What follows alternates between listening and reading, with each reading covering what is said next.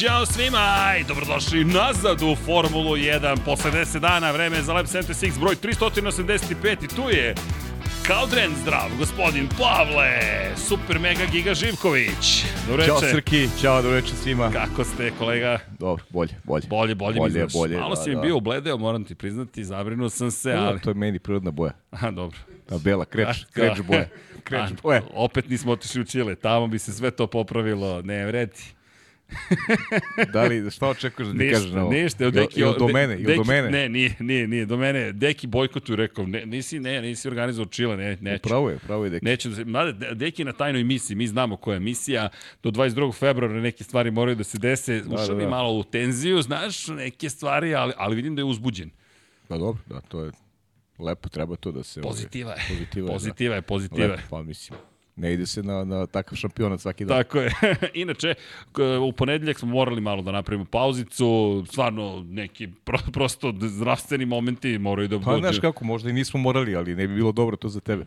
Ne, ne bi bilo dobro ni za okruženje ovde, znaš. A ni za mene u krajnjem Ni slučaju, za tebe, ni za nas, da. ni, ni, ni za putovanja. Utorak smo krenuli put, jel te, Ričonea, mesto koje je centar sveta u motociklizmu, smejali smo se. Turističko mesto koje je, turističko mesto u Italiji, znaš, nema, nije... Ne, Ričone, gde, beš, gde je to geografski? Podno Riminija, dakle, bukvalno na da. obali Jadranskog mora i da se Valentino nije rosio 15 km Rossi porodio odatle, ne bi tu bilo toga, a da se nije u Imoli rodio Fausto Gresini, ne bi opet bilo u Ričone u ničega. Pa, da, da, klasika. Pošto za one koji ne znaju, vlasnica Gresini Racinga, za koju sada voze Nadio Padovani, Mark Marquez i Alex Marquez u svojoj diskoteci iz mladosti, to je ko ti ja u nekoj akademiji KST-u da napravimo, je prezentovala celu ekipu. Od 10 titula šampiona sveta na Bini u diskoteci u Ričoneu na obali mora haos potpuni i onda dva dana, ne, tri dana kasnije Valentino Rossi organizuje, pošto je to njegovo dvorište manje više, na isto mesto i smemo se čekati koja, koji grad na svetu ima najviše Moto Grand Prix prezentacije? Ričone. Moram da ti kažem, nismo, nismo se dogovarali, ali si dobru paralelu povukao, zaista. Jer jesam. Pa akademija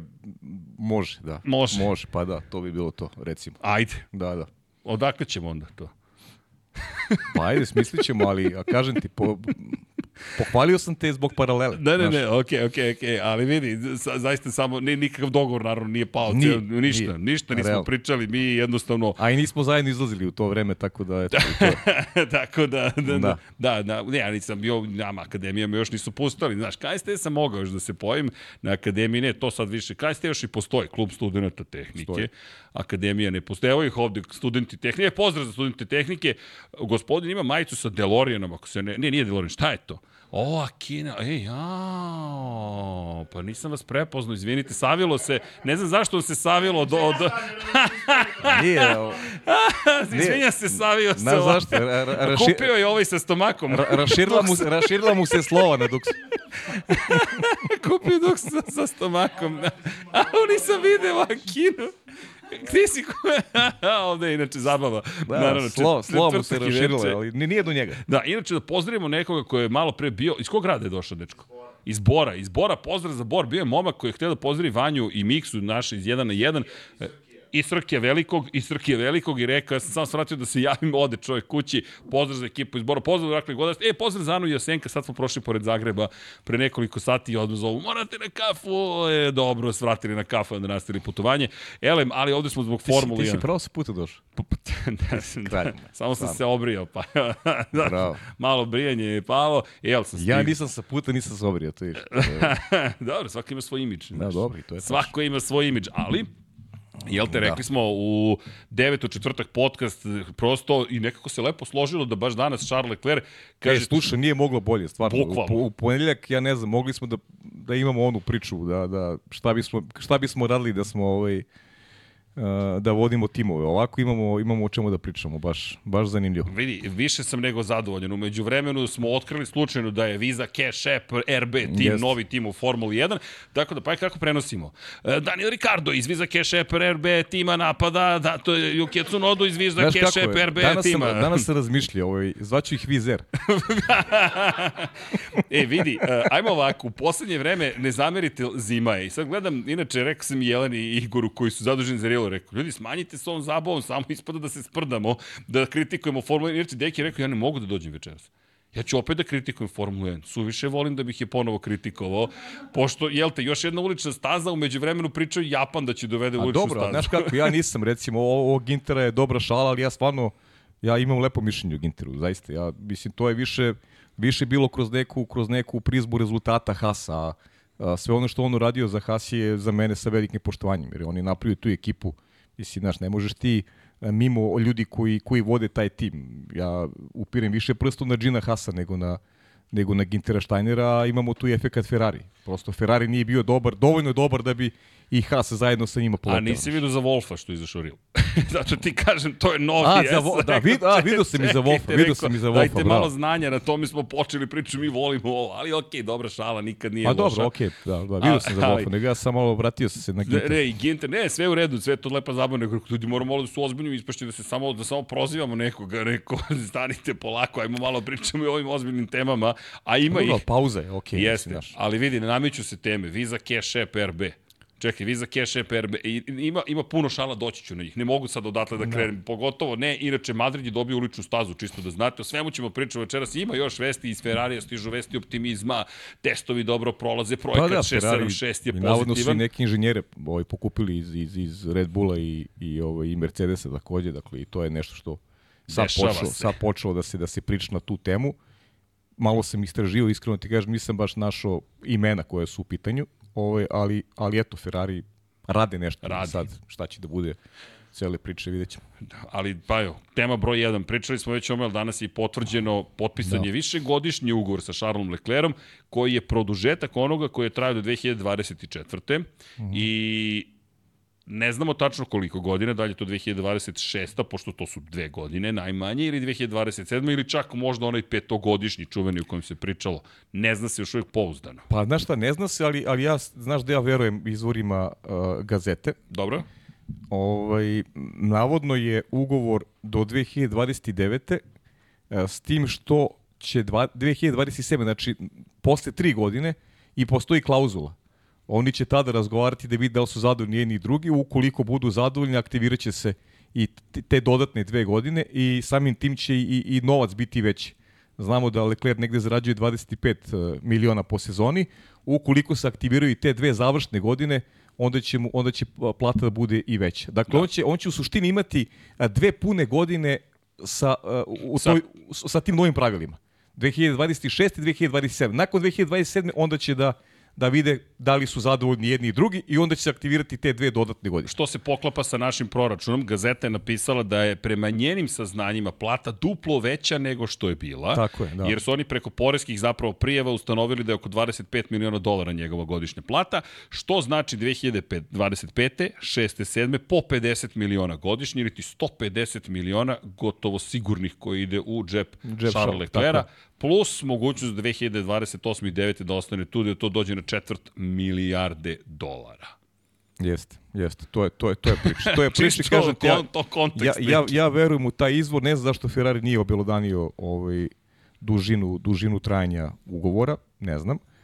Ali ovaj, ono što, što, eto sad možemo, sigurno ćemo da polemišemo, ja mislim da Ferrari u momentu nije imao bolji izbor, definitivno, i to je ono što smo pričali i ranije kroz podcaste, jer ti ako izuzmeš Maxa koji je vezan sa ugovorom za Red Bull i vozi za najbolju ekipu, sigurno da mu nije interes da odlazi sada iz Red Bulla, imaš Luisa, imaš Alonsa koji će se penzionisati u nekom, nekom, nekom, neko dogledno vreme, Uh, pritom su vezani, Luis je vezan za svoj projekat Mercedesa, Fernando je već bio u Ferrariju.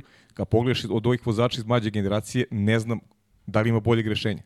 Jer jedini koji je uspevao da koliko toliko nanese nekih problema u prošlosti Maxu Verstappenu, to je upravo Charles Leclerc. I on je on jeste Ferrari je projekat i, i, i, i ne, mislim da je Ferrari uradio, uradio pravi, pravi izbor e, time što je što je njega vezao za jedan za jedan duži vremenski period i očigledno će se oko njega graditi ekipa. E sad šta to znači za vozača broj 2? Pošto Sainz još nije potpisao ugovor, a John Elkan je rekao da do početka sezone želi da ima onako čistu situaciju. Ono što je Deki pričao, znam da je on prvi pot- potegao tu priču, pa ovaj, da, da budemo do kraja iskreni na tu temu. Video sam izjavu Carlosa Sainca, starijeg, koji je pobedio u, na reliju i vidim da... U čemu je pobedio? U, tako je, u čemu je pobedio. U i vidim, Audiju. U Audi i vidim da koketira onako vrlo, vrlo evidentno koketira sa Audijem i da već priča o tome da ne treba nikad taj tim onako ovaj, skrajnuti, treba ozbiljno razmišljati, pa kao zašto ne, ovaj, kad je njegov sin u pitanju, zašto ne je bila opcija. Tako da, ovaj, tu se sad svakakve teme pokreću, jer, jer i Carlos Sainz junior može da vidi na osnovu ovog ugovora da je Ferrari očigledno jasno stavio ovaj, adute na stoji i opredelio se za e, Leclera kao nekog vođu projekta. Pazi, da, da je malo drugačija situacija, cenim da bismo ponedljak i više pričali zapravo o Dakaru koji je bio upravo u tom momentu mm -hmm. završen. Za one koji ne znaju, prvi put u istoriji u električnom vozilu, to je vozilo na električni pogon je triumfovao jedan vozač, Carlos Sainz stariji, dakle dvostruki šampion sveta u reliju, na čuvenom reliju Dakara. Ljudi, to i dalje gotovo. E, pre nego što nastavim, Juraj Šebelj, skidam kapu,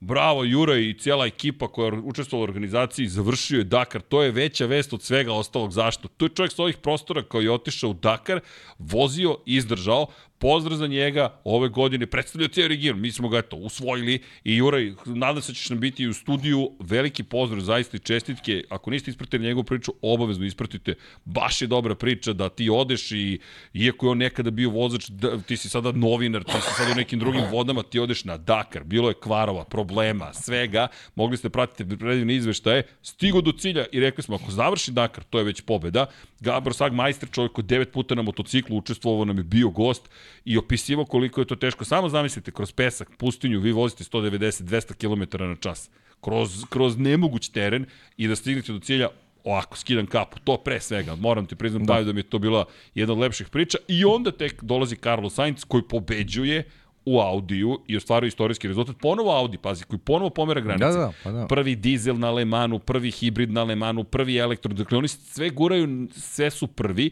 i kao što Deki rekao, oni ne ulaze u Formulu 1 čisto da pa bi da, se igrali. Ne, ne, ali, znaš, meni je upravo ta konekcija Sainca ovaj, sa Saudijem onako jasno negde implicira da, da, bi, da bi moglo se dogodi to što je, kažem, Deki, Deki prvi priča o tome da, da Sainz možda ima tu vrstu opcije ovaj, pre nego ostanka u Ferrari. Jer ovde može, potencijal možda bude i, i neki vođa projekta ako to Audi, ako Audi vidi, ako, ako nema boljih rešenja. Pa znaš. pazi, najviše se izvini postavlja pitanje sada isteka ugovora i toga kada preći u Audi ukoliko je to zaista najbolja opcija. 2024. istoče ugovor Carlosu Sainzu, dakle na kraju ove godine.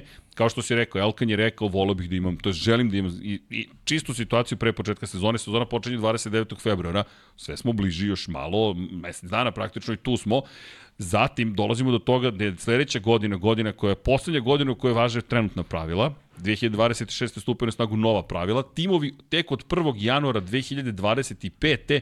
mogu da počnu da se bave razvojem novih bolida. Dakle, ako bi Sainz rešio sada da neće da nastavi s Ferrarijem, idealan moment da postane vođa projekta je 2025. Yes, slažem se, slažem se. Moj neki utisak je bio, čitajući ovaj, te, taj, taj intervju sa Selkanom, da da, da bi oni negde voleli da, da Sainz ostane još dve godine.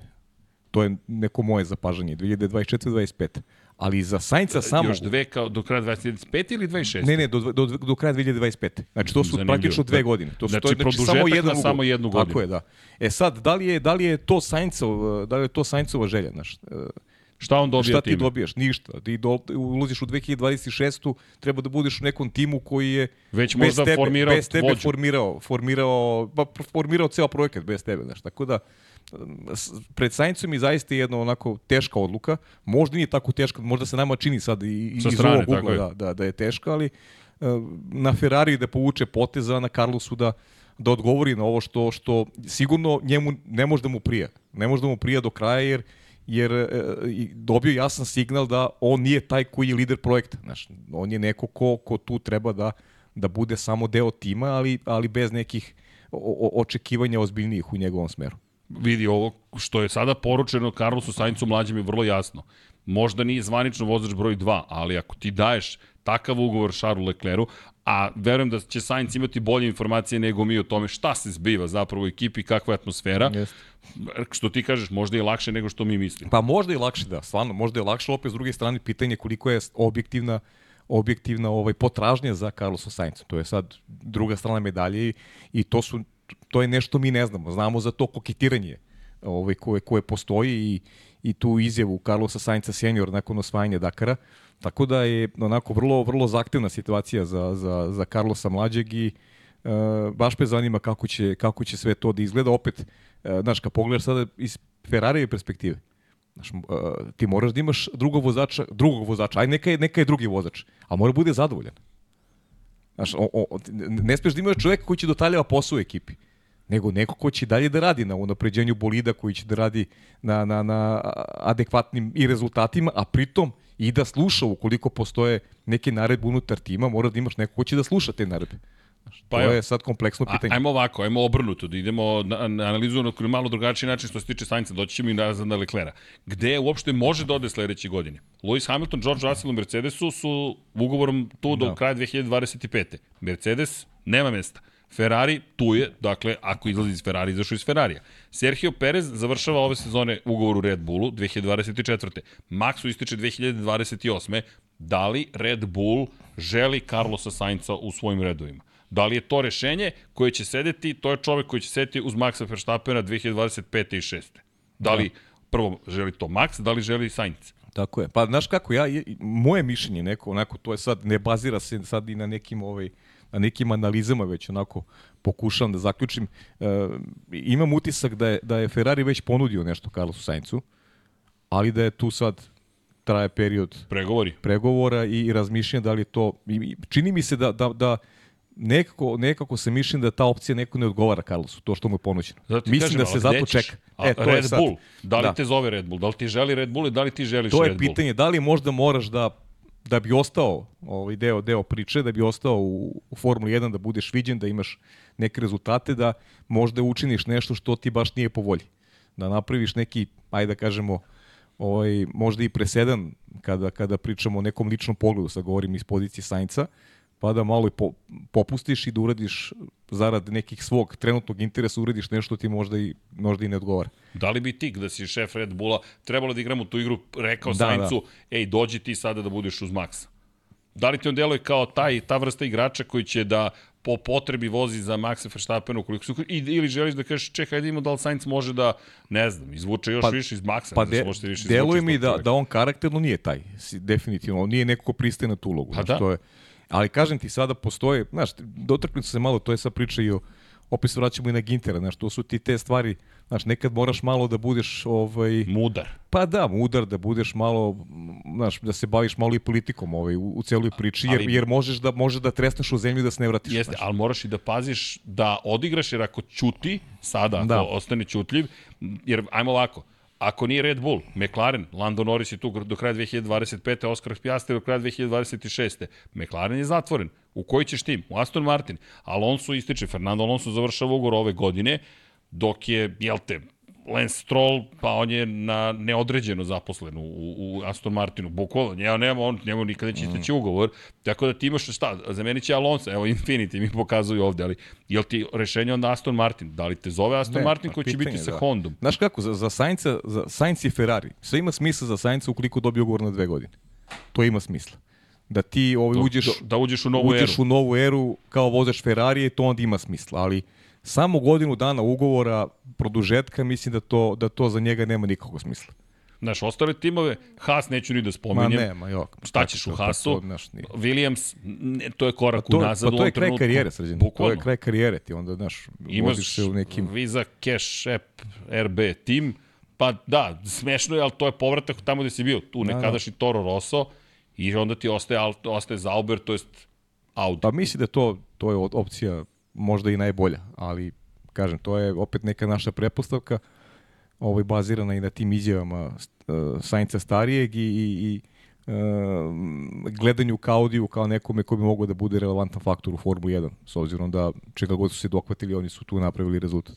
E, šta ćemo sa Carlosom Saincom i, ajde da slobodno kažemo, sa, sa Charlesom Leclerom u poređenju njihovih i karijera i uspeha koji su do sada ostvarili, jer ti ako pogledaš Carlos Sainz, je ostvario dve pobede, pet pobede je ostvario samo Charles Leclerc, sad već govorim samo, već je pet godina u Ferrariju. Dakle, jedna pobeda po sezoni, u poslednje dve godine po jednu pobedu imao Carlos Sainz, prošle godine ni jedna pobeda za Charles Leclerc. Inače, kada pogledamo plasmane na pobednička postolja, Sainz 18 puta, 30 puta Charles Leclerc, pol pozicije, pet ih je kod Sainza, 23 kod Leclerca. Ako gledamo te parametre, Charles Leclerc očigledno brži, ali opet postoji taj moment i ekipa mora da ponudi kompletan taj čuveni paket da bi to zaista moglo da ugrozi pa, Maxa i da, Red Bull. statistika neka zna da bude onako baš, baš Varljiva, varljiva, da, što da. bi rekao ovaj naš stariji kolega Zvonko Mihajlovski, statistike kao bikini. Ovaj, e, stvarno mislim, znaš, znaš kako, pogledaš sada, to, to nigde ne piše u tim brojkama, to znamo svi mi koji pratimo redovno. Jasno. Kad je veći ulog, znamo da je Leclerc taj. I uvek se treba kladiti na Leclerca kad je veći ulog.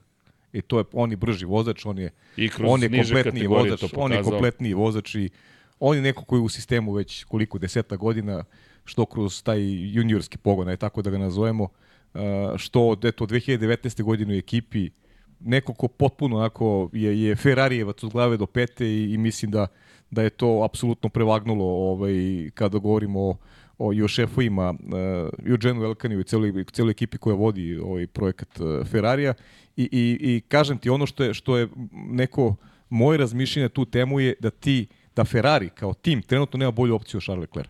Apsolutno ne postoji bolja opcija. Možemo da polemišemo, možemo da polemišemo Srki uvek će, ne znam, uh, Vladi će se svideti više Russell, uh, meni Norris, tebi će više da se svidi Sainz, karikiram. Ali, ali suština je da, da, da je Leclerc od tih mlađih vozača iz te mlađe garde pokazao najviše.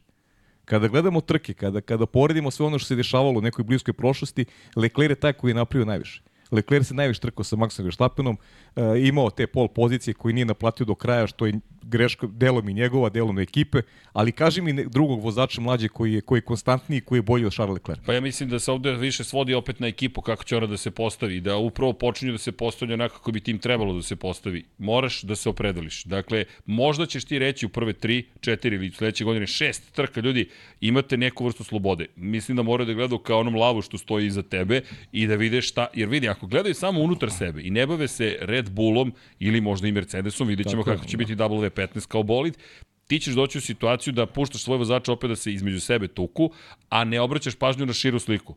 Mislim da će mnogo zavisiti od toga, ovo je poruka Saincu, ajmo ovako, prve tri trke krenu, Max sve počisti. Šta ti radiš? Jel kažeš, e, gotovo je 2024. ili kažeš, čekaj, momci, sorry, jedan mora koji god da je bio bolji u tom trenutku da dobije punu podršku i idemo. Meni se čini da oni već sada počinju da polako usmeravaju svoje, sve, svoju pažnju ka Charlesu Da, Leclercu. meni tako delo, da. I mislim da je to ispravno kada pogledamo sve što se desilo. S druge strane, ako zadrže još jednu godinu ili dve ili Sainz pristane da produži ugovor, mnogo zavisi od toga šta će se desiti. Ako Sainz kaže, "E, ljudi, ja napuštam Ferrari na kraju godine, koliko ti možeš da kontrolišeš tog vozača? Pa ne, ne možeš. To je Kao? kao... Ne može, to ti onda vraćamo se na Mercedes. Tako je, 2021. Toto Wolf i izbor oko Bottas. Zašto, zašto Toto Wolf? Zašto Toto Wolf nije najbolji vođa tima? Pa eto, zbog, zbog Valterija Bottasa.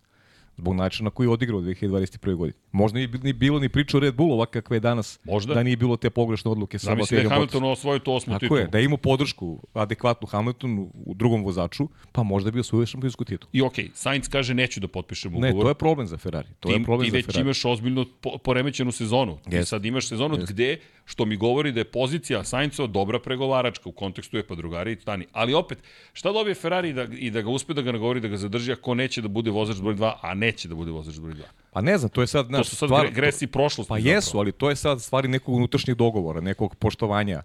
Znaš, e, moraš da budeš u, u poslu nekad i ovaj, onako i rigidan, znaš, da budeš... E, otrisi to onome šta, šta je tvoja ideja, šta je tvoje želja. U krajnjem slučaju veži konja gde ti gazda kaže. A ko je gazda? Pa gazda je Frederik Ferrari. Vasseri. Frederik Vaser, pa dobro, Ferrari, Frederik Vaser, on, on nastupa ispred, ispred tima. Tako da, e, ključna godina je i za Frederika Vasera. Jer ovo je sada godina u kojoj moraš da pokažeš i neko svoje znanje, da, da, preste, da se predstaviš kao pravi vođa tima. Da, da budeš sve ono što Binoto nije bio. Vidi, E, to je, to ono da što je donosiš- falilo Ferrari. Ali moraš onda i nepopularne poteze da donosiš. Naravno, pa to a ide. ne samo idem da budem popularan. Super, Pa bude popularna tvoja ekipa, mora stavi ekipu na prvo mesto. To je, to je dobro za film, to, znaš, da si ti sve izgleda kako treba da si, da, ali Da. to, to, su, to nema veze sa realnim životom. Drugačije. znaš, nema Drugačije, Frederik mora da donese tu odluku i da kaže mi stavimo iz ovog čoveka. Inače on kroz za sada neposredne, to je posredne poruke govori. Jedna od stvari koju je rekao jeste obećanje da će učiniti sve što je u njegovoj moći da da Charlesu Leclercu pobednički bolid. Da, da. To je prva stvar koju je rekao. Pošto su potpisali, odao je obećanje. Rekao je, obećavam da ću učiniti sve što je u mojoj moći da mu ponudim pobednički bolid. Jer to je neophodno. Formula 1 je kompleksan sport. Vozač mora da bude na vrhuncu, ekipa mora da bude na vrhuncu, Ma sve. bolid mora da bude sve na vrhuncu. zajedno. Da. Ne može jedno, I- ne može jedno bez drugog bez trećeg. I još malo sreće. I da opet znaš kakav ti je odnos Nazarulje, da u biblioteci su ovde, imamo nova, nova izdanja, pa eto. Da, da, dakle, čita se- čita čitaju. Formula 1 šampione, da, da. Dakle, kada je reč o, o, odnosima, moraš i to da rešiš. I to je na Frederiku Vaseru. I ovo su poruke. Inače, kada si spomenuo da je Leclerc domaći vozač, on je rekao, ovo je meni porod, od druga porodica. Jeste. On je tu deceniju, kao što si rekao, i pride Iz pored akademije. toga. Dečko iz akademije. Pa pričamo eto o akademiji od početka. Tako je. Mislim, naš Otero je Otero Fetela iz Otero. Mislim, po znacima dobio navoda, podršku, Otero da, dobio da, podršku. da preuzme ekipu. Tako je, znači neko, neko kome se zna bukvalno, zna sve u garaži, zna sve u fabrici. Ona ne, nema šta ne zna u, u toj ekipi. I zato ti kažem, to je njegova prednost, jer nije se pojavila sad neka baba roga od talenta, da kažeš, Nemaš. ok, hoću ovo da poništim Leklera, do, ovom ću da ukažem sada priliku. Kaže, e, kad mi neko kaže ko je taj, nije se pojavio. Još se nije pojavio. I zato verujem da je postoji ta, ta klauzula 2027. Znaš, četiri godine, to je, to je dugačak period. Znači, Ferrari će, uh, Leclerc će sigurno biti u Ferrari još četiri godine, sa ovom naravno. Tako da, 2027. neki presek, da vidimo šta smo uradili. To su dve godine sa novim pravilima, to je, to je opet ozbiljne dve godine. Znaćemo Dakle, mnogo toga. To je još tri posle ovog ugovora. Još tako je. Danas mu je, še, ove godine mu je šesta godina u Ferrariju, sledeće sedma, dakle deset godina će imati u Pa Ferrariju. izračno si trene, ukoliko, ukoliko Leclerc odradi taj petogodišnji ugovor, novi petogodišnji koji počinje od naredne sezone, on će imati 31 godinu kada mu istekne taj ugovor. I ti opet pogledaš, on, on je i tad mlad vozač. Da, a on proveo je mlad. deceniju i A više u deceniju i Ferrariju. više u Ferrari. Da. Dobro, stigao je baš On, on, mlad ima, on, ima, on ima 26 godina, ljudi. On je, on je mlad. Dobro, ali sad moraš. Pa moraš, Sad naravno. moraš, A sad dobro, mora ali, sve da se sklopi. Ferrari mu ukazao zaista ozbiljnu, ozbiljnu čast i, i, i poverenje i kažem, u ovakvoj konstelaciji snaga i sve može se dešu, on je to apsolutno i zaslužio. Da li on mogao sam bolje? Mogao je. Radi na sebi sigurno, to, to nema dileme. Mladi čovjek i, i mi stariji treba radimo na sebi, a ne on. On siguran sam da to i radi. Tako da, da, da mislim da najbolje od Leclera tek, tek dobijamo svi zajedno. Kada je reč o Šarlu, opet vratit ćemo se na Ferrari, jednostavno ima obavezu sada i Ferrari da, da iskoristi ovo. Pazi, ovo je ugovor kojim si se ti bukvalno vezao za ovog čoveka. Ti si se vezao za čoveka Yes, i yes. tu je kraj priče. Ti sada moraš da uradiš najbolji posao koji možeš. Inače, trenutno na, na listi večitih, Schumacher je prvi vozač Ferrari u istoriji sa 72 pobede, Niki Lauda drugi sa 15, 14 ima Sebastian Vettel treće mesto, Alberto Ascari, ljudi iz tamo godina i godina, 13 pobeda, Felipe Massa i Fernando Alonso po, pe, po 11, Kimi Raikkonen 10, Rubens Barrichello 9, Jack X i Gilles Villeneuve po 6 i onda Carlos Reutemann, Alan Prost, Gerhard Berger i Charles Leclerc po pet pobjeda. I onda dolaze ostali, ali ima ih, ali pojenta je da on je još par pobjeda i ulazi i u neku drugu grupu. Jeste, mislim, ali opet da Znaš. budemo iskreni, taj proces ide sporije. Jeste. Definitivno, mislim, bilo je tu i dobrih sezona za Ferrari i bilo je tu neiskorišćenih trka, sigurno. Naveo si tu vozače mahom, mnogi su i, i, i veći talenti bili od Charles Leclerca. Ali, I nisu osvojili I titulu. nisu osvojili šampionsku titulu, ali po, ističem da, da stvarno taj moment u kome se Ferrari nalazi i kakav je odnos snaga na tržištu, Ferrari bolju opciju nije imao i, i kažem, o, potez koji su povukli je jedini razuman. E, pod uslovom da mu zaista daju puno poverenje i da, i da njega promovišu kao vozača broj 1 i da se tako ponašaju u Ajde da budućnosti. vidimo. I ima još jedna stvar. To je Deki danas dok smo se vozili spomenuo, Srki, ostaje još samo sport. Ili ti, ljudi, da se vratim na četvrt milijarde dolara s početka podcasta. Četvrt milijarde dolara. Nama je jedan od najvećih e, naslova prošle godine bio Hollywood investira 200 miliona dolara u Alpinu. Dakle, svi oni investitori što su došli iz Kalifornije i rekli stižemo sa brdom para da investiramo u Alpinu, Ferrari je upravo svima pokazao koju moć i dalje ima i rekao je svom vozaču 150 je zagarantovano. A ako bude dobro, doći ćeš do četvrt milijarde Da, dolara. da. Pa to, pa to je taj moment kad se bude pravio presek 2027. Ako on odredi ta dva, još te dve godine ugovora, ta će tek da cifra bude ovaj značajno veća. mi pričamo pa o nekim potpuno sedmim dimenzijama novca. Znaš, četvrt milijarde. Samim tim šta hoću da kažem, to je što prenosim Dejkijeve reči. Ti si miran. Ti si obezbedio ne porodicu, nego si obezbedio širu, bližu i novo nastali prijatelji koji će ti se odjednom ponovo javiti. Pa, dakle, sve si završio. Da budemo šta... iskreni, on je obezbedio i svojim starim ugovorom. Ovaj, ali sad je tek sve obezbeđeno. Sada nije obezbedio, sad je obezbedio i komšiluk i, i sve obezbedio. Ili ti patreon.com kroz Infinity yes. Lighthouse. Charles, mo, javi može, se. Može, na, može i nas da obezbedi. Javi se, Charles. Može i nas da obezbedi. Objavit ćemo i knjigu o tebi, da, ništa da, da, ne brini. Dakle, imamo sjajnog autora. Yes. Dakle, Nema. Pre, prevedite mu ovo na francuski, ovo smo pričali, ovo smo pričali večeras. Da. Pozdrav za Borislava, Boro GPT, on će da. to kroz AI da sredi, ali možete i da se učlanite, to je učlanite, možete i da se učlanite u naš klub, jel na Infinity Lighthouse, ili da kliknete subscribe i podržite ekipu i da nastavimo da se rastemo i da, da nas razvijamo. Jel te, mi smo skromni ljudi, 51 subscribera je nama, uuu, kakvih 250 milijardi dolara. Ali, činjenica je... A mi ne bi znali šta da radimo s njima. Mm. ok. Nek ostane tako srednje Nek ostane da, tako. produži dalje. Ne, produži dalje. u svakom slučaju mislim da je veseo Charles Leclerc i danas i da je dobio dosta toga. Vidjet ćemo Sainz kako pa će da, da reaguje. Da, da je onako veseli u tom sportskom veseli, smislu, veseli. Znaš, veseli u tom sportskom smislu što što je osetio poverenje, znaš, on ja mislim da on u nekom momentu karijere ovaj sumnjao u to poverenje. Da ga ima od ekipe. A, I na ovaj način su mu stavili da mu apsolutno veruju. E sad ide, ta, u stvari to je možda da bude druga priča, sekundarna je Carlos Sainz, jer povlači neke, neke druge stvari, povlači tu neku hemiju unutar tima, ipak je Formula 1 timski sport, jako je bitno kako dva vozača funkcionišu, kako tim funkcioniše, tu moraju svi da budu zadovoljeni kako bi, kako bi ovaj, ili ti, šef tima koji mora jasno da stavi do znanja kakva je čija uloga i tu mora da se prihvati ovaj, sve nedvosmisleno kako bi, kako bi tim funkcionisao bez nekih, bez nekih repova, bez nekih smicalica koje mogu da utiču na tok sezone. Kada, inače, kada pričamo o o, o, ajde, o, o stanju duha i o tome kako se verovatno osjećaju, vole bih da se dotaknemo i još nekih vesti iz Ferrarija. Projekat 676, kako su nazvali razvoj novog bolida, pre par dana je bila vest da je zapravo bolid spreman i da su počeli da ga sastavljaju i da ide na bench, dakle idu dinamički testovi.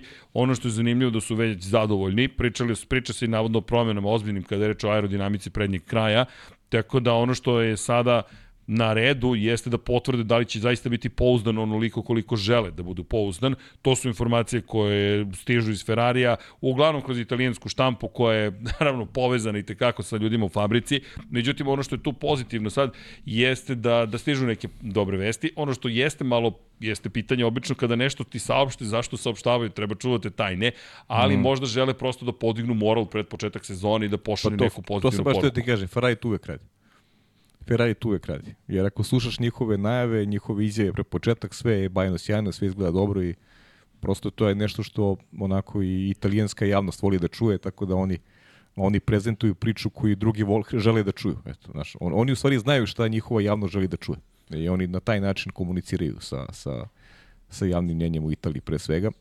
E sad, koliko je to, koliko je to realno, poučeni iskustvima iz ranijih godina, bolje da, da sačekamo ovaj, i, i ta presezonska testiranja i da vidimo da li Ferrari uradio najvažniju stvar, važniju od, od ovoga što se dešava oko, oko vozača, jer um, ako bolid nije spreman, ako će opet da bude to nešto tugaljivo, džabe priče. Pa Ferrari navodno je spreman da uđe u novu sezonu, da, samo da podsjetimo, to je da podsjetimo, da napomenemo nešto o čemu smo pričali ranije, a to je da se ove godine, iako će šampionat biti duži nego prošle, vraća manji broj pogonskih jedinica, to je motora sa unutrašnjim sagorevanjem, neće moći da koristi više bez kazne 4, po sezoni već 3, mm. međutim Ferrari je navodno kompletan projekat pripremio tako da će u pravom momentu izabrati da prihvati kaznu, pomeranje 10 pozicija unazad, i da zapravo radi na tome da je motor ne toliko pouzdan koliko snažan dovoljno i da je plan da četiri motora svakako upotrebe tokom cele sezone, ne tri. Tako da je to, to, to igra je, koju igraju trenutno okay, navodno. To je, to je, morate priznati da to nisam ovaj, nisam ovaj video, ali je, sviđa mi se, to je opet onako malo agresivniji pristup, nešto što je Renault znao da radi, recimo Alpina, kako god, ali nisu ništa dobili u perspektivi uh, na, na, na račun te strategije. Tako da, ajde vidit ćemo šta će Ferrari ili ne zaboravimo, imamo još dve godine po svojim pravilima starim. možda eto Ferrari želi da tim agresivnim pristupom da, da jedna od te dve godine onako budu baš onako ubitačne i da probaju, znaš, možda im se ponovi, možda im se namesti Red Bull slučaj Pazi, u 2025. Slažu recimo, naš, tako je, slažu pazle, možda ne bude ova godina, možda 2025. bude ta u kojoj će baš pred sve kulminirati da na sve, pozitivan način. tako je, da Okej. se sve ovaj znaš, što se desilo u Red Bullu? I opet nas vraća na Carlosa Sainca. Mnogo zavisi od tog potpisa. Mir u kući zavisi od tog potpisa. Mnogo zavisi, da. To je sada ključna stvar. To je sada ključna pazla u, u, u, celo, u celoj toj priči, jer, jer moraš da imaš, kažem, svi akteri moraju budu zadovoljni, znaš. To ti ono, znaš, sedimo za stolom trojca, ili ti dvojica, moramo budemo zadovoljni obojice, znaš. Ako Moramo nismo- da budemo, moramo budemo zadovoljni kako bi dali najbolje, znaš. znaš, U svakom Pa, segmentu moramo budemo nisi- zadovoljni. Ako nisi zadovoljan, znaš, osjeća. pa ne, ne, to ako, ako nisi zadovoljan s jedne strane ne možeš da budeš i ovde pred, pred, pred kamerama ne možeš ti da budeš ovaj, da ne znam, zračiš nekom, nekom da, da, da, da, da, da iz tebe izlazi neki pozitivni misli i da, i da možeš da, da, da razložiš sve stvari na pravi način, da možeš da ih prezentuješ kako treba. Možeš da to je- prevariš nekoga jednom, Ma da, ma maksimalno ne. dva puta. Posle toga je jasno ne, da, mi- da, da se I foliraš. mi imamo publiku koju ne može preverimo nijedno. Uh, vrlo teško. ali ali Vrlo pričamo, teško. ali generalno naš po, pogotovo po, pogotovo tako u jednom složenom poslu kao što je kao što je njihov, znaš, ti ti tebi je stalno Čekaj, negde život stalno na pred kocki, kamerama, znaš. ne samo Pa to. da, i Pa to, evo, ali i život i je na su- kocki negde, znaš, ti si stalno voziš, ti si 300 na sat, ti je ono četiri dana u nedelji, ti je 300 na sat, znaš, kad počne sezona. Što je nešto što je stvarno ovaj preveliki stres i, i za taj stres moraš da imaš neku satisfakciju, moraš da budeš To zadovoljan nije samo finansijski. Nije samo finansijska, ne, nego i odnos pre, ljudi prema tebi i kako te vrednuju u, u timu. Pa i neke povratne Znači, sve- informacije, tako da je, ti sve- neko sve kaže, e, zajedno. bio si dobar danas. Tako je, Ponekad sve je to zajedno. važnije nego da ti A neko ne, kaže, evo ti bonus. Jer ovo je sad, Okej. evo, piše mi Hasan i Hasan ima, Hasan ima info negde da, Da. da, su mu dve godine ponudili ugovor. Super. Ali opet je to malo u odnosu na Leclerc. Znaš, opet ti se stavlja do znanja da ti, znaš, nisi ti Leclerc. Znaš, mi Leclercu dajemo pet godina, tebi dajemo dve godine. Znači, znaš, tu opet mora, tu mora razgovor, tu mora pristup, tu mora da se, znaš, mora čovjek da zna šta se od njega traži, kakvi su zahtevi, da li tu ima harmonija ili nema. Tako da je onako jedna uh, kompleksna je stvar i na Saincu je da, da izabere za sebe najbolji i da može da se daje u tom punom izdanju. Da, evo i Hasan koji kaže da je čuo da je Charles dobio navrno 5 godina ugovor, Pa da, od pa to je. 40 do 45 godišnje. Pa jeste, ali kažem ti, uz, uz, uz, uz tu klauzulu, znaš, uz tu 200 klauzulu. do 225 miliona. A da, To je da, to. uz tu klauzulu. Ma mislim, ja kažem ti, verujem, gazeti, to je, znaš, to je, mislim, to su informacije. dosta su pouzdane Pa, informacije. pouzdani su, to su I ne informacije samo, to su plasirane znaš. informacije. Pa, naravno, to, to je, naravno. nismo rekli, ali, Ali, imate gde ali, da pročitate. Tako je, rekli smo tamo gde treba. Znaš. Pa da. Da, inače hvala Hasanu, hvala Hasane. Da, Da, Hasan. Hasan nam se sprema na, na pod Boga mi Hasan da ove godine je ozbiljan tempo. Neću da vam otkrivam sve, ali Hasan, zvao sam ga da se čujemo,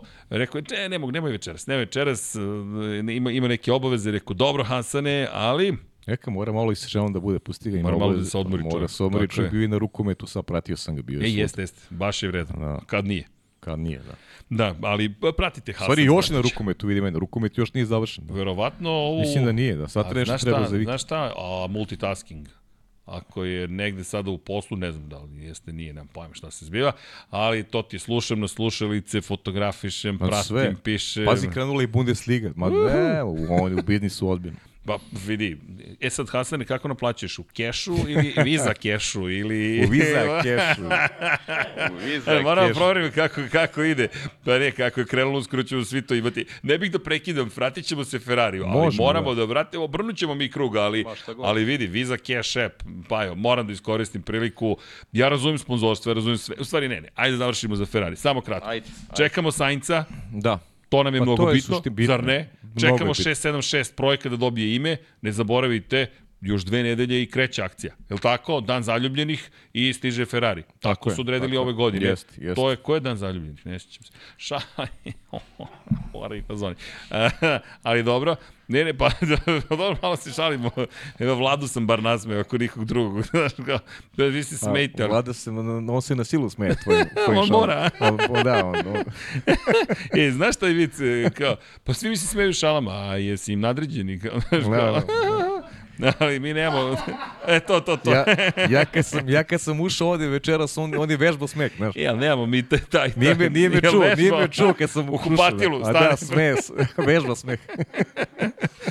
U svakom slučaju 14. februara, jel te, dan Svetog Valentina, Svetog Trifuna, kogod sveca, Svetog Ferrarija, svakako ljudi. Dakle, da. pa, vidi, stiže, ajmo da vidimo kako će se zvati Svete Ferrari. Pazi, dobar mu je prototip, što deki kaže 6, 7, 6. Već to, znaš, A ne, zvuči da, zvuči da. Mogli su tu šesticu da izbace. Koru prvu? O, prvu, prvu, da, prvu. Mislim sam si povukao na ovu tamnu stranu. e, inače, čisto ako se pitate, Formula 1 2024. godine, da li znate koja će biti ovo godina takmičenja? 75. godina, ljudi. 75. sezona. Sledeće je jubilar. Tako je, sledeće, tako je, a 76. je MotoGP-a. Tako da, sve to kako treba, čisto da znate. Dakle, ove godine je 75. jubilarna sezona Formula 1, pa da vidimo i kako, da li će Ferrari da nazove ne, opet nekako po, po, po, po sezoni ili nečem drugom. Kako god, Ferrari deluje da je mnogo spremniji nego što je bio, deluje da, hoće da sklopi sliku pre nego što sezona krene. U krajnjem slučaju možda je sve ono što su radili prošle godine, pa i pretprošle došlo na naplatu u nekom pozitivnom smislu. Biće vrlo teško protiv Red Bulla i Maxa Verstappena, ali hoćeš da budeš šampion. Pa ni Maxa nije popeo na vrh planine tako jednostavno. 2021. je bila bitka do bukvalno pa poslednjeg kruga. Ajmo, ajmo da se vratimo ovaj, u one godine najveće dominacije Ferrarija. Koliko je trebalo Schumacheru da dođe do šampionske titule? Pet godina punih pet godina i to ljudi onako zaboravljaju ili ti olako Nije lako vratiti adakta. se na vrh. Opet, Schumacher je bio onako jedinstven karakter u smislu nekih ovaj, radnih, vreme. radnih navika i svega onoga što je povukao za sobom u Ferrari. Opet, tačno i drugo vreme bilo, ali za, za uspeh treba, treba vreme. Ne može ništa preko noći da se uradi u životu. Bukvalno ne može. Ne može. I treba, znaš, ako veruješ u nešto, treba da veruješ do kraja, čak i kada kada su ti neki tamni oblaci uh, i to prođe ako imaš dovoljno vere i ako si siguran u projekat u ono što radiš. E, eto, Ferrari je povukao potez. Da li su sigurni ili je to prosto iznuđeno e. jer nemaju drugog rešenja? Vaseru je bitna godina. Lecleru Sigurno. je bitna sportski godina, bez obzira na, na novac. Saincu je bitna godina, ako sad svi ne upregnu, to jest ako ekipa sad ne uradi sve kako treba, to jest pa nemaju, znaš, nemaju nemaju mnogo izbor, bolje nego nemaju prošle izbor, godine. Mora, mora bude bolje. Znaš, ako ne, ne mora ne mora titula, ali mora bude mnogo bolje. Treba jedna konstantnost i, i da o Lecleru ne pričamo u krajnjem slučaju kroz neku prizmu grešaka koje je znao da pravi u momentima koji su bili važni. Znači tu mora i on sad da pobedi samog sebe, da napravi taj jedan iskorak e, i da nam pokaže da je da je E, zreo stasao da u kontinuitetu ovaj, radi velike stvari na stazi. A bilo je trka gde, ovaj, da je stvarno bilo mirina ga gledati, da vidiš u njemu onaj redak dar koji, koji nema veliki broj vozača, ima veliki broj vozača kroz istoriju. Taj redak dar, tu brzinu, i, i, i kvalitet e, snalaženja u situacijama koje su pomalo ekstremne. On je to, on je to umeo nekim trkama da, da predstavi, ali to, to uh, nije bilo tako često. Kada pričamo inače o još nekim stvarima, samo da podsjetimo još jednom na, na, na činjenicu da kada pričamo i o, hajde, nazivima, SF90 je bio naziv za 2019. godinu, tako beš? SF90 je bio jest, tada upotrebljen. Hajde da vidimo šta će da nas misle ovoga puta i da li ćemo dobiti opet neko ime koje možda vuče ka jel te, tim nekim okruglim brojevima, ne zaboravimo da je to bila 90. godišnjica, inače tad je Vettel nazvao taj bolid Lina, dakle evo nas pet godina kasnije, 95. godišnjica, pa da vidimo, pre nego što dođe 100 godina, da ne bude baš i 100 godina čekanja titule. Da, 100 godišnjica sa Leclerom kao... Sa Leclerom, vidi. Pa, mislim, da. Vidi kako je krenulo. Da. Znaš, prvično bi velik to ljubilo i bio. Ali opet, vraća me na neke druge stvari. Ferrari se zove na razno razne načine, ali je Ferrari Ferrari. I vraća me na Visa Cash App RB ekipu, Jer je to, Nika neće naučiti, verujem. Jer je to zvanični naziv ekipe. Ljudi, dobrodošli u potpuno novo doba Formula 1. Dakle, imali smo timove koji ima plati sponsor da dobije naziv i ti kažeš, ok, to je skuderija, pa dodaš još nešto. Ali se zna, to je Ferrari. I u rezultatima piše Ferrari kao konstruktor. Ko je konstruktor Visa Cash App RB bolida? I zato što tim tvrdi da RB nije Racing Bulls, to jest ne tim, Red Bull tvrdi da to nisu Racing Bulls, nego da je to zvanični naziv. Pa da, ali je jasno da jeste. Da, a, vidi, ali Visa Svima, Cash, svima je jasno da jeste. Ovaj. Visa Cash App. Inače, Visa već 15 godina nije učestvovala u, u sponzorstvima sportskih događaja timova, tako da je ovo isto bitan moment iz perspektive novca, ali smo došli do Visa Cash App RB ekipe. Pavle, imam, imam problem u tome, ne sa Visa Cash Appom, da se razumemo, Visa Cash App, na, nažalost, je platio nešto što će sada izazvati gomilu nekih i kontradiktornih, možda povratnih e, informacija i osjećaja. Jedna od prvih šala koju sam pročitao je da li ovo zna... Jedno čekam da gledam moj novčanik kako se trka sledeće godine. Mm. Znaš, to su već šale koje su neminovne. Zamisli kako će internet da troluje već sada. Pa znam, ali ih ne zanima ih to, znaš. Već su Baš, počeli. baš, baš ih ne zanima. Znaš šta je pitanje? Le, Lego je cash, znaš. Lego je ke- Lego je cash, A da li je suština. cash ili je Da, cash, da, Lego? Lego, To ti je pitanje, kažem ti. Da, to je važno. Pa ne znam, ja, ja ću počnem sa onim, onim što, sam, što sam imao prilike da, eto, malo da se upozna kroz te neke priče vezano za tu sportsku tematiku koja, znaš, pokušava sad da se napravi ekipa koja će beležiti bolje rezultate nego što je to bilo ranije. Ma ako će to da se desi, super. Ajde vidimo ove momke koji su bili Alfa Tauriju da, da ovaj, oni u kontinuitetu se bore za poene i da možda malo poremete taj, taj neki ovaj, balans tih srednjih ekipa iz, iz šampionata. U, tom slučaju, ok, neće se navići nikada novo ime, oni sad već menjaju ime, ono, ko, ko čarape, bukvalno. E, Je, naučili smo na to Rosso, pa smo morali da se priknemo na Alfa Tauri, sada ne znam, ovaj, opet ne umem da ponovim kako se zovu i Visa Cash App, Da, Visa RB, Cash App, RB. ekipa. Visa Cash morat ću da, da ponavljam sto puta da bi mi ostalo ovaj, ali Vidi, navodno, ono što kažu u Red Bullu je da neće biti Racing Bulls. Međutim, imam osjećaj da kao što je tim otkriven greškom na Instagramu, da će tako i Racing Bulls biti a misliš ekipa. da neće biti Znaš zašto? Zato što je FIA, Međunarodna automobilska federacija, saopštila novu listu ljudi, to je timova koji su učesnici na- šampionata i tamo biše Racing Bulls SPA ili ti italijanski tim koji se zove Racing Bulls. To jest, to je zvanični naziv ekip, to je, to, to je, kompa, to je ki- to kompanija, ajmo, to je kompanija, da budem precizan, a ekipa se zove Visa Cash App RB. I RB je šasija. Tako da ili ćemo ih zvati Racing Bulls ili ćemo ih zvati RB Honda. I to je to uz svo dužno poštovanje, ali zamisli da izgovaramo tokom trke Oracle Red Bull Racing ili Mercedes AMG Petronas F1 tim je u preticanju. Jer to Da, su da. zvanični nazivi timova. Oni dodele sponzore, ali mi ih ne izgovaramo zato što to, ok, lepo je što imate sponzori, sjajno je, vide se, spomenut ćemo ih, ali ti sada MoneyGram Haas F1 tim, ne ide. Prosto ne ide. A Visa Cash App RB nekako nije baš to uradio kako treba. Ovaj početak je onako trnovit, međutim, da se vratimo ono što si rekao, Pa da, znaš tim je najvažniji. te- kako bi ti rekao, ne- obavezuje nas da mi njih zovemo, ovaj, Ne. znaš, Znaš koji je jedini, zvaćemo ih, zvaćemo ih Ricardo i Cunoda, evo su Ricardo i Cunoda. i to je u redu. Da, Ostaje ne isti moram, što ja moram, što ja moram da izgovaram ovaj, puno ime ove ekipe, znaš, ne moram, generalno. Svi znamo sad da su to, da je to taj Alfa Tauri, da je to sad imaju sponzora, zovu se drugačije, ali mislim da uticaj uloga Red Bulla je naravno presudna u celoj priči i to je to, znaš. E Pa. sad, šta će ta uloga Red Bulla da, da donese ekipi, ovaj, znaš da smo jedno vreme pričali o tome i razmišljali ispravno, rekao bih, da, da oni više nisu ni potrebni Red Bullu i da bila je slaba i, i ta neka promocija mladih vozača kroz, kroz ekipu, rezultati su bili loši e, u tim posljednjim godinama Franca Tosta postoji zaokret jer postoji vratno i potreba da u novoj eri ovaj, sa Fordom da imaš tu jednu sestrinsku ekipu koja će ti biti dobar ovaj, naš, dobar pokazatelj za, za neke testove, za neke stvari koje, koje će značiti u nekoj budućnosti ovaj Red Bullovom timu. Tako da, eto, nadam se da će da će imati priliku i Tsunoda i Ricardo da nam, da nam puže nešto više naredne godine. To je, to je moj pogled ka, ka, ka celoj priči. Znaš šta je tu sada zanimljivo? Mnogo važnije od ovoga. Ajde, šalo na stranu, kako se zove tim i, i sve, sve stvari koje će imati i koje će morati da prožive u reimenovanju ekipe i Alfa Tauri nam je bio u početku čudom. Pa šta je Alfa Tauri? Modna konfekcija Red Bulla koja nije Jest, zaživela jest. pa se ukida. Pričali smo na isti način. I isti način, sad je. Visa Cash App RB ekipa, koja zaista bizarno zvuči, ali okej, to je neki novi sponsor.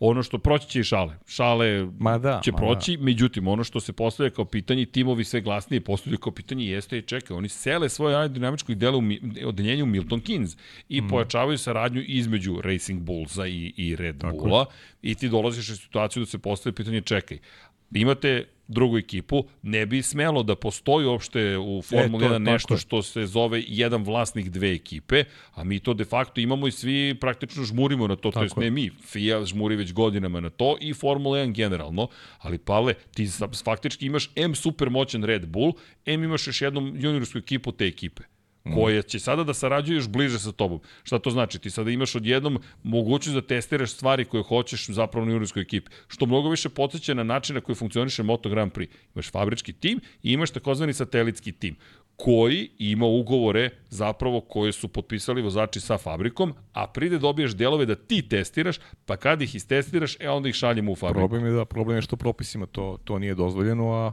očigledno ovaj sa novcem mogu da se ovaj ponište i neki propisi, znaš. To, da, li, da, li bi to, da li bi to mogao da uradi, ne znam, ono, Haas, da ima neku takvu... koji su potuživali da je zapravo e, juniorska ekipa Ferrari, Ferrari, pa se da. ispostavilo da to baš i I nije, nije tako. tako, da. I nije Da. tako. Da je model bio drugačiji. Ovde je veza, ovde je veza očigledno, ali nije veza sad. Manje ovaj, više tako jedan na jasno. jedan. Pa da, ovo je veza je jasna već godinama unazad. Kako je Honda uopšte došla do Red Bulla, tako što Tako je je. prvo testirao Toro Rosso, da li to uopšte ima smisla ili ne. Pogledaj šta je radio Franz Tos kroz, kroz te, taj naj, najkrizniji period uh, ekipe Red Bulla. On je, on je iz, svake godine menjao ovaj, dobavljača agregata.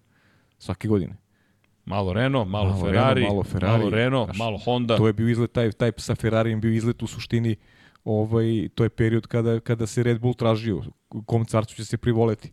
Pa se možda i nadao u toj, toj fazi da bi možda Ferrari bio spreman da isporučuje agregate Samo što je Ferrari Samo što je rekao Ferrari ne. rekao, ne, no, no, nema, nema šanse. Ne, ne, isto, Mercedes isto što i isto Mercedes. rekao. Pa ne, nisu, nisu želi, naravno pojačavaju, znaju, zato što znaju šta možda Pa im evo se šta desi. se desilo kad su dobili po- pogonske jedinice koje im odgovaraju. Tako je, tako Jer je. ne treba zaboraviti, Honda se zaboravlja zato što je Honda u svojoj briljantnosti 2020. rekla mi se povlačimo iz šampionata i onda rekla ups, malo smo se preračunali, ali Honda je napravila ozbiljne pogonske jedinice. Honda se nijednom nije pokvarila prošle Pa godine. Honda, pritom Honda verovatno nije očekivala da ovaj genijalac u Red Bullu može da, da napravi ovaj Ovo što- takav bolid, tako ovo, ovo što je napravio, jer, jer setimo se kako izgledala Honda u onom periodu sa McLarenom. Loše. I da, i da budemo iskreni, pričali smo ti ja o prenosima da, da je Red Bull ovaj, dobio Najviše. dobio na, na lotu, dobio sedmicu ovaj, kada Dobio je McLaren, ugovor. Pa da, kada je McLaren izašao iz tog ugovora sa, sa Red Bullom, e, sa, sa, sa Hondom, znali smo šta će se desiti. Pa još šta piše? Na A. naslovnoj strani knjige piše A, Honda na Honda. zadnjem krilu, znak H, Hondin, logotip stoji na nosu. To je istorija. Dakle, Max. Verstappen u momentu kada osvaja titulu, Honda tu piše. I to se zaboravlja, ali to se ne sme Pa zaboraviti. ne, to je, to je krucijalna stvar, to je... I to je došlo, Zamisli, izvini, zamisli Toro Rosso. šta bi bilo sa Red Bullom da nije bilo tog. Da je ostao Red Bull Hondom? Renault. Pa da je ostao Renault ili šta god. Zna- Znaš da su oni će izaći s Formule 1, nisu, nisu imali rešenje. Nisu imali rešenje. Mercedes neće, Ferrari neće. I, i znaš, sad vratimo se, to je sad poveznica ta sa, sa, sa Francom Tostom koji, koji je radio fantastičan posao za Red Bull. I sad mi da pr- napravimo tu kao neku distancu, kao nisu, pa ne, to je, to je isti tim. Gde su išli mladi vozači Red Bulla uh, tokom... Uh, odakle, odakle je Max Verstappen? Za koga je vozio Max Verstappen? Za koga je vozio Sebastian Vettel? Pa, dva šampiona, dva šampiona Ali Red to Bulla. su projekti Red Bulla. Su su projekti bukvalno Red Bulla. projekti Red Bulla. Projekti Red Bulla, Koji da. su konačni test prošli kroz Toro Rosso. I sad kao, znaš, nema poveznice između, kako nema poveznice? Izvini, Poveznice Daniel su- Ricardo je stigao jasno, do, pa isto, Alex Albon je tako stigao, Pierre Gasly tako Gasly, stigao. Pa svi su, E, ali sad se postavlja pitanje, da li oni ostaju dalje taj tim, Visa Cash App RB Racing Bulls, dakle, da li oni ostaju tim koji stvara nove šampione, nove ljude, Daniel Ricardo je tu, Yuki Tsunoda je tu, Pa što ti kažeš, Šta, šta da misliš, za koji će, koji će agregate da koristi Visa, kako si rekao, Visa? Visa Cash App RB Dobro, od 2026. Pa, Ford. Pa Ford. Ford, Pa nema ne, tu pa- šta. pa i, to, nema- jest- to nema- još nije nema- potvrđeno, Aj, da. Pa, nije potvrđeno, pa daj Da, da, čekamo, da. baš jedno čekam da se iznenadim. Poješće, da. Ne, Potpisat će je- Audijem. Ne, potpisat će sa Audijem. Da, pa da, ali, ali opet, znaš šta je tu stvar? Zašto već sledeće godine nema Forda? Ford nema motor za ovu eru. Da ima Ford motor za ovu eru sledeće godine bismo imali Visa Cash App RB Ford ekipu i to bi bilo to. I namjerno tako izgovaram malo, ne zamerite, zima je, ali činjenica je da kroz istoriju smo imali razne nazive, stvarno je bilo svega i svačega. Međutim, ovde smo malo otišli korak dalje, to je jedina stvar što smo već zaboravili da tako rogobatno nešto može da zvuči. Ali, ajmo sledeću stvar, pazite genijalnost Visa Cash App brand, brand menadžera koliko puta je ponovljeno Visa Cash App i koliko fotografija Visa Cash Appa je ispaljeno zapravo je genijalan marketing, jer će svi da zapamte Visa Cash App, pa čak i da se smeju, neko će da pita šta je ta Visa Cash App. Pri čemu to je servis koji radi trenutno u Velikoj Britaniji i Americi, u svim američkim državama. Što govori šta? tržište su jasna koja napadaš u ovom trenutku. To su ti najvažnije tržišta, pre svega Sjedinjene američke države. Inače, Visa će biti i, zamisli ovo, na bolidima, znaš koje ekipe? Ne znam, stvarno ne znam. Racing Bulls. Žalim se, Red Bull, da, naravno, sad ću početi da ih brkam, ali naravno da, da, da, vrlo jasno. Tako da je Red Bull dobio vizu. E sad samo što je pitanje, da li je dobio ko, viza ko Cash App da. ili je dobio viza? A ne, ko je koga dobio tu, znaš? to, to, to, to. Koga do, preko koga je tu došlo do cele priče, ne? Tako da je, ok, ali ajde, mi smo sladokusti kada je reč o trkanju. Tako da ako će viza Cash App RB tim da ima više para i bude bolji tim, Tako je, to je, to je suština. Podršku naš. ima pa, punu da. Lab 76. Da. Bukval ima punu I podršku sa, pre I sa novim čovekom opet mi stava mozak. Ovaj, šef tima ovaj što je Loren što Mekis. Ne, ne, ne Loren Mekis imaju još imaju ovog što je radio u Mercedesu, opet je bio sarnik Toto Wolfa. Uf, jedno vreme je bio radio i u FI. Sad Uf, stao mi mozak, da. Imaju još, imaju još, još jednog čoveka su doveli, ovaj, uh, se sam mi stao mozak, kako se zove čovek? Ajde, pomoć prijatelja. Za Loran Mekis je čovjek koji je Loran stigao. Loran Mekis je tu, ali stigu im još, kažem ti, Mm. Samo da nisu Injaki Ruedu nisu, uzeli. Nisu Ruedu, nisu uzeli Ruedu. Šalu na strane zameri gospodin Rueda, koliko puta smo ga spomenuli. E, u svakom slučaju, ali da, da napomenemo i to, ove godine da. Franca Tosta više nema prvi put u karijeri, ne vodi, to je prvi da, da. put otišao čovjek u penziju, dolazi čovjek koji je zapravo vrlo poznat ljubiteljima Formule 1, čovjek koji je bio i trkački direktor, bio jedan inženjera Ferrarija, čovjek koji je i bio bitan u kontekstu toga u pregovorima između Ferrari i navodno Red Bulla. U svakom slučaju, čovjek je stigao, ovo je početak njegov, dakle da vidimo i kako će onda upravlja ekipom. Ekipa koja je bila odlična u poslednjoj trećini sezone prošle. To stoje tim koji je najviše napredao pa, u završnici da sezone. Ta, ta, kad je ta veza ojačana od dolaska Ricarda, ojačana sa, sa, mislim, sa Red Bullom, ovaj, još jače, onako čvršće, čini mi se da, da, su, da su krenuli bolji rezultati poveznica jeste Ricardo bio u celoj priči, iako je, eto, koliko on ima, mislim da je više onako procet od Sunoda negde.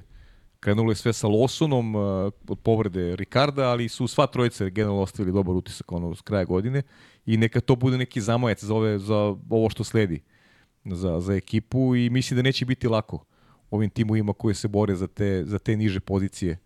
Uh, tačnije da pobegnu sa tog začelja. Uh, Haas, ne znam, Alfa Romeo, Williams.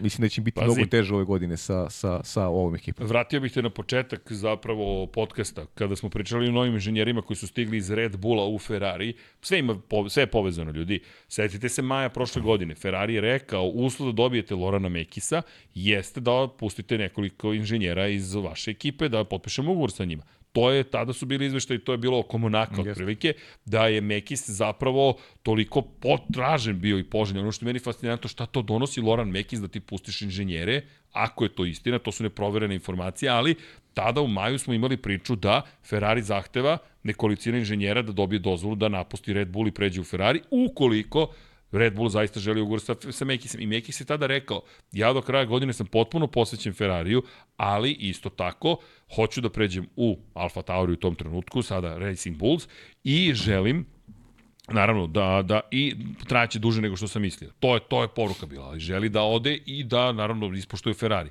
To je bilo tada, sad stigli su inženjeri iz Red Bulla, samo spajamo kockice, mm. makar sam ih ja tako bio spojio I, s druge strane, Mekis koji započinje svoju karijeru. Ono što mi je zanimljivo, jeste inženjer, jeste trkački direktor, šta to donosi Loran Mekis iz ere Ferrari u kojoj nisu osvajali titule, da je toliko bitan Red Bull. Baš me zanima ko je, šta se tu krije. Čekamo da idemo, da.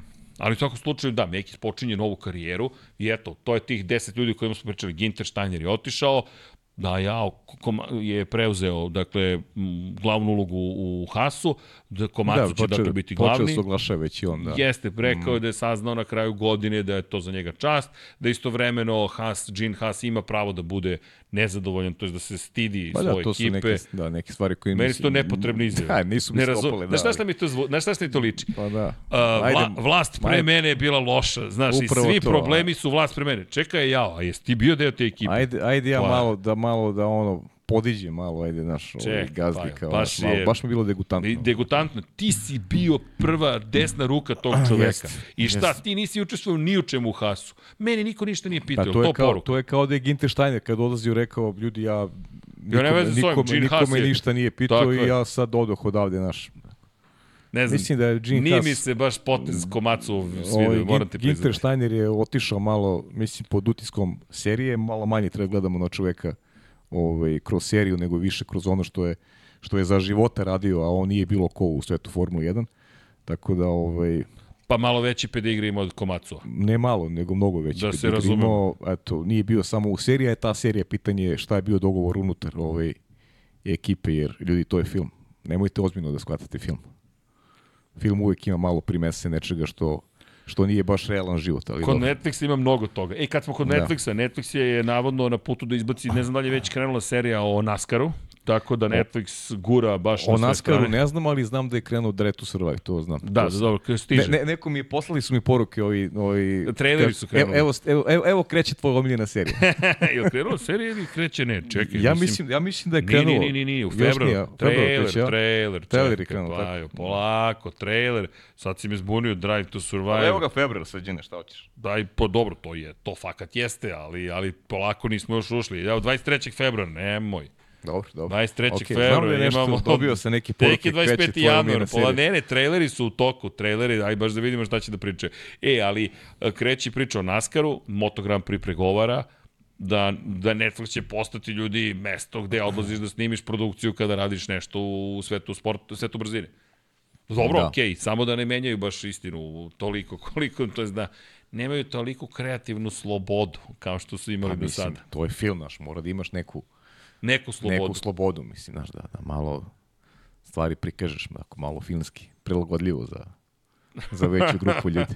Ne, ali dobro, vidi, da- i to pomaže. Ja kažem opet, Pomaže, hvala ne, Netflixu. Tako je, Srki, sve, znači, super je. Šalimo se, ali Kakav istovremeno god hvala. način, kakav god način, hvala, pa znaš da ovaj, koliko smo mi ljudi, Koliko ljudi Ovi- nama reklo, krenuo sam od Sećam se, Netflixa, da. pa sam počeo da gledam, pa sam naišao na vas. Netflix, hvala, hvala, A, da. nemamo mi problem sa time. tako je. Ali volimo i da se šalimo. Pa šalimo se i na svoj račun. I volim, ja stva- stvarno, me- meni, meni prije kad to čujem. U smislu, evo ga još jedan novi fan Formule 1. Tako je. Nije bitno način na koji se to dogodilo. Znaš, bitno smo. je, bitno je samo da se, da se Tu smo. baza ljudi koji gleda širi i to je, to je super. Znaš. Ček da pitamo gospodu, kako ste vi počeli da pratite Formulu 1? Dobar Šumahera, dobro? Tad nije bilo nekog... Zbog njega. to ti je to. Zaraza doba Šumahira, za, zarazno doba Šumahira. da, Vlado? Ja? Kako? Zbog Frencena. Da, Vlada ima te bizarne ima, da, da. da, momente, Frencena. ali poštujemo, mnogo poštujemo i navija za Zauber. Dobro, možda dolazi tvoje novo vreme, vidi Audi kad se zaleti, ko zna, bit će, bit će, bit će to zanimljivo. U svakom slučaju, Visa Cash App RB je stigao, da. 9. februara će biti zvanična prezentacija. Neko mi je rekao, pa je kao, timovi su se već prezentovali. Nisu se prezentovali Nisu. ljudi. Kakvi marketinški trikovi McLaren je izbacio nove boje. Čekaj, je to Pa prezentacija ne, ni tima? jedan neće, pa ni jedan neće pre februara, ni jedan 5. se nije. februara u Londonu Pa kreće da. Zauber. To je prvi, prvi tim koji će Jeste. nam predstaviti zapravo, nadamo se, novi bolid. Prošle godine Red Bull je imao stari bolid u novim bojama. Samo, samo je bila prezentacija za Oracle i Ford zapravo. Ali to je bio veliki događaj. Znaš, stiže Oracle, Ford, New York, tako da. Ej, sutra, sutra, prek sutra, u Los Angelesu, prezentacija MotoGP ekipe, Trackhouse. Tako da Amerika stigla i tamo. Trackhouse mm. u Kaliforniji, LA, Pa ne idem. Ne, ne, lomio sam se da li da se spakujem, da E, u- odem, ali... Ubila ga viza, nije mogu. Ne, ne, imam vizu, nego sam Pa razmišljao... ne, mislim viza... Ova, Visa Cash App. Visa Cash.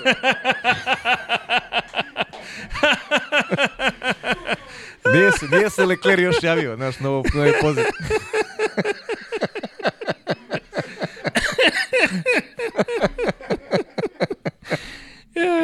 Naivan sam, naivan sam. Pa, e, poleteo si. Vidi, poleteo Deki si. i Jaca De- su me driblali. Poleteo si dečač. Dorićone i nazad, razumeš, ono, pošto sam najmlađi, valjda, ovde, ovde nisam, ali ok, Pa ti dobro, ne pa- poštuješ starije, Pa dobro, tako da... ti, ti, znaš, ti ovaj, ne možeš baš svuda da budeš ovaj najmoći.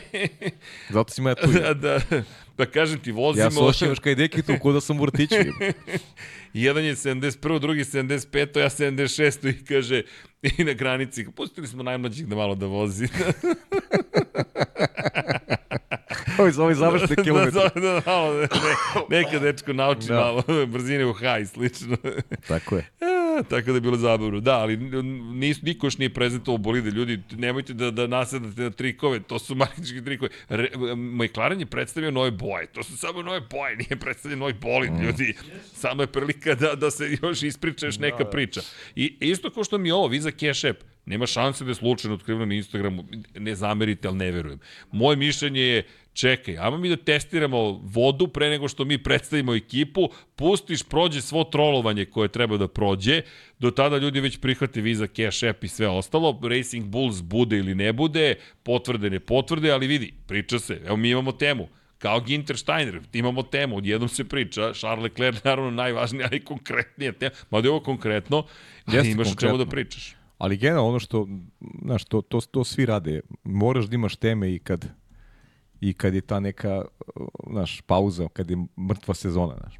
Jeste. Mora da se priča i to vode računa svi onako ozbiljni. Pa evo ti, ti, ti si neko prati NFL. Koliko Da. se NFL ne igra? Pa ne igra neki se šest dosta meseci, dugo, ne, tako i dugo, tako čak i duže tako se ne igra. Tako je. Pa uvek imaju temu neku. Znaš, ja i da ne pratim, ja uvek ću nađem nešto se pojavi na Uvek ima Instagramu. tema. Mora da ima tema, jer znaš, mora da drži pažnju publike, oni, oni koji to prate, koji to vole. Znaš, e, e, to je sad ono što ne postoji u ovom drugom sportu, kada ja pratim vaterpolu, nešto je njima zamerna stalno. Znaš. Oni, oni kad se nešto ne dešava, to je mrtvo sve. Pogotovo kad nema rezultata, oni samo ćute. Ej, vidi. A to ne sme da se radi, to O, je katastrofa. Slažem se s tom potpunosti. Pa čekaj, ko je spomenuo i Moto Grand Prix kao inspiraciju? Pazi, Moto Grand Prix koji je bio u odnosu na Formula 1 lošiji ove godine, pa jo, tačno se vidi dolazak Dena Rozomonda. Dakle, imate, kada je reč o takozvanoj amerikanizaciji, kada pričamo o amerikanizaciji sporta, uvek ima pozitivnih, ima negativnih aspekata. Doći ćemo do, do, do, do još jednog negativnog, ali ima i pozitivnih, a to je znaju kako da promovišu sport, znaju kako Mnogo da popularizuju. To je mnogo A bitna stvar. To je pomoglo Formuli 1 da dođe do ovih razmera u kojima se nalazi danas. Nemojmo zaboriti, to se stra, strašno pocenjuje. Imamo mnogo stvari koje, ha, teško nam možda padaju. Ali ljudi, popunjene tribine, zar ima ičeg lepšeg od popunjenih tribina na trci Formula 1? Verujte, 2016. kada biste otišli na stazu, duhovi, vetar, pustara, nema nikoga, nema nigde ničega. Lepo je na, na, na, na pored te, TV ekrana. Nas dvojica uživamo u komentarisanju. Da nema nikog na tribinama, mi ćemo da uživamo. Ali verujte, atmosfera, kad imate 30-40 hiljada ljudi na stazi koja prima 100 hiljada ljudi, izgleda drugačije. Nego kad pa je ne, ono, sve kad puno. pričamo o toj meni, ja, ti znaš da sam ja protivnik te amerikanizacije, ja više govorim to o, o sporta, govorim o tom nekom sportskom aspektu, ali onda imaš jedan drugi deo priče, a vezani za publiku. Znaš, način na koji oni upravljaju takmičenjem je nenadmašan. Jer, jer e, ti se na tom takmičenju os- osjećaš dobro. Jer imaš sve prateće uslove, Jasno? imaš sve prateće uslove da ti u tom spektaklu i uživaš. U onome što je, ne spektakl, u onome što je jedna obična utakmica. Znaš, da, da možda provedeš jedno prijatno vreme u okruženju gde ovaj, ti ne preti da ćeš ako imaš šal nekog kluba koji ti nije simpatičan da, ne znam, ovaj, razmišljaš da će neko da ti to ukrade, da će neko da ti lupi šamar, da će neko, znaš, imaš, imaš sve uslove u kojima, u kojima je, je, je sve maksimalno uživanje. Znaš, e, to je, to je nešto na čemu, na čemu im ja onako baš skidam kapu, jer znaju da organizuju događaje i da ti događaji budu vredni tvoje pažnje, budu vredni tog prisustva. E, to, to je to. A to je, to je mnogo bitna stavka. I mi tu dolazimo do, do, do ovoga o čemu pričamo sada iz perspektive Moto Grand Prix-a. Nikada, zaista, nije bile međusezone u kojoj je bilo ovoliko aktivnosti. Pazi, mi smo, inače, zaista bih da, da, da, da se i zahvalim i pohvalim, to ću pričati utorak više Dekija, Dena Rozomonda, novog čoveka u komercijalnim, koji je zadužen za komercijalne aspekte razvoja Moto Grand Prix-a, koji je potpuno liberalizovao zapravo rad sa digitalnim medijima, poput Infinity Lighthouse-a, u kom kontekstu? Čovek je rekao, jer vidi, televizijama to možda nije zanimljivo. Gde ćeš na televiziju sad da prikažeš sve što bismo mi da prikažemo? Tako Ali je. mi imamo mogućnost da prikažemo stvari koje su nama zanimljive. Ako neko hoće, može da vrati da pogleda ponovo. Na primjer, prezentacije timova. Odjednom mi imamo dozvolu legalnu da prikažemo nešto što organizuje ekipa. I Rozomondo je rekao, ne, nama je potrebno da sarađujemo sa svima koji vole i pričaju o Moto Grand Prix zato što to popularizuje sport. I on to posmatra iz druge perspektive. Niko ne ugrožava nekog drugog, ti ne ugrožavaš koga ćeš da ugroziš. Tako što ti pričaš o Moto Grand Prix. Ne. Ne, ti samo, ti samo nudiš mogućnost da ljudima koji to žele da vide mogu da pogledaju. Tako je. I jer, to je ne, to. jer nemoj gde drugi da, gde drugi da pogledaju. Znaš, jer ti ne, nemaš priliku da to predstaviš negde. Tako je. je. I ti sad, izvini, dobijaš priče koje niko nije da, htio da priča. Pa ne, to je prepoznavanje, prepoznavanje situacije, prepoznavanje trenutka. Trenutka, naš, afirmacija onoga što je interes iz sporta, a opet s druge strane i mi imamo opet taj interes da, da možda pustiš ljudima nešto, materijal koji e, nema gde, nema gde da ga vidi. da pogledaš, uživanje je i ono što moram priznati sam stvarno bio ponosan na, na, i na to, pošto, jel te, komuniciramo sa svima i tako dalje i tako dalje, što smo kao Lab 76 dobili poziv. Hej, kao, čekaj, vi ste sada zvanično content creators, dođite. I ti sad kao čekaj, sad smo bili, ajde, ponosni smo na to, ljudi, Valentino Rossi ekipa, nije on zvao, nije tad uzao Valentino Rossi telefon, to Paju on zove, inače da, s nama da, da, slabi, stari. da, da, da, stari A drugari. Mi se, mi se ovaj, ono, Ju, Juve Inter, mi imamo tu ovaj, razmoviloženje, ali da. ali nas je zvao PR zapravo, predstavnik za javnost koji je rekao, e, kao, dođite, dobrodošli ste, i mi smo naravno otišli i mnogo je lepo osjećati taj tog momenta koji sad MotoGP gura, koji je Formula 1 krenula da gura još ranije. I ti sad dolaziš u situaciju da pričaš o, kao što si rekao, stvarima tokom međusezone, kao što mi opet i večeras pričamo, jer volimo Formulu 1 i zaista se neke lepe stvari tu dešavaju, tako da iz perspektive toga kad dalje promocija, naravno da je neophodno, nove boje, daj nove boje, e, novi tim, slučajno smo otkrili ime, daj to slučajno otkriveno ime. Charles Leclerc potpisao ugovor u sred momente kad nema ni jedne jedine vesti. Naravno će da odjekne da, da, da. najče što može da odjekne. Što je još jedna pohvala Ferrari, ovo nisam razmišljao o tome. Oni su marketinški potez napravili. Četvrtak, 25. januar. Charles Leclerc potpisao ugovor. Danas ceo svet priča o pa potpisu da. ugovora Charles Leclerc. I se sećaš kada smo pričali o potpisu o tome? U Las Vegasu. Da, da. U Vegasu. Zamisli tada da si to rekao. Ali, to bi ali prošlo Srki, samo. bukvalno je ovako kao što se dogodilo i najavljeno, znaš. Jeste. Da si, i, I stvarno se tako i desilo. Baš. Ali, ti si tad pustio buvu. Pričalo se, međutim, ide nastavak sezone Abu Dhabi, kraj analiza, ko je bla, bla, bla, bla, bla. 25. januar. Šarak je potpisao. Bum! Zvanično je potpisano. Ti sad odjednom pričaš o tome. Lep potez. Svaki mm. čas Ferrari. Stvarno lep potez. Jeste, pa jeste. Pa do, to, to su stvari o kojima mora se vodi računa i zato kažem, znaš, taj neki, taj neki marketing je, je jako bitan i priča, priča ovaj, jer, jer i mi Srki ne možemo da pričamo ako nemamo zašto da se uhvatimo, znaš. Pa, ne možemo, ako nemaš temu neku, teme, ako tipa, nemaš temu, Pa Tema ne, ne možemo. Glumiš šefa ekipe, šta bi ti uradio? Pa, bukvalno se zabavljaš. Znači, to može da stoji negde, može da stoji negde za neki dan kada ali ne bude bilo ništa, ali ovako sad kad krenu i prezentacije, to bojim se neće više biti vremena za, ne, ba, za sad, tu temu. Pa već smo zahuktani, to, to je prošlo, to nismo A, da. radili kad smo mogli, jer su opet se pojavile nove teme i idemo dalje. Ljudi, jednog dana ćemo raditi nešto tako zanimljivo, da, možda da. i to je to. E, inače, radi grejanje. Radi grejanje, jel? Radi grejanje. Ponovo radi grejanje. E, znaš gde radi grejanje? Gde radi grejanje? U? A,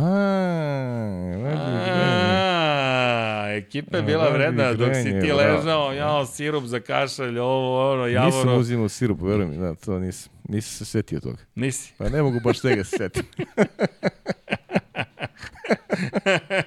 Dobro, ali si čito knjigi. Ne, čito, da, jesam. Gledao, gledao sam, gledao sam filmove, proti, kažem, tako sam ovaj ubio vreme, da. Tako da znaš. Gledao sam Napoleo, Napoleona sam, recimo, gledao, da. I? Pa, mislim, Ridley Scott. Oh, Eto, sve sam nema mnogo veze sa istorijom, ali lepo izgleda. Ridley Scott, da, tako da on. Ili ima veze sa istorijom, onako Ima, ima veze, ali ono, znaš, ima veze, treba, više sve treba pogledati. Zabavno. Da, da. Dobro. Da li se pojavlja Alien? Alien, da. Ne, da. pojavlja se Predator da, koji juri. E, pož, ne, Predator je već u 18. veku bio u Americi, tako da... Ali kad smo već kod toga, preporučujem ljudima jedan danski film, Običana da? zemlja se zove da pogledaju. Dobro, eto, hvala. Danski evo. film, eto. Baš dobro. Dobro, lepo. Da. Hvala. Ja volim evropski film, tako da ovo je Ima. baš, baš dobro. Da. Ima zanimljivih. Ja sam gledao neki sad u Italiji, mm. ali ne mogu setiti. Da. Nisam vidio ime.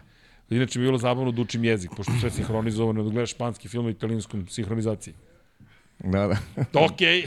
da, da, Vidi da. sve u redu. Pa ne, oni to, oni to rade, oni pa to da. uvek, uvek rade. Meni teško ništa da se pri, pri, Ne, ne, ali oni su to radili, buku ja znam kad sam klinac bio, to se nije promenilo i neće se promeniti. Nikad. Od, od uvek, od, od uvek. Da, da, I bilo je zanimljivo kad stigne italijanska sinhronizacija nekog westerna. Pa, da, pa ne, ali bilo ko... Eastwood, Livan da, Cliff da. i ostali na italijanskom Pa dobro, ali, ali ti znaš da su ko je radio te westerne. Naravno, po Sergio. Pa to su italijani radili. Lepo ime, dečko ime. Sergio Leone i I nenadmašna je muzika je Ennio Morricone. Naravno. Najjači tandem u istoriji filma, makar za mene, ali dobro, to je sad. Delimo film. mišljenje, pričali Da, da, smo o odnosno tom, pa, film, pa da. vidi, neminom. Znaš da mi je Jimmy rekao, Srki, mnogo pričamo o filmovima, daj neki podcast o filmovima, rekao, vidi, nemam nikakvih problema, znaš, sednemo ovde i raspredamo o, o, o ljubavi prema filmu, to, Da, bi- da. mislim da bi to bilo super. I, ja, i naravno, vratit ćemo se mi na teme koja jeste Formula 1, ali prosto moramo malo i da zalutamo. moramo malo da digresiramo. Ali, gradi Pauza je. Tako da, kogod se smrzavao gledajući poslednju trku u našem prostoru, grenje radi. Tako da znate. Tako da, sad ćemo malo da organizujemo oko NFL-a, pošto smo u play-offu, pa možda Super pa Bowl dobro, žurka bravo. padne dole, ko voli Bravo, to je- NFL, to je- eto to je- čisto da znate. To je pametno, ja znam ne pratim, Da. ali znam da ljudi Malo će, mnogi pa gledaju. da, da gledamo završnicu sezone dole, da se družimo u toplom. A i vidio sam da su Pistonsi u finalu, tako da i to sam Da, u finalu konferencije stigli su tvoji. Da, znam, neko- da trener- neko final. Da, jeste, jeste. Lionsi, ali da za one koji su ozbiljni, ali dobro, stigli ste do finala, čestitam. Pazi, A Detroit. ozbiljno je. De- De- Detroit, tvrd grad. I, i Tvrd. Dan Campbell, koji je proglašen za trenera godine u nacionalnoj futbolskoj konferenciji gde je Detroit, je izjavio, ljudi, znam ja da je u LA-u lepše vreme i da je nežnije i bolje i lakše, Ali znate, kad ste već ovde, prihvatili ste se posla, onda moraju ljudi da osete da vi pripadate ovde, da je tvrdo, teško, nije lako, ali da ćemo se boriti do kraja. I ti sad ideš da se boriš sa njima na teren, ljudi, pa oni stvarno onako čelična ekipa razmišljanja, ide u San Francisco, nije lak San Francisco, ali opet, ajde da vidimo, sudar će to biti. Biće ozbiljan sudar. Dobro. Bad Boys je. Pratiti 99 yardi, to ćemo sutra. Vanja dobio trenera. Sutra, znači, ja? I Da. si, ti si prisutan, Da, nisi na času? presu, na času. Na času. Dobro. Pa sad je suviše zabavno. Da. Sad je suviše Sad zabavno. se ne propušta. Au, sad je suviše zabavno. Da, sad je baš zabavno. I Vanja i ja smo se čak i pokačili. njega. Kao, a, a ti znaš, O, to je. a znaš kad... Pa ti znaš da ja volim da se kačem. Tako je, a, a ti znaš, on meni ko mlađi braća, njemu ko stari, nema, nema ustupanja ni milimetra. Jedno neko, ta si bezobrazan prema Vanji. Ma nisam, nego je mlađi, vadi se malo, na tu foru. malo, dobro. Ali dobro, sve to kako Ne svesno, nego, znaš, prosto razmena mišljenja. To smo mi. Tako je. To je sve ljubav. Elem, da se vratimo na ljubav, to je na Ajde. Formulu 1, tako da radi grejanje. Uhu, ponovo radi grejanje. I kada govorimo o de- dešavanjima, i ovo je jedno od bitnih dešavanja, kao što je bitno dešavanje Realno Madrid. Pa, znaš šta, Deki danas, je dao komentar, preneću ti ga, ali Da. šta je tvoj komentar? Pa moj komentar je da, da znaš, više mi je ono, tih, Dobro, tih, smo tih se. ulica više ne mogu da ih podnesem, znaš, više mi je ovaj, mislim, ja volim ulicu, ali, znaš, malo prosto porošte da se, znaš, se izađe negde, ali formula u gradu katastrofa mi je. Mada sam danas čitao, ne znam ko je danas izjavio, ovaj, da li je Stefano Domenicali, mislim da jeste, da kao to ne znači nužno neće biti Barcelone ovaj, u kalendaru, Ali ne znači ni nužno da će biti. da će biti. Znaš, sad imaš stazu koja je bila test staza, koja ima, koja ima baš ima vrednost ovaj, kada pričamo o Formu 1 iz više aspekata, segmenata. Ovaj, I jedna staza koja je, koja je dobra generalno, ovaj, ti ćeš sad to da, da ovaj, poništiš da bi, da bi dao Madridu ovaj, da, da se ulica Madrida vozi. Eto, moje mišljenje je da da idemo u tom pravcu koje, koje, koje mi se ne dopada generalno i, i ajmo da idemo u Formulu E, da ovaj, okačemo još te trolebuse, što bi rekao o, Igor Marković, i da se vozimo po gradu, se vozikamo po gradu, da svima bude zabavno i to je to. Ja ovako da ti kažem, ni, de, ja sad pouzdano, znaju ako se niste dopisivali meni iza leđa. Ko? Deki i ti. Ma ne, nisam ga čuo uopšte od, od ponedeljka prošlog. Slušaj ovo, kako je saopšteno da je Madrid. Kaže Deki, dakle, Formula E će da bude zapravo uvodna trka pre Formule 1. Znate. Jer to, to, jer to tako, idemo ka tome praktično. Jer ideš ka tome da se sve održava praktično u gradovima, što je bio koncept Formule E, električne formule kao dokaz da gradovi mogu da uživaju trkama koje su tiše, koje su zelenije u kontekstu očuvanja životne prirode. Mi imamo sada u suprotnim smerovima, neko je napisao vrlo lepu analizu. Formula E sve više teži tome da ode na stazu, a sa dru... da dokaže da je koncept sada validan, da mogu da baterije su, to je kapacitivnost baterije je veća, da kapacitet je veći, da ti možeš da dođeš do toga da ti koristiš taj bolid. U prvoj sezoni Formule E smenjivali su iz bolida i skakali u bolid. Baterije su mnogo napredovale za ovih 10 godina, a Formula 1 polako postaje tur operator, turistički. Vi sada, i to je strategija Liberty Medije, koja je rekla mi ćemo da vidimo koje su najposećeniji gradovi sveta i tu ćemo da guramo da dolaze ljudi da gledaju trke Formule 1. Ljudi, to je sada turistički sadržaj. Nažalost, ja moram da kažem, Formula 1 polako postaje turistički sadržaj Ideš u Madrid, jao strava, jel znaš da imaš trku Formule 1 u to i to vreme? Ju super, dakle, ne samo što ću da vidim muzeje, nego ću da vidim i trku Formule 1. I još jedan razlog da dođem u Madrid. Da, iskreno, ovaj, ja, ja Madrid obožavam, stvarno. Predivanje. Ovaj, nisam gajio simpatije kad sam bio klinac, kad sam počeo da idem, kad sam otišao, stvarno je grad fenomenalan. Možda onako za život, kad bi mi neko traži preporučim, to bi bio prvi izbor. Ali, znaš, Formula 1, opet ulicama neko bilo kog grada je nešto što je meni dosadno. Znaš. I to je ubija se negde sport i kako ja zamišljam Formula, sad sam mogu zaboraviti da mi danas Hasan posla jedan super ovaj video i sad sam ga okačio na, na story jer je baš super, jer to je nešto što kako svi mi volimo, doživljamo formulu ovaj, i kada pričamo o zvuku i kada pričamo o stazama, to je Formula 1. Ovo sve što se dešava posljednjih godina ovaj, prijeti da, da preraste u isključivo komercijalu bez nekih dodirnih tačaka sa onim što su, što su osnove ovog sporta. Mislim da se preci ovaj, onako oni koji su ispisivali istoriju se negde okriću u grobu ovaj, da su živi stideli bi se ovaj, u šta se, u šta se sport o, koji su oni pravili i u šta se pretvara. E, iz perspektive popularizacije, ja verujem da će više ljudi gledati, ali isto tako bojim se da već polako napuštamo bilo kakav balans u kojem se i dalje stvara ili održava veza sa nečim što je bila Formula 1. Nemam problem da postoje određene ulične staze, ali mi dolazimo sada u fazu kada će većinom biti ulične staze. Evo samo da se da napomenem, to je do 2026. u Madrid ulazi u kalendar. Mi ove godine već imamo više nego dovoljno trka. Dakle, kalendar kako izgleda za ovu sezonu. Mi započinjemo na klasičnoj stazi, jel te, idemo u Bahrein, to je prva trka. Mi već drugu trku vozimo zapravo na uličnoj stazi u Džedi.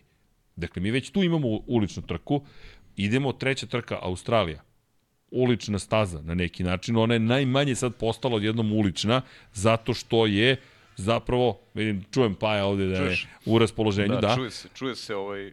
Ali, ljudi, to je opet ulična staza, to se vozi u parku. Dakle, Albert Park jeste dugi niz godina tu i nekako smo se navikli i ima delove staze koji su staza, međutim, to je i dalje ulična staza. Zatim, posle toga, idemo u Japan.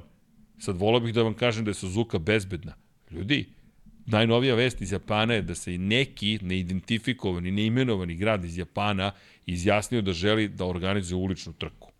Mm. Pazi, sad zamisli izgubimo Suzuku i vozimo, evo što kaže deki, Tokio. Ok, mi sad idemo kroz Tokio. Tokio Drift, ceo, full doživljaj, mi, nema Suzuki. Kažeš, ok, sledeći grad koji posećujemo je Šangaj, klasična staza. Šta ukoliko, to je opet Dekijeva ideja, ne bude dovoljno posećena staza u Šangaju? Pa ništa, preselit ćemo u centar Šangaja.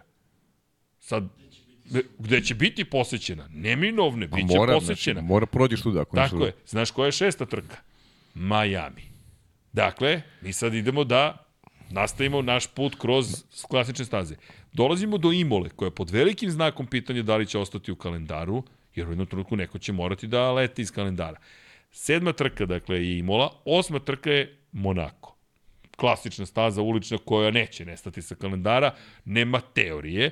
Zatim dolazimo do staze Gilles Villeneuve, koja je opet ulična na neki način, ali makar najviše liči uz Albert Park na nešto što je ipak e, staza.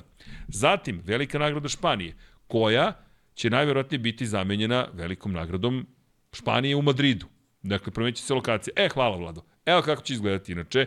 Taman, 20 krivina, pazi, 20 krivina ulična staza, Imamo krug u desno, to je eto malo drugačije, obično je krug u levo na, na, na većini staza u Monaku nije, ali u novim, ovim novim. 5000, dakle preko 5000 metara dugačka, 5474 metra, procenjeno vreme je da će trajati krug minut 32,4 sekunde, gde je ova krivina broj 10, dugačka krivina, podsjeća malo na Tursku, moram priznati, i možete vidjeti kuda će se zapravo kretati. E sad, ukoliko želite da znate gde će se kretati, pa tamo gde je zapravo Expo. Čekaj, pa, znaš šta mi pada na pamet? Beograd će imati Expo, da? Čekaj, Beograd će imati okay. Expo. Velika nagrada Surčina od 2027. godine, da. a? Znaš šta je ovaj... Sve što si najavio, to ti sad negativna konotacija Netflixa. to sad idemo u kontru. To ti je sad, naš, imaš pozitivne Cena. stvari, imaš pozitivne, imaš ove negativne. Negativne su to što sada, eto, svi gradovi, Madrid koji je velika metropola, onako, multi, multietnička i, i, i jedan, jedan, jedan Centar ozbiljan zemlje, grad, regiona, jedan ozbiljan grad, kraljevski grad, želi, želi ovaj, želi takav Formulu 1. spektakl jer znaju da će na tome i da zarade. Tako je. A i da popularišu I grad. renome dobijaš Tako je, ozbiljan. popularišeš ozbiljno grad. To se sad opet kosi sa onim što su neke neki sportski ovaj, obrisi, ono na čemu smo svi mi odrastali i zašto trke volimo. Ali formula je postala komercijalna, mnogo se mnogo, Mnogo para, para. se vrti. Mnogo je para. Mnogo se para vrti i naravno mi ćemo se svi na kraju povinovati tome jer prosto Volimo ne možemo Formulu pobegnemo, 1. volimo Formulu 1, ali imamo pravo da kažemo šta mislimo. Ja iskreno ježim se od tih gradskih trka i ne bude u meni nikakvu ovaj, posebnu emociju i tako će da ostane ali da ćemo biti svedoci ovaj, sve više takvih trka, to nema nema dileme uopšte. Makar u ovoj sada najvećoj mogućoj popularizaciji Formule 1 i momentu kada, kada ona zarađuje najviše novca. I mislim da će još neki centri javiti i siguran sam u to. Pa vidi, neminovno je da se jave. Zamisli ako si ti sada u nekoj vladi, u nekom gradu, Aha. gradonačelnik, centar regije ne, određene. ne, ne mogu zamisliti recimo London bez Formule 1. Naš. A to će se gotovo sigurno desiti. Ma ubeđen sam da će se desiti. A znaš kada ističe Silverstone ugovor? To sam Opet. baš te napravim paralelu i sad zamisli ti jedan Silverstone, jedna ono staza istorija, svemirska staza. Da mi sada kao nećemo Silverstone, idemo u London. A to je, čini mi se nešto što, što je neminovnost u nekom, nekom budućem poredku ovaj, Formula 1 i, i sporta u globalu. Inače, znaš ko je prvi spomenuo Silverstone? Danas u kolima Deki. Sve isto. Na, dakle, razmišljanje Deki, kažem ti, rekao ja ne mogu večeras da dođem zato što bojim se da ću previše kritikovati Formulu 1. Ali dolazimo do toga. Dakle, Silverstone može lako da se izgubi. Zašto? Pa zato što nema mesta na kalendaru. Zato što mi već ove godine ćemo imati 24 trke. Ljudi, 24 trke već ove sezone. Gde, gde ćeš da ih uglaviš? Treba da organizujemo da, da mi ovaj, pasionirani e, zaljubinici u Formulu 1 koji pamtimo i malo drugačije vremena da ovaj kada sve te staze nestanu iz kalendara i Silverstone i Monza i da vidimo da se organizuju neko paralelno takmičenje ovaj na na na na tim Istorijsko, na istorijsko arhaik, na na tim na F tim arhaik. starim na tim starim stazama ove koje su obeležili i naše detinjstvo pa pa da gledamo nešto ovaj drugačije od od ovih od od Formule E. A znaš ko će da bude šampion? Perez. Charles Leclerc. Perez. Ne, ko osvoji najviše pol pozicije. A, pa bravo, da, da, da, ima i Eto toga, ti, da. samo da do prve krivine ne da Maksu da ga pobedi. I to ti je Da. to, otprilike, da ne bude u prvoj krivini Pa prvi. dobro, i da ne prave ove staze ulične sa, sa nekim dugim pravcima kao To, to, Baku, to. znaš. Pa Ili- pazi, ili evo, Las Vegas, Vlado, Las vrati, Vegas. molim te, Madrid. Evo, ljudi, ali mene ovo podsjeća na Baku, samo što ga vrtimo u suprotnom smeru. Ne identično, ali ljudi, ok, evo, pod uglom od 90 stepeni, pa onda ima neka kao krivina i tako dalje. Preko autoputa i tada. Inače, pošto se tu vrtimo oko Expa, znaš gde će se inače nalaziti glavni deo staze? Čudna mi čuda. Pored sportskog centra Real Madrida. I otud i naslov, realno Madrid. Dakle, ali slučaj, a znaš šta je najbolje? Ali u blizini... Čekaj, pored Sposku centra ili pored, ili pored Santiago, pored stadiona? Ne, ne, ne, ne, ne, ne, ne, ne. Pa, evo ovako, dakle, spakovan, sad ne mogu, ajde, pokušat ću da dođem do Google mapa, da vidiš, da, da vidimo kako su ga celokupnog spakovali, ali je pojent u tome da opet ima veze sa Real Madridom. Pa dobro, naravno. Razumeš? Pa, e, znači ti imaš opet Real Madrid koji će tu biti, ka, pozivaju se, bit će blizu i Atletico Madrid. Okay, Pa dobro, jeste. Jeste, jeste ali blizu. čekaj. Onda, onda, je pored, onda je pored stadiona, verovatno. A nisam siguran da je baš Santiago Bernabeu, mislim da ga, da ga ne kači bukvalno, nego da je deo koji pripada takođe Real Madridu, pa onda Santiago. Mhm, mhm. Ali ajde da, da, da pogledamo, na, da ćemo i na Google mapama. U svakom slučaju idemo u Madrid i eto, 2026. Ali, spazi sad ovo, postoji još jedna opasnost, pošto velika nagrada Mađarski dolazi posle Silverstona koji smo već očigledno, ne, znaš koga smo zaboravili, Red Bull Ring. To će preživeti. Jedna staza će nam ostati. Red Bull Ring, otprilike zašto? Red Bull je vlasnik. Pa ne samo to, nego, nego Beč još nije izrazio želju da bude da, ovaj... da. Ne, ne, Salzburg, Salzburg, ne, ideš oko hangara 7 sa Pa vozi. dobro, ali znaš, ipak je Beč glavni grad, znaš, možda će neko da, znaš, da, po, da poželi da ipak u prestonici, znaš, ono, Pa dobro. Tamo kod Šembruna, znaš, da. Da. se postavi cela situacija. Posle toga ideš u, u Budimpeštu. Šta će ti staza, proteraš preko mostova, znaš, napraviš lepo Budimpešti i onda ideš u spa. To ćemo da obrišemo. U stvari, to je, to je i- iz ekonomskog ugla se gleda. Što da prave staze kad, kad već postoji... vidiš? Znaš, imaš gradove, Vidiš? imamo ulice. Tako ne moraju je. da budu ni široke, nema veze, Tako samo je. nek se vozi. Zandvort, pa tu možemo do Amsterdama, lagano. Šta, čemu je problem? Monca, Milano je blizu, kakve veze ima. Baku, već je ulična staza. Ulična staza je u Singapuru, Zatim idemo u Austin. Što ne bismo kroz Austin proterali Formulu 1? Šta će ti kotat? Čemu to služi? Ne, ne, pa ne, radi? osnećemo da li mi idemo u LA. Po, I ja, ne, u Njurk. U ili, ba, u New New York. York, Šta New god. York, pa je, tako je. Zatim Mexico City, koji će da preživi zato što je Meksiko inako pun, a i tamo je malo veća gužva. Interlagos, možda to ostane staza i onda dođeš do Las Vegasa, koji je u gradu, jel te, i imaš Katar koji inače planira, pogađate šta, ne da se vozi na stazi Lusail, već u centru Dohe. To je plan, to je, to je izraženo kao Šta želja. bi drugo, šta bi drugo. Znači, i onda Jas Marina. Dakle, ostaće nam koliko? Pet staza i 15 gradova. Top. Pa to je pravo, to je budućnost. To je, dakle, To je budućnost. Albert. Samo još, samo još trolebuse da im stave i, i da se ne čuje ništa i to je onda fenomenalno. Montreal, Da. čekaj da vidimo, Baku, Singapur, Las Vegas, ajde neka bude, ove godine 8. Mada, znaš šta, mi- mislim da, sam, mislim da sam otkrio, pomogao mi je, Igor Marković mi je pomogao, zašto ovaj gospodin koji Nije došao. ume da sedi preko puta, zašto ga nema? Pa VRC počinje danas. I to što kaže, u Monaku. U Monaku. Ali ne u gradu. Oni idu u brda gore. u Monaku, Monaka. VRC počeo i... I nema ga, klisnuo sa časa. i kao ne mogu ja da ne bi kao, znaš, da ne bi prozivao. ne, bre, čovjek gleda, gleda VRC, šta ti. Hvala, sva, hvala Igore, ba, ti si Hvala, pravi prijatelj, ti pomožeš u nevolju. raduje ovom novom kalendaru. Igor, on obožava ove ulične trke isto. Potpuno oduševljen. Mi se tu popuno slažemo, ja sam tu jedan na jedan ovaj, redko kad se ne služimo, tako da znam da je oduševljen svojim. Da, vidi, očekivali smo, Madrid je najavljivan. Nažalost, sve se dešava. Ma ne, nije sporno, scenario Kako postoji se- odavno, postoji scenario i možemo samo da pričamo, ni promeniti nećemo ništa, ali ljudi ne zamerite kome se to sviđa, ovaj, ima i, i nas kojima se ne sviđa i prosto to delimo sa vama, a živet ćemo svi zajedno. Svako iznese Mi, ćemo, svoje mi ćemo tu trku svako da analiziramo, da je komentarišemo i da uživamo u njoj, sad što... Trebalo bi da bude lepo. Što? Pa mislim, Srki, Ali, ne, ne, može, ih. ne može da bude da ne, ne može da ne, da ne bude lepo, jer Madrid je stvarno Prelep je grad. ljudi ko nije bio topla preporuka sutra sedite i idite, nećete se pokajati prelep grad. Zaista. Čekaj, evo baš gledam da li će, da li je pored... Hm, hm, hm. Ajde, vidit ćemo. Ja koliko znam, nije baš, ne bi trebalo da, da je to Madrid, da vidimo. Hm, hm, da vidimo. Ne, ipak si u pravu. Da, da, da. Šta? Da, da. Uh, ne, ipak pod Real Madridovog uh, sportskog uh, City Training Ground kompleksa, A, pored aha, kompleksa aha, za trening, ipak je aha, to, to, to, dobro, to, to, dobro, dobro, dobro. dobro.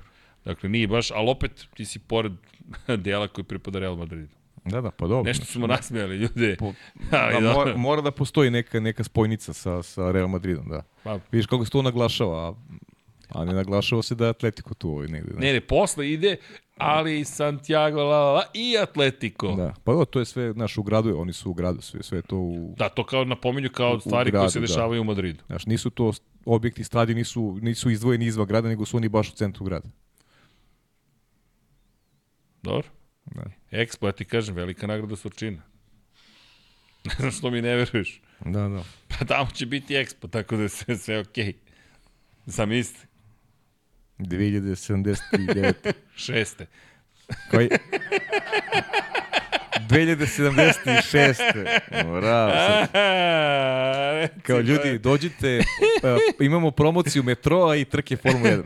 Pa vidi, imamo Metro DO imamo Beogradski. Pa s obzirom- Što ne bismo napravili Znaš kako, pošto se, Beogradski Grand Prix DO. slušaj, pošto se negde 1976. Ne, pošto se negde 1976. pričalo o metrou, eto 2076. kao, znaš, evo ga metro. Mi smo rekli da će biti Evo metro. kako da posle 100 zaradimo. godina. Slušaj kako da zaradimo. Dakle, napravimo firmu koja se zove Be- Belgrade Grand Prix DO i prodajemo ulaznice za 2076. to je vlada predložio upravo, dakle, prepaid period, traje do 2075. Verujte nam, bit će trke. Biće trke sigurno, da. Neka trka će se desiti. Ako uplaćujete 2075. daću vam adresu na novom groblju gde možete mi pošljeti. Ima mesta. A upali smo u crnjak ozbiljen. Ali dobro. No, mora malo. Prestali su da se smeju ovi mlađi. kupuje. A kupuje, da, kupuje. A hoćete Ali- na, na ali- startu ali ciljnom ranije, pravcu, ali ne da- majice, ne, ne, ne. Morate upiti ranije, nemoj čekati do Komemorativne 2075. majice idu u prodaju. I vozi se 76 krugova. To, to, to, to, to. A, dobro, dobro, vidi, biznis model se razvija sam, piše se scenariju sam. Slušaj, ako ne planiramo unapred, ništa nismo uradili. ali, ali, ne, ne, ali trka mora pokrije Zemun, razumeš, kreće iz Zemuna, pored ušća, da razume, preko mosta, nekog, Da. Da sve kako Nisam ba, treba. moram priznati, nisam baš toliko kreativan sad. Pazi, trole su Da, nekad trasu. išle do Zemuna, tako da može i Formula E. No, pa mislim... Pazi, Formula E će biti tada sigurno. Da nekom je inače palo na pamet da skine kompletnu elektrifikaciju i da ukine trolejbuse to Zemun. Jer šta će nam vozila na struju tamo negde 80 i 70. Pa šta će ti? Šta će ti to? Uh, dobro, lepo smo se nasmejali. Da. Dobro. I ja, dobro. E, idemo dalje. dakle, imamo Madrid. Ne, ali stvarno je tema ozbiljna. Postaje, sad već postaje epidemija. Znaš, Jest, mi jest. smo pričali, pa da, Las Vegas, Šalu da, ne, stranu, da, ali- više nemamo čemu da pričamo, sad će svaka trka biti ulična. Pa, ali znaš kako, nemamo šta novo da kažemo apropo tih novih trka, znaš, uličnih, jer, jer mišljenje nam je bilo uvek One ovaj, same po sebi, nemamo i problem sami. Po znaš kako, ja Pa stvarno, ja volim da kažem, sa, samo, samo budale ne menjaju mišljenje, ali ja ovde stvarno ovaj, ne vidim ništa pozitivno, nisam makar video ništa pozitivno u, u svih ovih godina pojavom tih uličnih trka. Vratio Pa- bih svaku, svaku onu klasičnu klasičnu stazu, ovaj, vratio bih je na uštrb ovaj, Ajde da budemo ulične, znaš. precizni. Ako ćemo da izgubimo jednu klasičnu da bismo dobili uličnu, nisam za to. Ako ćemo dobiti neku uličnu, kao Singapur što smo dobili, pa je bilo drugačije. Pod svetlima reflektora, idemo u Aziju, drugačije neka priča, pa ima neku priču, ima neki kontekst, neki koncept. Pa ima koncept, znaš, Pa je teško neki, voziti vlaga, a znaš, malo, visoko, malo, znaš, vazduha. promocija i, i neki drugi Pa kontinenti. gde- kultura neka nova Pa se da, hoće da upozna. gledaju neku drugu kontinentu, pa znaš, sve, Sve to ima smisla, ali znaš, ovo da imaš već Barcelonu kao jednu stazu koja je utemeljena kao kao jako pa sada već i istorijski važna za, za Formulu 1, važna je bilo u mnogim segmentima i ti sad tu praviš neku, pa i šta misliš da će ostati i Barcelona i, i, i, ovaj, i Madrid? Ne verujem, zaista. Teško. Ne verujem da će ostati Teško. Barcelona i Madrid. Ja zaista ne vidim kako možeš da zadržiš u istoj zemlji. ili će biti, ili će napraviti neki kompromis na izmenično. Pa vidi, to je bila priča da će biti neizmenično. Da, da. Ali tu sad već ulaziš i u, u, u ne, ne bih da otvaram nikakvu političku priču, ali tu ulaziš i u bitku na lokalnom nivou ko će da dobije, koji grad će da privoli Pa ne, Formulu ali, 1. ali, ali, slušaj, ti, ti, time što to radiš, ti ulaziš i u političku priču. Ulaziš? Znaš, hteo, ne hteo. Je, što ti je bitka Katalonija, Kastiljana, što je što ti je Ozbiljna je priča. potpuno, mislim, znamo svi kakav je, kakav je scenario tamo, šta se dešava. I to, pošto nije naša zemlja, ne, stvarno nema, nema smisla da mi komentarišemo dalje, ali ljudi, nemojmo biti nesvesni toga da će to biti između ostalog nešto što će se pojaviti. No. U svakom slučaju Madrid je potvrđen, čekamo da ima šta će sledeće biti potvrđeno u kontekstu nekih novih staza. Ono o čemu se govorkalo jeste New York, 24 ih imamo, ne zaboravite Stefano Domenicali rekao da on vidi 25 trka, dakle ne samo on, da je jednostavno 25 neka brojka, gde bi onda trebalo da stanu i da razmisle preko toga da li je izvodljivo. Ali šta smo, pričali smo, 30, ljudi 29. februar počinje sezona, završava se u decembru. Mi već sad nemamo međusezonu. Srki, nikad, očigledno nikad dosta novca, znaš. Pa izgleda. Biće, biće i više od 25 trka, jer ubiđen sam ako se nastavi ovakav trend i ako to bude donosilo prihode Biće više od 25 trka. Mislim da je neminovno da dođemo do 30. Ući ćemo iskreno. polako u tu, tu, tu NASCAR, ovaj, NASCAR opciju gde će biti trka svakih nelju dana. Na deke I, danas, i, I moguće će da se napravi neki, neki ovaj, da se svede sve, da se izbriše petak iz, iz ovaj kalendara. pa da se Da uštedi, bude, da, da, se uštedi, da poštede bude, ljudi. tako je, da bude, samo, da bude subota i nedelja i da se ovaj, eto, program svede na, na, na, na dva dana. Znaš, to je nešto što mi deluje kao, ukoliko se bude širio broj trka, mislim da će petak da, da, se, da se uštine na, na uštruba ti pole, kad izbaci petak iz, iz kalendara, ti imaš opcije tu i za, i za više trka. Ako izbaciš petak, da, ti smanjuješ zapravo 24 dana si eliminisao. Mm. Pa da. Što ti je 12 novih trka? Pa, znaš, sad, da li može baš 12 da, da, da ubaciš 12, to je možda Vidi, i previše, ali, ali imaš opciju da ubaciš pet komotno. Znaš, Pet lagano, to, to, pet to je komotno da 30. ubaciš, da imaš čak i prostore i za neki, i za neki odmor i za ovaj, i smanjenje tih radnih dana, što, što ovaj, a opet veći će, veći će benefit biti kroz prodaju ulaznica i svega ostalog, tako da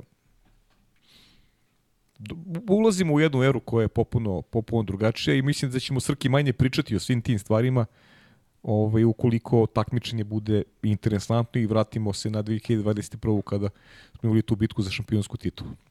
A do tada će nam pažnju okupirati ove stvari koje za nas su za nas malo starije ovaj, nemaju neku, neku ovaj, sportsku potporu kako treba. Ali, ali eto, to je sad ta priča o Netflixu. Imaš dve strane, jedna pozitivna i jedna negativna, pa negde ajde da balansiramo svi zajedno, da ne budemo tvrdi u nekim, u nekim stavovima, već da, da damo šansu onome što nas čeka. Dobro, vidi, kao bi ono što smo rekli već više miliona puta. To je prosto ljubav. Volimo da gledamo Formula 1, da pratimo, da komentarišemo. Trenutno komentarišemo nova dešavanja. Jeste. Ali eto, dobili smo, dobili smo još jednu veliku vest. Svakako u sred januara, jel te, polako ističe i sad ovaj per ljudi, uskoro će testiranje. Pa evo ga februar, gotovo, znaš. kad bolidi će uskoro biti prezentovani, mi ćemo posle toga izaći na stazu, Hasan će inače biti na stazi, pozdrav za Hasana, potrudit ćemo se opet da analiziramo i vremena i fotografije, šta je ko pripremio, da pokušamo negde da razumemo šta se zapravo desilo u celoj priči i onda idemo korak po korak, idemo dalje na, na sledeću stanicu, pa to će svakako naravno biti pri, trka, nema tu šta, 29. februar, prvi, te, te, prvi treninzi. Tu već nemaš više vremena da, da, da ne pokazuješ svoju Pa snagu. da, da. Tu moraš da uđeš all in. Zašto? Pa to ti je prilika da zaista testiraš svoj bolid i da ga vidiš u odnosu na konkurenciju šta se događa. Biće baš ozbiljno. To je moj, to, to je moj utisak. Mm. A ovo su sada vesti koje ti, pogotovo sa Leclerom, nekako obličavaju samo, samo pitanje ove sezone, a na strateškom dobijamo i ove vesti koje nisu male. Visa Cash App, ajde, šala kraju, već smo ih predstavili se šalimo, Ljudi, to otvara jedno novo kompletno područje. Inače, moram da se osvrnem ponovo na, na Moto Grand Prix nije ovo prvi put da, i, i na Haas, da mi vidimo ovakvu vrstu saradnje. Hajmo da pogledamo, imali smo duvansku industriju koja je zabranjena, pa smo imali tehničku, tehni, tehničku tehnološku industriju, HP kada je upao, Kompak kada je upao, kada smo jedno počeli da dobijemo Kasperski godinama, sponsor veliki Ferrarija, to su stvari koje su se desile. Onda smo u jednom momentu imali opet krizu, gde, šta, ko, kako, pa smo gledali da li neko može da pruče lična sponzorstva, pa, je, pa smo imali Carlosa Slima koji je podržavao meksičke vozače, pa smo dobili vozača iz Venecuela koji je pobedio, konačno Pastor Maldonado, zahvaljujući naftnoj industriji, pa smo se oslonili na naftnu industriju, pa smo se sada ponovo počeli da oslanjamo na industriju u jednom momentu, to je 2019. 20. na jel te, elektronsku industriju, na softver i tako dalje. Šta se dešava? Kripto odjednom ulazi u celu priču, koji je sam po sebi e, problematičan, tako da kripto, koji sve veći i veći sponsor, kada kažem problematičan, ljudi, to je poluregulisano tržište, to ga čini problematičnim, imaš situaciju u kojoj taj novac ipak dolazi. E, i sad, odjednom počinju finansijske institucije da se vraćaju i da, pazi, Santander je bio ogroman sponsor McLarena. Sant banka koja je McLaren sponzorisala, koji je doveo Fernando Alonso, posle su otišli u Ferrari, Ferrari, zajedno da. sa njim, tako je. I sad dolazimo do toga da ti kada pogledaš malo bolje bolide, ko je tu sponsor, to su servisi, softveri i tako dalje i tako dalje. Ovo nije mala stvar, ovo jeste softver, ovo jeste servis, ovo jeste međutim fintech, fintech industrija, financial technologies, dakle mi govorimo o fintechu koji donosi, ali ovo je legalni fintech, dakle ovo je regulisani fintech, koji smo videli kroz Money Gram. Money Gram koji je sponsor Hasu za slanje novca. Onda imamo Muni je sponzorisao VR46 ekipu, ljudi, Muni, ko bi izgovorio ime jednog za bankarski sektor relativno malog servisa, Muniver 46, oni su platili gde treba jedno su bili vrlo popularni. Ulazak Visa Cash Appa, ko zna šta će da otvori. Mastercard je svojevremeno bio sponsor koji je pokušao da uđe u Formulu 1, nije im uspelo, neslavno se obilo u glavu. Čak mislim da su Repsol i Mastercard bili zajedno, ali to je sad neka uspomena. To mislim da mi Deki baš pričao o Aerobusu, podsjetio me da na neka stara vremena. Ali u svakom slučaju, nije mala stvar što i oni ulaze i to ćemo ispratiti i to što je Visa uskočila zapravo u Red Bull. Inače, kada pričamo o tome, samo da ne zaboravim, Ovde imate lep tekst na, na, na Racing News 365 gde je, se, gde je obavljena vrlo zanimljiva analiza zapravo e, kako, u čemu je pojenta te saradnje i bliskosti i rupe u pravilniku koje dozvoljava Red Bullu zapravo da radi ovo što radi, s obzirom na činjenicu da, ajmo ovako da objasnimo, ti ne smeš da imaš dva bolida koji su identična. Ti ne bi smeo da napraviš bolid koji si napravio na osnovu tuđih planova ti smeš da napraviš bolid koji liči na drugi bolid bez 3D skeniranja na osnovu tvojih observacija, dakle fotografija, analize i tako dalje. I ukoliko si to sam uradio, ok, fair game, što kažu, pošteno. Međutim, ono što je sad problem u celoj ovoj situaciji jeste da kada imaš slične bolide, i to je lepo pisanje, analizirat ćemo još, to ne znači da su i ti nešto ilegalno učinio. Možda je zaista neko samo se fokusirao što više da isprati ono što može da isprati. Međutim, ono što ti sada imamo, što imamo kao situaciju jeste da mi, da oni mogu zapravo, uvek savijaš naravno pravila. I imaš naravno delovi koji su internacionalno svene, koji nisu internacionalno to jest oni koji su, jel te, delovi koji su praktično prijavljeni, neprijavljeni delovi, međutim šta je poenta? Šta mogu da učine zapravo između Alfa, Alfa Tauri, između Racing Bullsa i Red Bulla i na neki način iskoriste situaciju. Ako ti napraviš bolid koji je konceptualno u svojoj osnovi sličan, jedan između drugog, ne mora da bude ništa drugo toliko slično ti možeš da iskoristiš zapravo CFD časove, to je sate u virtualnom vazdušnom tunelu, da napraviš nešto, to je ono što smo pričali u Moto Grand Prix, što ti testiraš, ispostavi se da je dobro i sad druga ekipa može isto kaže pa mi ćemo samo da kopiramo zato što znamo da to funkcioniše kod njih. Nismo uzeli ništa od njih, samo smo kroz fotografije shvatili šta se tu događa. Zašto? Ako se Alfa Tauri ubrza, jer je osnovni koncept isti, aha, ono što su oni tamo uradili, pomoći će i našem bolidu. Jer ti imaš generalno, osnovni koncept je isti između dva bolida. Do sada to nije bio slučaj. Alfa Tauri išao neki svojim putem, Red Bull išao neki svojim putem. Sad ti napraviš osnovni koncept koji je identičan i kažeš, ok, Alfa Tauri nešto uradi, Alfa Racing Bulls uradi nešto na stazi, Red Bull kaže to radi, ajmo i mi to da uradimo. Ali ti nema, trošiš vreme u virtualnom tunelu, nego ti imaš fotografije dela koji radi. Ok, fair Znaš, game, će tu rupe. Biti kada će tu biti problem? Ukoliko počnu da se penju na podijumske pozicije, znaš. E onda će svi da dignu, znaš, onda će se digne kuka i motika i to tako ide, ne, to, to nije samo kod nas, to je svuda tako. Znaš. Pa racing... Znaš, kad neko nema rezultat, onda se ne povlače paralele i svi ćute, znaš, onda niko ne priča ništa. I onako prećutno svi znaju, ali se ne diže, ovaj, ne diže se nikakva euforija oko toga. Ukoliko budu počeli prave rezultate koji su iznad onoga, iznad nekog proseka i standarda koji ih je pratio tokom ove godina na izmaku, onda će, se, onda će, onda će nastati problem. A do tada je ovako pričat ćemo, kao što ti ja negde pričam u nekom podcastu i ima još njih koji se vratno bave tom temom, ali ne, neće biti ozbiljnije, ovaj, ozbiljnijih reakcija u medijima. I tako uvek i biva, znaš. Čim se dođe do nekog rezultata koji, ovaj, pa seti se šta je bilo s početka prošle godine kad je, kad je Aston Martin u pitanju. O čemu su svi pričali? Nisu pričali o Alonso, nego o kopiji Red Bulla. Pričali su da, zeleni Red Bull. Aston Martin, Aston Martin se zvao kopija Red Bulla. Znači, nije se govorilo o nekom dostignuću uh, tih inženjera i, ne znam, vožnjih Fernanda Alonso, nego odmah su o ekipe, pogotovo iz tabora, ekipa koje su zakazale s početka godine, nisu imali rezultata. Najlakše, najlakše je bilo pričati o tome da, da, da je ovaj, da je neko nešto kopirao, da je uradio, da je neki plagijat, jer, jer prosto vi niste na nekom nivou koji, koji je dovoljno dobar. A ovde svi znamo, Srki, ne od juče, od danas, da, da je, da je uh, Alfa Tauri, da je, ne znam, pre toga Alfa, uh, sad sam već pobrkao sam Alfa, Tator Rosso, da, da je to ekipa koja je usko vezana za, za Red Bull. Dobro, ti sada onako po, objasnio malo šire genezu onoga što, što je dozvoljeno propisima, ali, mm, znaš, mislim da, da, da, da je to negde ključna stavka, jer uh, imamo timova za koje svi znamo da su one sestrinske ekipe i da zavise, da zavise od, od, od uh, rada, od, od uh, saradnje sa, sa ekipom koja je, koja je ta broj jedan, ajde da kažemo, ekipa koja, koja im pomaže, ekipa koja ih negde u neku, u neku ruku i servisira.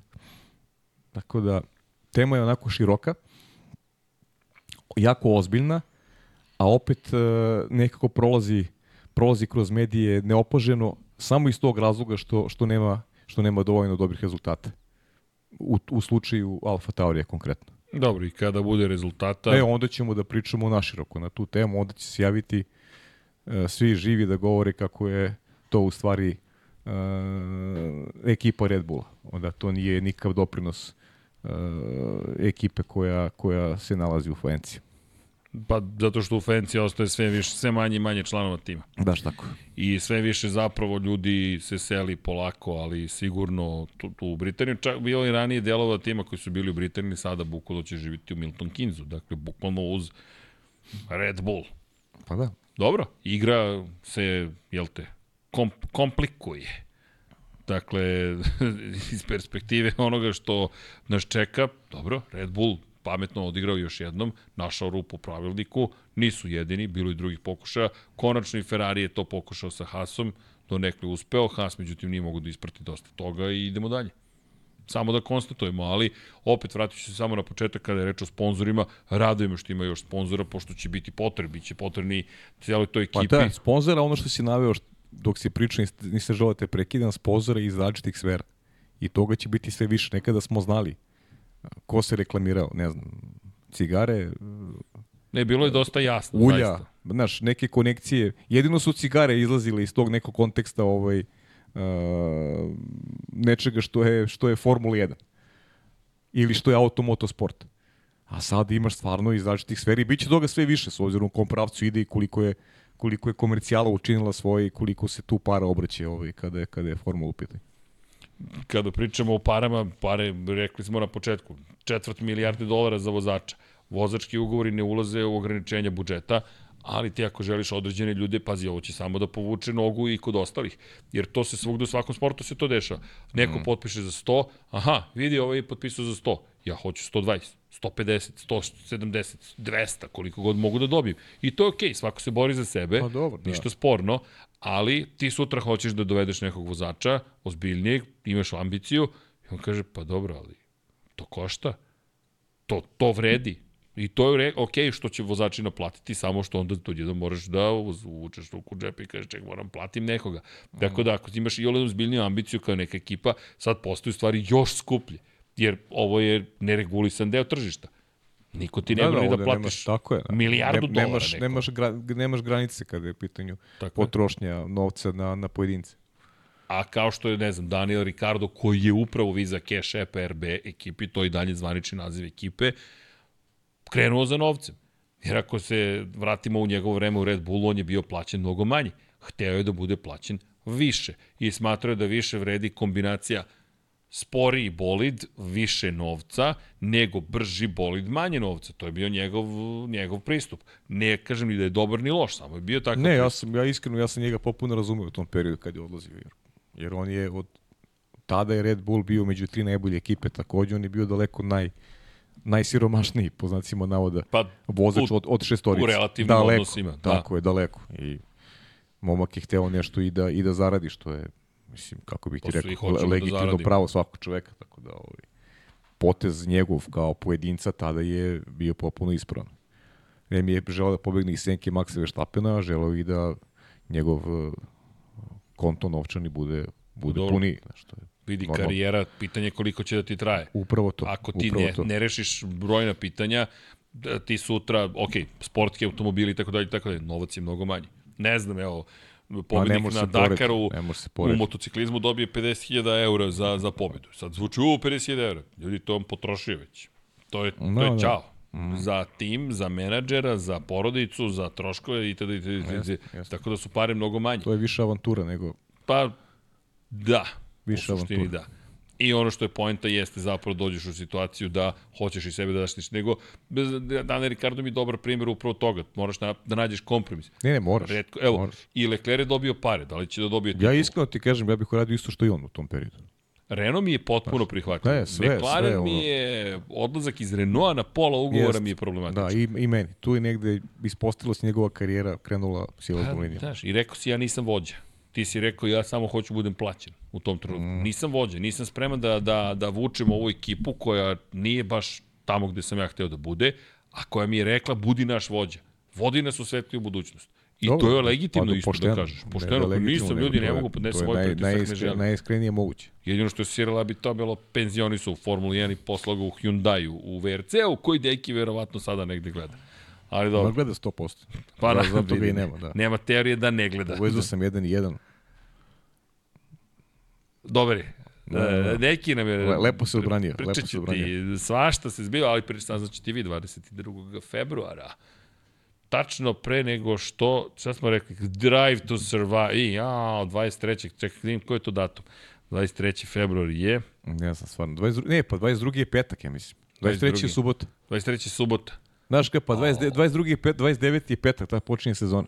Tako, tako Ne, sam četvrtak, povezao. četvrtak. A, bravo, četvrtak. Četvrtak. Ovde ovo preveri on. 21. Čekajte. je četvrtak, 22. je petak, pa ne, lepo si rekao, 22. su petak, šta pričam. Nisam lepo rekao. Jesi, lepo si rekao. 21. plus 7 je 20... Ne, pogrešili smo. Ne, ne, ne, Glupa dva, ne, 23. 23. Lupam ja, je ja sam prebacio 23. je 28. petak, februar, da. ne 29. Izvini. Ne, ne, upravo si, 29. je četvrtak. Četvrtak je 29. To znam 22., sigurno. 22., Nego 23. sam- je petak. Nego sam pomislio da je kraj februara da je 28. Ej, Da, da. čestitit ćemo rođendan ove godine kogod da ga slavi 29. februara. Ne, imao sam ja, mislim, ne čujem ali Zar ne? Sam drugara koji je 29. Da. Da. Ok, ustanovili smo kada je. Dobro, morat ćemo tada da organizujemo neke posebne događaje u celoj ovoj priči. Inače, Ricardo se oglasio ovih dana i rekao da je za njega bio blagoslov zapravo na neki način. Ja mislio, oglasio se na- po ovoj našoj priči. oglasio se na patreon.com kroz inf... Ej, čekaj, imali smo donaciju. Propustih, čovjek je donirao 500 dinara.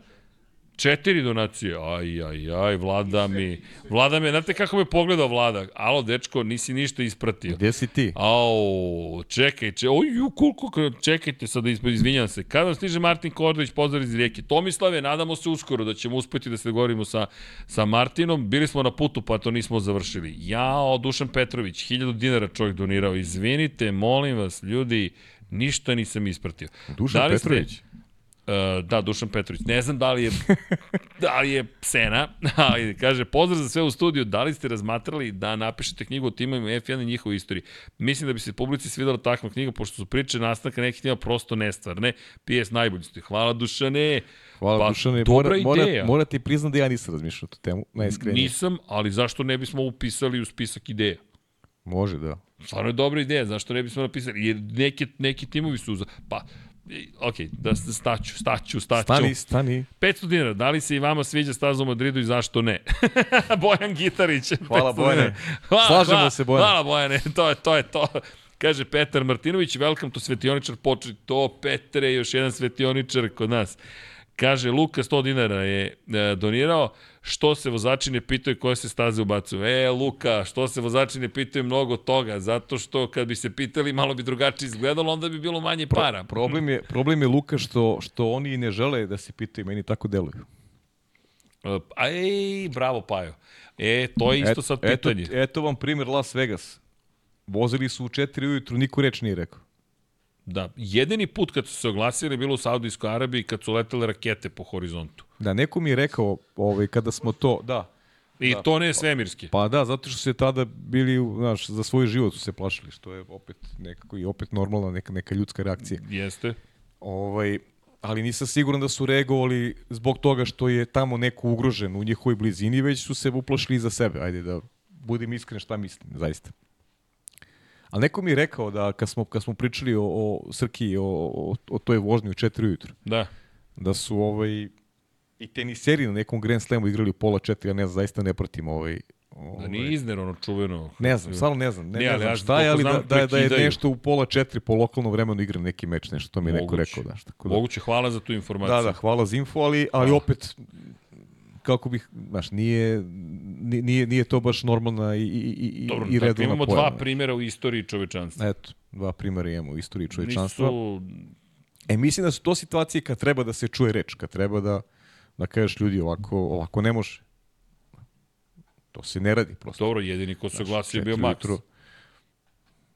Pa dobro, da, da. Dok nije Jest, pobedio. Dok nije, dobro, da. nije. Kad je pobedio odjednom ovaj Vegas je neviđeno dobro. Znaš, tu mora postoji neki, znaš, post, neka, neka unija vozača negde gde će oni da, da, ovaj, da neke, Pa neke da, svoje, ali svoje stavove iznose, pa ne moraju čak ni, ne moraju čak ni, ni, da, ovaj, ni da se ispoštuju te njihove, ali da znamo šta misle, znaš, da postoji neki, neki stav povodom nekih stvari koje su onako malo škakljive.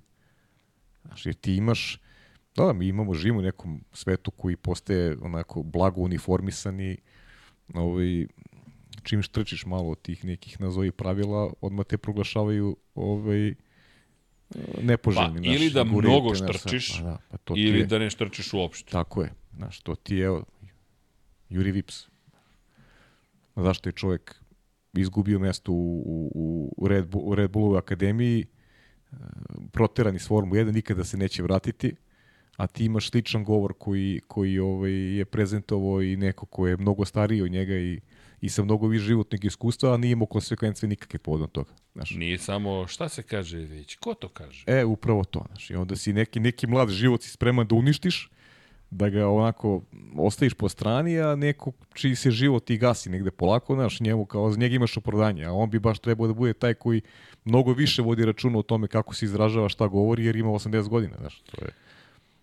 Ali dobro, to su A sad znam, već... Pajo, ali ako skreneš pažnju sa sebe, znaš, to je ono čuveno. Vidi, e, e, vidi Pa njega. da, pa da, Vid- da, pa ne, čim... Šta si čim- radio? Ja, vidi njega. Tako je, tako je. I onda si miran, u suštini. Zar ne? Da, tako da se oni uklapaju, svi vozači oni se uklapaju tu, tu neku agendu uniformisanog sveta, gde ovaj, suprotno mišljenje E, nije, znaš nije ko se dobro. buni? znaš. Hamilton se najviše buni. Lewis Hamilton se najviše buni. Pa Evo, dobro. evo komentar, možeš misliti. jeste, znaš, ali ali dobro, on razumete, on se najviše buni. Ali, ali, on, on, Ne, ne. ali on, on opet to stavlja na neki, na neki lični nivo, znaš, to je Minđuša, to je, znaš, to su opet neki, neki, neki lični nivo. Nije to nešto sad, ajde Pazi, da kažemo, ima on i to je... političke izjave. Pa dobro, znaš, ja sam Ali- ti rekao, ja, ja, ja volim te njegove, volim njegove Ispade. stavove, znaš, ja volim njegove, njegove najiskrenije, znaš, to, Ali- nema veze, nema veze sa njegovom, znaš, vo, vožnjom i sa ima, ima veze sa njegovom ličnošću, znaš. Ali, ali ima još jedna stvar. Ali mnogo se manje bune svi zajedno o onome što se dešava u Formuli 1. Tako je, ne, ne, nema, nema reakcije nikad. Znaš, tu je mnogo manje. Zato ti kažem, ovo je više lično, znaš, ovo je više lično, a nema, nema ovaj nekog, ajde da kažem, okupili smo se oko nečeg što je interes sporta, jer mi živimo od tog sporta, mi prosto, prosto funkcionišemo u Formuli 1 i naša reč treba se čuje više. E, toga nema, toga nema. Oni se povinuju svim onim, svim, ajde da kažem, nekim pravilima i i, ovaj, i, i, i situacijama koje se dešavaju u okruženju, tako da ne vidim ovaj tu neki nazovi butovnički karakter. Da, inače, evo, lep komentar. A, apropo, jao, znaš kako su rekli da treba da nazovem grad? Apropolis. Apropolis. Apropolis, to je komentar iz Moto Grand Prix bio e, podcasta. Ali da, komentar se tiče Yukija Tsunode i zašto zapravo toliko psuje. Hvala Saša Takač koji je donirao 500 dinara. Hvala i za donaciju i za poruke. Kaže pozdrav snima i sve pohvale za svaku emisiju. Hvala. Apropo Alfa Taurija, pošto je dosta spomenjeno Yuki psovanje, ima super snimak Hornera sa Dexom Shepardom koji objasni zašto Yuki tako psuje. E, da, imate, to je prošle godine, ako se ne veram, na leto izašlo zapravo objašnjenje Christian Horner koji je koji se pojavio zapravo, ni to, ima on više izjava na tu temu, gde je zapravo pričao o tome zašto toliko psuje. Kada ga čujete, jednostavno baš ima mnogo toga, ali ono što je stvar jeste da je zapravo jedno od objašnjenja bilo da je živeo sa engleskom ekipom kada se doseli, e, kad kažem engleskom ekipom, bukvalno ekipom ljudi koja, jel te, radi u trkanju i živeli su na periferiji Londona i prosto su gledali filmove i poput Snatch ili neki drugi Guy Ritchie film, ono što je... Ako je odrastao na filmovima Gaja Ritchie, sve jasno. Jeste, i to je objašnjenje Christiana Hornera, da je zapravo on navikao Dve da... čađave i to. Tako je, da komunicira na način, pa zamisli da neko dođe sad da živi u Beograd i da ga stavimo u pogrešno društvo ili da rešimo prosto fore radi, jer zašto da ne, da ga učiš psovkama u saobraćaju. I to je njemu postala navika, makar to običaj Kristijana Hornera, što me ne bi čudilo pod stresom, sva, po, po Beogradu pogotovo možeš to da naučiš, dakle ovde je komunikacija vrlo međunarodna, ali, ali eto, to je neko običaj Kristijana Hornera. Zapravo, tako da hvala na podsjetniku, ali, ali eto, kako god, Juki, ljudi, to što psuje, dok vozi Formulu 1 i glava mu je u torbi ili je napet ili ne može da podnese pritisak je trebalo bi da bude njegova stvar. To je bukvalno njegovo radno okruženje u kojem bi trebalo onda je samo, ali on je s celom planetom. Cela planeta putuje s njegovim bolidom, to ti je opet deo cele priče o popularizaciji sporta, ulazku Ma da. u neke delove. To, to smo Ti često to spominješ, Ma, tako. Da, to je Zato ali što, to je stvarnost. Zato što onako, znaš, u tim nekim stvarima pođeš od sebe. Ja, ja, sad ja da kritikujem, znaš, znaš šta mi je pogrešno, Srki? Kad, kad kritikuješ kad kritiš, kritikuješ nešto što ti sam ne živiš, znaš, to je, to je mnogo pogrešno, znaš. Znaš, da, da kritikuješ nešto što, uh, ovaj, jer, jer, znaš, mogu da znam kako, kako, evo recimo Juki, u sportu, ja znam kako ti izgleda u sportu. Mislim, kogod se bavio sportom zna da ti nekad tokom utakmice, znaš, ti kažeš nešto i što to je adrenalin. To je stvar adrenalina. Pogrešna je stvar što su, što su oni ozvučeni, to je pogrešno. Da, ali Znaš, nije samo to, je, to. Ne možeš ti da vodiš računa, ti voziš 300 na sat, treba da vodiš računa o svom rečniku. Pa, pa nisi, nisi, znaš, pa nisi na operi, znaš, ne, nego, si, nego ti adrenalin radi krv, krvi vrela, znaš, ti, ti, ti, si, ti si Ma, voziš. Ne mora ni da vozi, izvini, Formula 1, dovoljno da si na stadionu, dovoljno da si na terenu. Pa naravno ti svašta čuješ, kažeš, ti si pod stresom, to je, na, ja to pa nije no, ne bi bilo normalno da sad še, ušeta u studiju i krene sve da psuje redom. Tako je. Znaš, to je, čekaj, to je nepristojno. Ali ti si u nekoj situaciji koja je ogromna stres. Ljudi to, tako to, podnose to je stres. To je ekstremna situacija i, i svi, svi drugačije, ovaj, drugačije rezonujemo i, i ovaj, ja stvarno Jukijan pa, jedne sekunde ga nisam gledao kroz tu, a mnogo mi je žao što, što ljudi nasedaju na te ovaj, na te neke ovaj, i marketinške efekte i neke E to ti je, to ti je recimo Drive to Survive, znaš. Ti, ti predstavljaš predstavljaš mislim ne znam konkretno Formula 1 Formula 1 ovog puta. Predstavljaš Jukija kroz tu neku prizmu čoveka koji kao psuje. Jer je to nekog nasmejalo. Jer je, da, jer je nekom to bilo zabavno i to je nešto drugačije od onoga što je standard. I ti sad insistiraš Jukija. na tome. I ti sad insistiraš na tome, znaš. To onda je, definiše tog momka. Tako je, to je bezobrazno. Ne puštaš sve ostalo kada ne psuje. Da. I još jedna stvar, kada pričamo o, o prirodi sporta, Priroda sporta, svi kao ja, sportsko ponašanje, a istovremeno se traži da pobediš svog rivala, da budeš agresivan, da budeš neko koji je konstantno na, u tenziji i onda ti odreaguješ na način na koji odreaguje čovjek po tenzijom kako se tako odreagovao. Pa, ne razumem. 90.000 ljudi vrišti ovde, daj go, daj go, daj go, ja promašim go i 90.000 njih, verujte, neće mi reći, ja, baš šteta. Ne, na, na, da. to je prosto pritisak s kojim yes. se nosiš, neće. Jest, jest. I ne samo u ovoj zemlji ili bilo kojoj drugoj zemlji. To je ljudi reakcija, tako se reaguje. Malo je zemalja u kojima neće tako reaguje. To je skoro, sam čitao neki intervju velikog Veselina Vujovića, rukometaša. U, baš je bio, ako je da, to, Vujak, da. Pa da, ono što je pričao kao kakav fair play u toku utakmice, neću priznam nikada da sam izbacio loptu, hoću pobedim. Ja ću sve da ti priznam kad završimo, ovaj, kad, kad sednemo posle, ali u toku utakmice, ma ne priznajem ti ništa. Kakav fair play, kao ja sam i nisam izbacio loptu, ja moja lopta. Bujović, I, idem da po... Zato sam čitao, čitao sam intervju koji je stvarno je super Legenda intervju. Čovjek, i u to vreme je, Jugoslavije. Čovjek je rekao ono što 90% ljudi, ovaj, kako razmišlja 90% ljudi u sportu. To je to. Znači. Sećaš ti 1986. kada su osvojili zlato? Pa ne znam, ja sam, ja, ja da, sam mali, si mlad, da, to da, ti pamtiš. Protiv Mađarske u Švajcarskoj. To ti pamtiš. Ja se sećam zbog Čaleta. Ja, pa to, pa to pa ja. pa ne, to stvarno pamtim. Pa to, to Paja nije da pa, Paja, Paja, Paja zna i ko je davo gole. Da, da, bio je tamo. Da, da, naravno, da. pa naravno, pa Cetković, cela ekipa i tako dalje. Da, da, Paja, Paja to izveštavo, da. Ne, pa prvi veliki sportist u svakom smislu teričkog sam upoznao je bio Mr. Vujović. Da, da tad ma, stisneš mu ruku, čekaj, što je? da, da, da. Oleg. Nije štedeo decu, ne, ali to je super, odiš na banjicu gore, gledaš rukomet, ludilo kompletan haos. To je baš bilo ozbiljno. Evo i vlada, vlada se prisjeća tih, tih stvari. Da, metaloplastika legendarna, stvarno bila yes, velika yes. ekipa. Ozbiljan tim, nije samo metaloplastika, ali metaloplastika u to vreme ne, ali Šapca kažem baš ti, ovo baš sam, znaš, zato što stvarno veliko poštovanje legenda čovjek. Yes. I onda sam sa zadovoljstvom pročitao taj neki intervju i Znaš, eto, to mi ima još dobrih stvari. Ne, ne, ima, ali ima neki koji ne bih hteo da ih prepričam, ima neke stvari koje baš onako ubija, onako pogađa u centar. Jeste. Ali lepo je podsjetiti se tako nekih velikih sporta. E, ali vidiš, to ti treba. To nam treba. Neko da istupi da kaže, ej, čekajte ljudi, malo i sporta, ne samo biznisa. Da, da. Malo jest. sporta, dajte nama, jer tu problem sa mnogo, sa, sa mnogo, mnogo, mnogo, mnogo, mnogo para. Što onda sve postane samo kroz oko biznisa. Mm. Šta će da donese veću gledanost? A stvarno moramo da pustimo Jukijevo psovanje da bismo imali veću gledanost. Jeste. Ajde bude malo manje, ali Ej, da Juki bude ipak predstavljen poštenije. Zbog mnogo, mnogo, mnogo para ljudi ćute, znaš. E, to je problem, znaš. To je... Znaš, par, re, par, me, me, meni, me, meni je dobro, meni je dobro, šta ima ja tu da talasam da pričam, znaš, meni je dobro. I nažalost, danas ti je, svet funkcioniše tako sa stavom meni je dobro, znaš.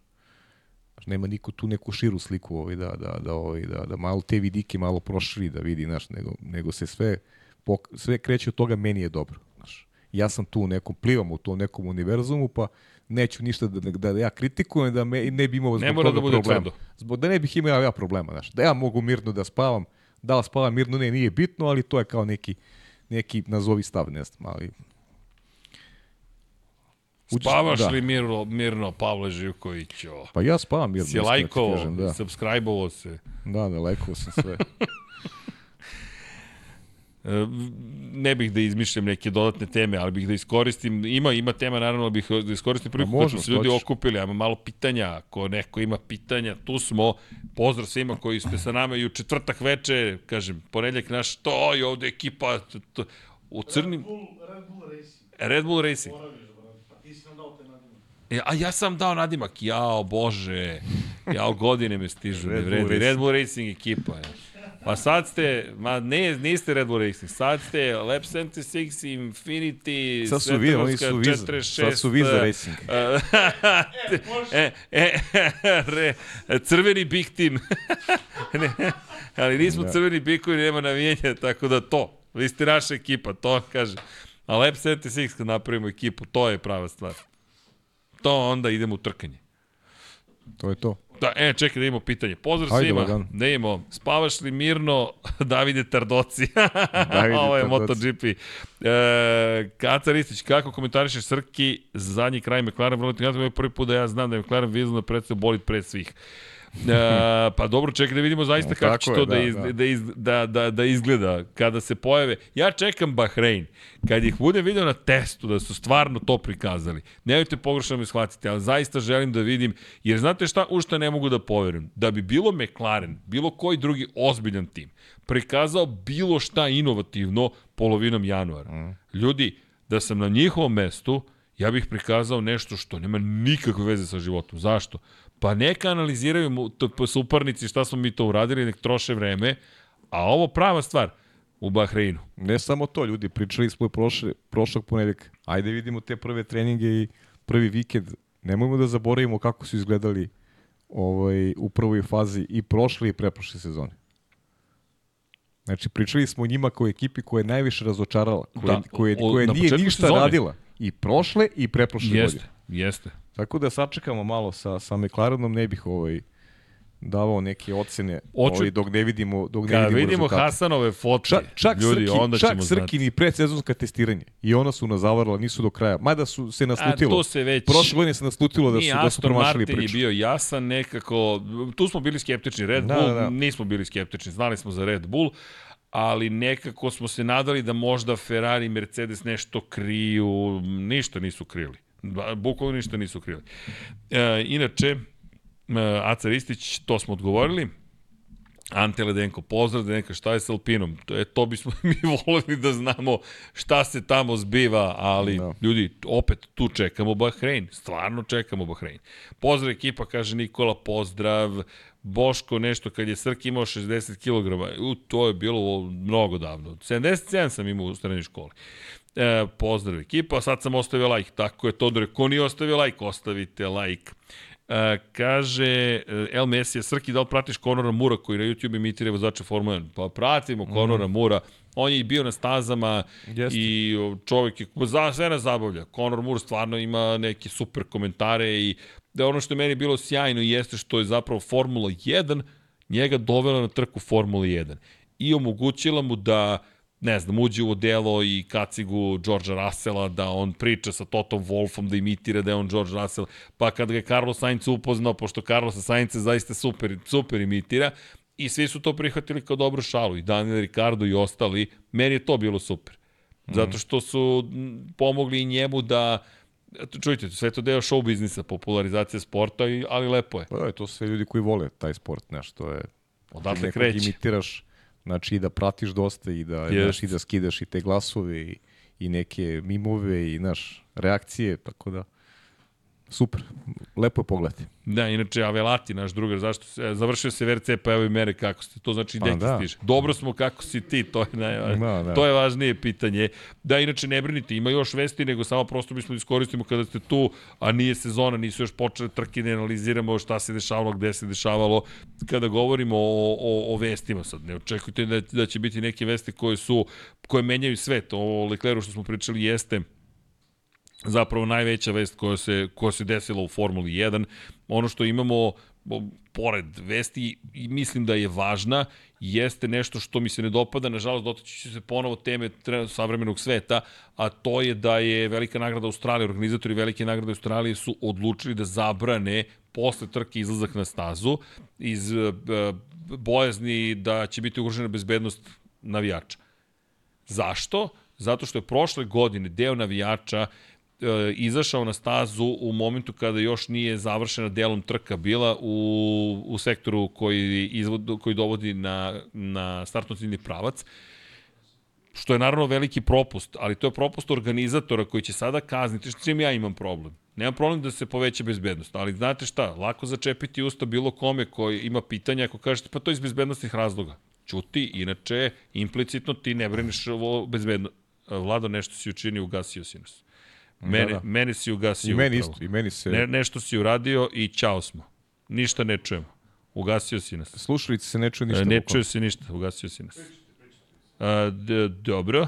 Pa javite ljudi ako se, A, ako, ako se, se mi, ako se ne da. čujemo, da. Čisto da znaš da si nas ugasio. Mislim da si ugasio uh, za headphones trenutno i da je nešto prestalo. Ok, da, da. nadam se da će se ne, vratiti to. Ne, bitno se čujemo, ako se čujemo malo neobično je u ušima, ali... Da. Uh, Znaš kako, ja za Australiju ovaj, uzdržat ću se komentara jer mislim da nije baš prikladan. Čuje se, to je dobro. To je da, dobro. nije prikladan komentar, tako da ću ostati za mene, jer ovaj, Pa, pa, nije, nije, nije, nije slučajno što ovaj, te neki konzerv, toliko konzervativne odluke ovi se vezuju za, za baš, baš ovo. Evo, sad se, e, sad, sad se čujemo. Da. Oživjeli. Da, oživili smo. E, znaš u čemu je stvar? Što, s čim ja imam problem? Ok, razumem gde otprilike pa da, ideš. Mislim... Pozdrav ti, deki. Da. A, identičan komentar je dao prvi, ali identičan bukvalno, ali ono što je meni problem jeste sledeće. Dakle, imamo, ne znam, 100, 500 hiljada gledanja, ne znam se više u Australiji oboreni rekordi, svi mogući i nemogući. Došlo je, dakle, još ljudi. Ti nisi bio na visini zadatka prošle godine, neka je izletalo 300 ljudi od tih 100.000 ljudi, mi govorimo o 0,3 od 100 ljudi koji se pojavio na stazi. To je statistička greška. Da, jedan život ne, je prevelik da se izgubi svakako, ali ti si na osnovu toga što si tvojim propustom dozvolio da 0,3 od 100 ljudi uradi nešto pogrešno, da. kaznio ostalih 99,7 od 100 ljudi koji nisu uradili ništa pogrešno. To je klasična tiranija. Ali ne razumeš nisu bitni ti ljudi, bitan sam ja koji sam odlučio, znaš, to, je, to je poenta. Tako je. To je, bitan sam ja. Klasična. Je, ja, ja sam glavni, znaš, to, to ti je, to. to ti ko u slučaju Novaka Đokovića isto, znaš. A, a to ti je tiranija znaš, klasična. Klasična, ja sam bitan, Jer... znaš, ja ću ti pokažem da sam ja da sam ja moćan. Jel ti, gde dolaziš? O, o meni će se pričati. Znaš. Ali ko je problem? Dakle, ti ne kažnjavaš one koji su izašli na stazu. Moje a, prvo da. pitanje, jesu prekršili nešto što ste im jasno rekli da ne smiju da prekrše? Ako jesu, Uzmi tih 300 ljudi i doživotno im zabrani ulazak na veliku nagradu Australije. Ili na Formula 1 generalno. Zatim, jel nisu prekršili nešto što si im ti rekao da urade? Nisu. Dakle, ti si taj ko je pogrešio, to je tvoj propust. Ko će biti kažnjen za tvoj propust? Pa svi, osim mene. Ja nisam kažnjen za propust. E, I to je sledeće. Aha, mi smo uhvatili da neko na ulici krade. Sad ćete svi koji živite u, ne, neku, u nekoj zemlji, u nekom mestu, biti kažnjeni zato što je ta jedna osoba nešto činila. Ne, ne, care, kazni njega, nju, ne mene, ja nisam ništa uradio. Zašto sam ja sad kažnjen, što je tradicija već godinama da na velikoj nagradi Australije se mirno izađe na stazu, spusti podno pobedničkog postolja i stvori jedna od najlepših fotografija koju imaš. Zamisli u Monci ti kaže, e, toga više nema. A dobro, to je, to je, to je naš polesni egocentrizam. Katastrofa. I, i zašto sam rekao Australija, zato što upravo, ajde, neću da navodim, ima ih ko, ko malo prati ovaj, zadire malo i te neke političke teme. Ja ću napraviti jednu paralelu, a, a sad ću dozvoliti sebi zato što je nešto, mislim, ovaj podcast se gleda i sad iskoristit ću priliku da napravim paralelu sa sportom. Ove nelje nije bilo pod kapicom, bit će ga sledeće nelje. Ovaj, imaš primer Vaterpolo kluba Partizan, recimo, znaš. Klub koji je dužan nekih 8 miliona evra. I sad ti nemaš bazen na banjici, nema i djece, dete, nema, nema građanstva gde da pliva na to. Znači, bazen koji ne postoji, nije funkcionalan. I, ovo, I sad svi ispaštaju, a taj ko je napravio dug, taj se ne procesuira. Znači, ispaštaju građani, ispaštaju deca koje treba da treniraju, jer nemaju, taj, taj, taj kraj nema bazen, a niko ne, niko ne povlači pitanje šta je s onima koji su napravili taj dug, zašto se oni ne procesuiraju. Hajde da se to reši. Ko je taj koji je napravio dug? E, to ti, to ti je isti primjer, znaš. Znaš, ajmo da... Uvek, uvek ispašta onaj koji je, ovaj, uh, koji, koji je nevin u celoj priči. I to ti je to. I, i imam problem Sistem. sa celom pri- da, Kako ne? Imam Kako? problem Pa sa problem- pričom. problem ozbiljan. Gde samo napišeš security reasons iz bezbednostnih razloga. Čekaj, ko je napravio taj propust? Tako je. Ko je napravio taj propust? Kako se to desilo? Zašto se to desilo? Imamo neko istraživanje, ne? Ne, mi ćemo sad to da zabranimo. Ma da. Pa najlakše, je, zabranite nam da dođemo na stazu, onda ste najbezbedniji. Onda nema nikakvih problema. A ako možete da nam naplatite isto vremena. E, to bi bilo top. Da nam naplatite zabranu. Pa ne, vidi, ti govoriš ljudima, dođite na stazu, onda im kažeš, e, ali stani. Ali ne možeš E, ali nastaviti. stani, stani sad. Nismo očekali da dođeš u tom tolikom broju. Isto kao sa Vegasom. Možda nije problem voziti u 4 ujutru, ali po lokalnom zakonu ne sme niko da bude na stazi, ne sme da bude ljudi na tribinama. A vi ste platili ulaznice. E, ćao. I neću da, Zašto? nećemo Zato da što vratimo mi nismo pare. uradili posao Tako kako je, treba. Pa da, pa da. Katastrofa. I to nije na ličnom ili nekom nacionalnom bilo kom nivou. Ne, to je na Kaki, nivou pa organizatora. zato sam i napravio, zato sam i napravio paralelu ovaj, da, ovaj, da ne bude da je samo Australija, ima tih primjera, ali kažem, Australiji se ponavljaju neke stvari, jer, jer Ma, očigledno se neki ljudi ovaj, ono, vlast doživljavaju kao priliku za, za samo promociju i dokaz eto, kao mi smo jači od... Pa ne, to, svega, to ti samo, ne, ja nisam odgovoran ni za šta. Vi ste odgovorni što ste se vi ponašali kako sam ja rekao da možete da se Politika. ponašate. Idemo dalje. U svakom slučaju, da, to ima, kažem, još vesti nego da htjeli smo da odgovorimo na pitanje, ali nismo odgovorili na pitanja sva, pošto smo tek počeli. Ajmo ovako. A, Srki, da li prati što smo zanimljivi ste od Netflixa, odustala od gledanja serije da bi slušala podcast. Ana, Ana, A, tako hvala, je. Ana, o, hvala. Ana, Ana. Kliknite like. Čak se, čak Mi si, ćemo za vas like. čak si Vlad iskreno nasmeo. Nasmeo se. A, dobro, da. e, Jašić, Jasik, Jasić, pitanje, zašto se Lotus ne spomenje kao jedna od najznačajnijih ekipa u istoriji Formule 1 zbog svojih inovacija? Pa spominje se kad god se da, da, da vratimo malo više u istoriju, pogotovo Colin Chapman, ali činjenica je da to nekako nestalo kroz istoriju, da, da Colin Chapman, ali znate šta, to je protok vremena. Dakle, jednostavno, pa ne, ozbiljno, Colin Chapman sad je nažalost zaboravljen, ali čo, čovjek koji je e, bukvalno, zamislite vlasnika ekipe sada, koji živi na stazi u kamp prikolici, koji samo razmišlja kako da stvori novi, bolji, bolji, da sledeće godine pobedi, ne razmišlja o tome, ej, ja sam u Formuli 1, Nije Gene Haas. keš pada. Tako je, čitaš mi misli. Ke, to, to je to, imam promociju. Nego, kako ja da napravim bolid koji će pobediti?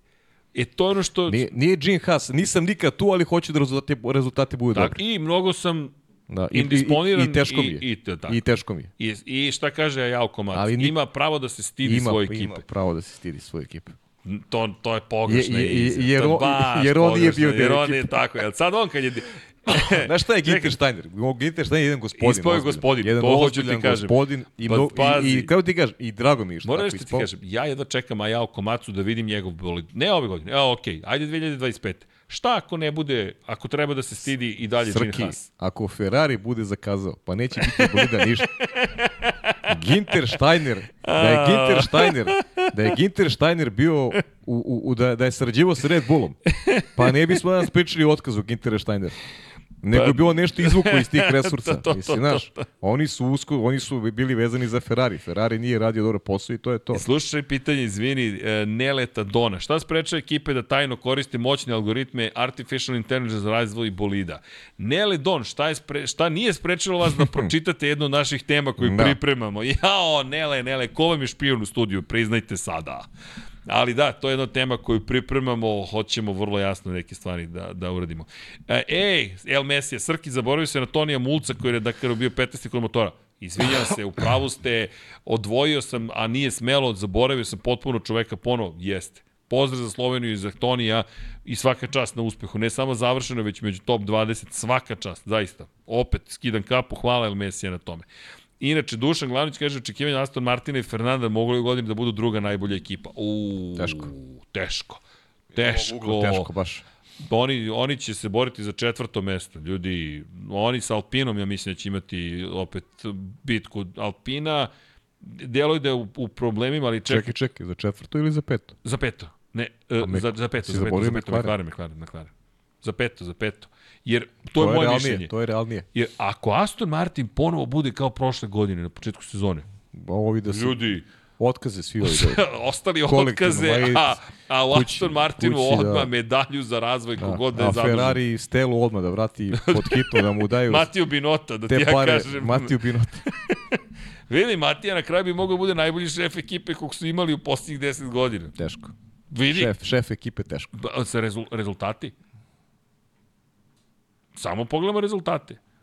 Znaš, nečemu služe ti rezultati. Pa služe, ali znaš, kako Ali- način na koji vodi ekipu, Messi ne. to Dobro, je- ali opet rezultati. E, ka, tako da... I da ne zaboravimo za Leclera. Komu je Šta, šta, menadžer? šta? Komu je menadžer? To je opet jako, Pa, bit, dobro. jako bitna stavka, znaš. Ko, je, ko tu vodi računa o karijeri, znaš.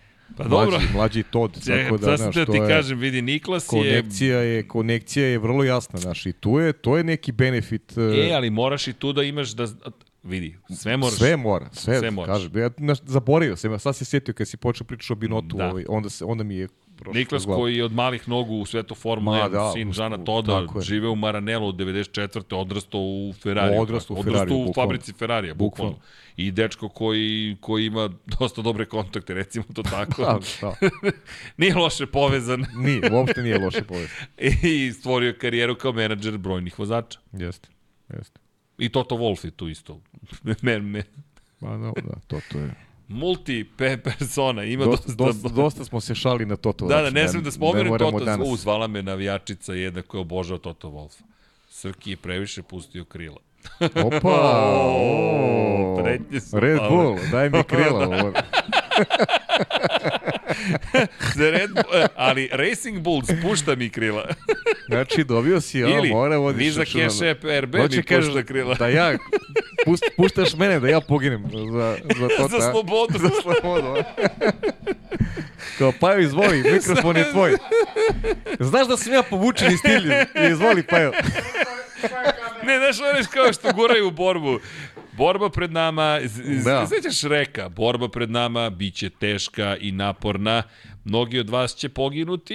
Ljudi, mogli ste da primetite svih ovih godina da je Srki ovako prilično povučen i stidljiv tip. Ne voli, mnogo, ne voli mnogo ni da priča. Tako da okej da Paja pogini za Toto Wolf.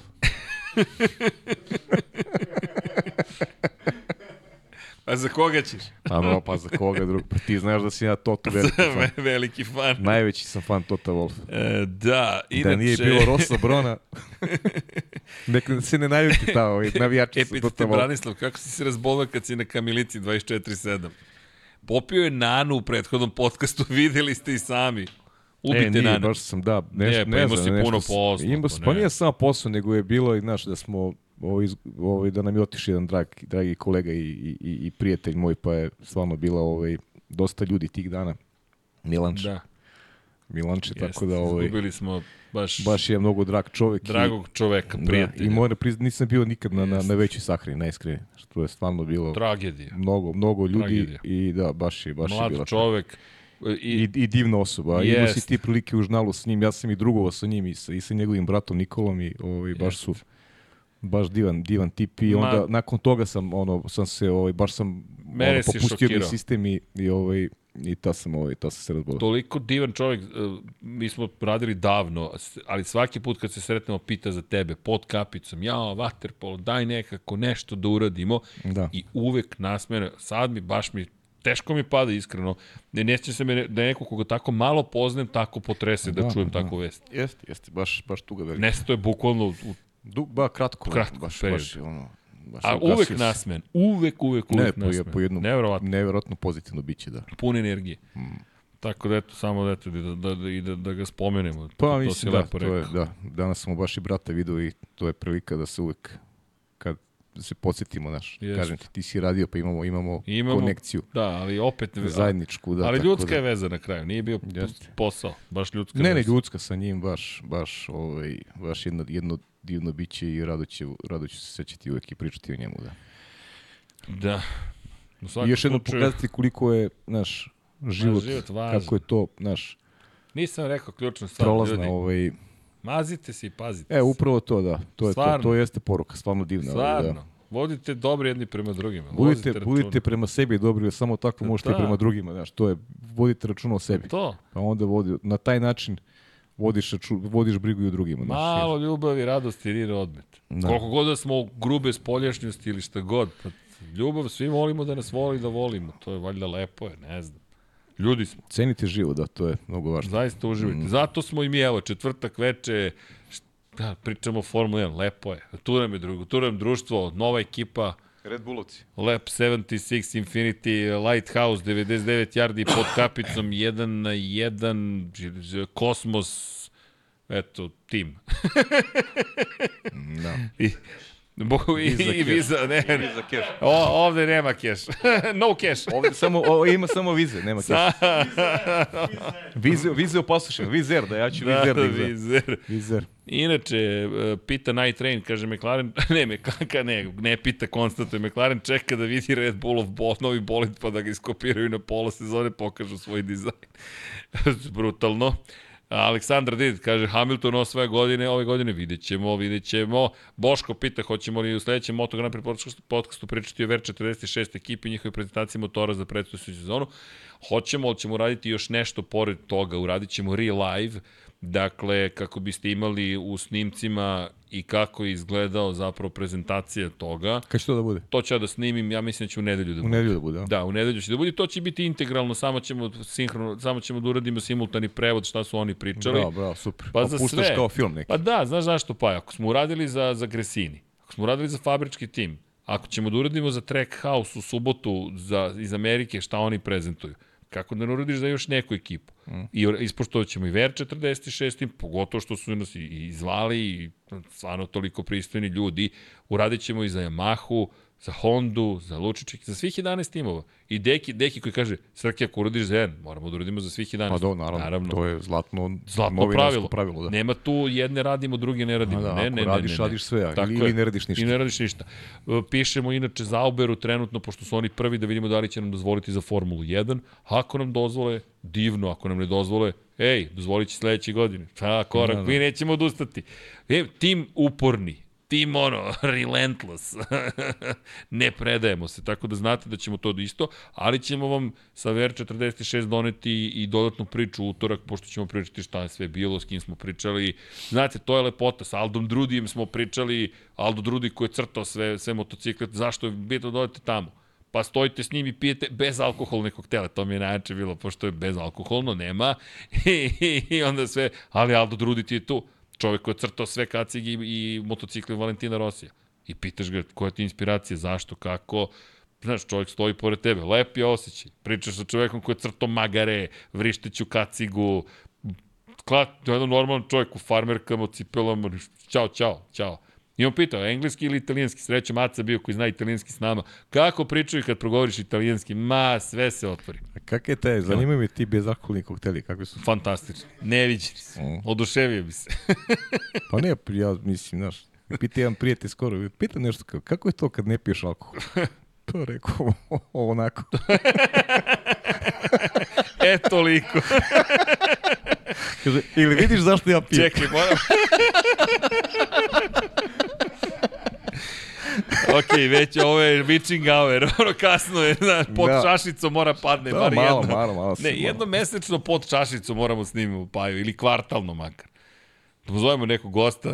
Pa mislim, znaš, Pod to je ši, širina ovaj, ti koji mogu se pozovu je, je neograničeno. Ozbiljno, manje je ovo pod čajem. da to počajem to, Na čaju. to na čaju, to ja Jao. trpim ovaj, stalno. Na čaju kod Paju. Na čaju kod paju, da. Krenuo je, da, da, iz, da. Evo šuta minuta kraj. Krenuo je, krenuo je, Mora da je četvrti sat post, podcasta. posteri, čajevi, ovo ono, to je kod njega, da, kad krene, nema, nema stajanja. Ne, neko mi je rekao, mnogo si izbiljniji u Lab 76 nego 90 yardi. Uzbilji se kad je reč o NFL-u. Aha, aha. Pošto tamo su njih trojica mega ozbiljni, znaš kako su ozbiljni, sve je full analiza, razum. I onda ja kod dete sedim Pa i... dobro, ali mi sad, znaš, mi kada radimo analizu drugačiji smo imali. Jesmo, jesmo, ne, ne, pa dobro. A, mislim da jesmo Ovo je četvrti sat. Čekaj. Evo, Vlada, šta kažeš? Vlada, Kidamo apa, da, da. Ovo je sad, znaš, ovo je malo opuštenije. Prešli smo teme sad, ovaj, malo da se zabavimo. E, kaže, F1 može bez Ferrarija, nema više toliko navijača, tako, ako nije bio na utrci uživo, treba da se uveri. Pa, da, promenilo se. Ferrari je i dalje najpopularniji, ali više nije Ma ne slažem se ja. kao što je nekad bilo. A ne, ali, ali Sa, sa rezultatima i osvanuće ovaj, i neki navijači koji sad manje idu. da, Ljudi, ljudi, to, to rezultat, rezultat je čudo, ljudi. Znaš, ti da se, da se ovaj, uputiš u neku avanturu ko onaj holandjanin što je, što je celu godinu ovaj, uzeo slobodno, Evo je što je dono zastavu, ne, pa ti, car, znaš, car. Pa nije on, Car. znaš, što on je uradio u godini gde je imalo zaista realno, realnog osnova da uživa u... U, U svojim pobedama. Tako je, znaš. Svojim pobedom. Treka, I, i ono, ono vreme Šumahera, pa ti nisi mogao da vidiš na stazama ništa drugo osim crvenih zastava. Da, dobro, to si u pravu, da, da, to si u Znaš, pravu. ma ne, rezultati su čudo. Rezultati znaš, menjaju Rezultati su čudo, menjaju, menjaju, mnogo menjaju. Da, Ferrari ima nešto što niko drugi nema. To jeste istorija, jer to ne možeš Ma da ne, kupiš. ljudi, to, to je naš... fe- uvek će imati- Formula 1 ne može bez Ferrari. A, i to uvek to, će imati 50 godina prednosti u odnosu na Ma, bilo koju da. drugu ekipu. Uvek.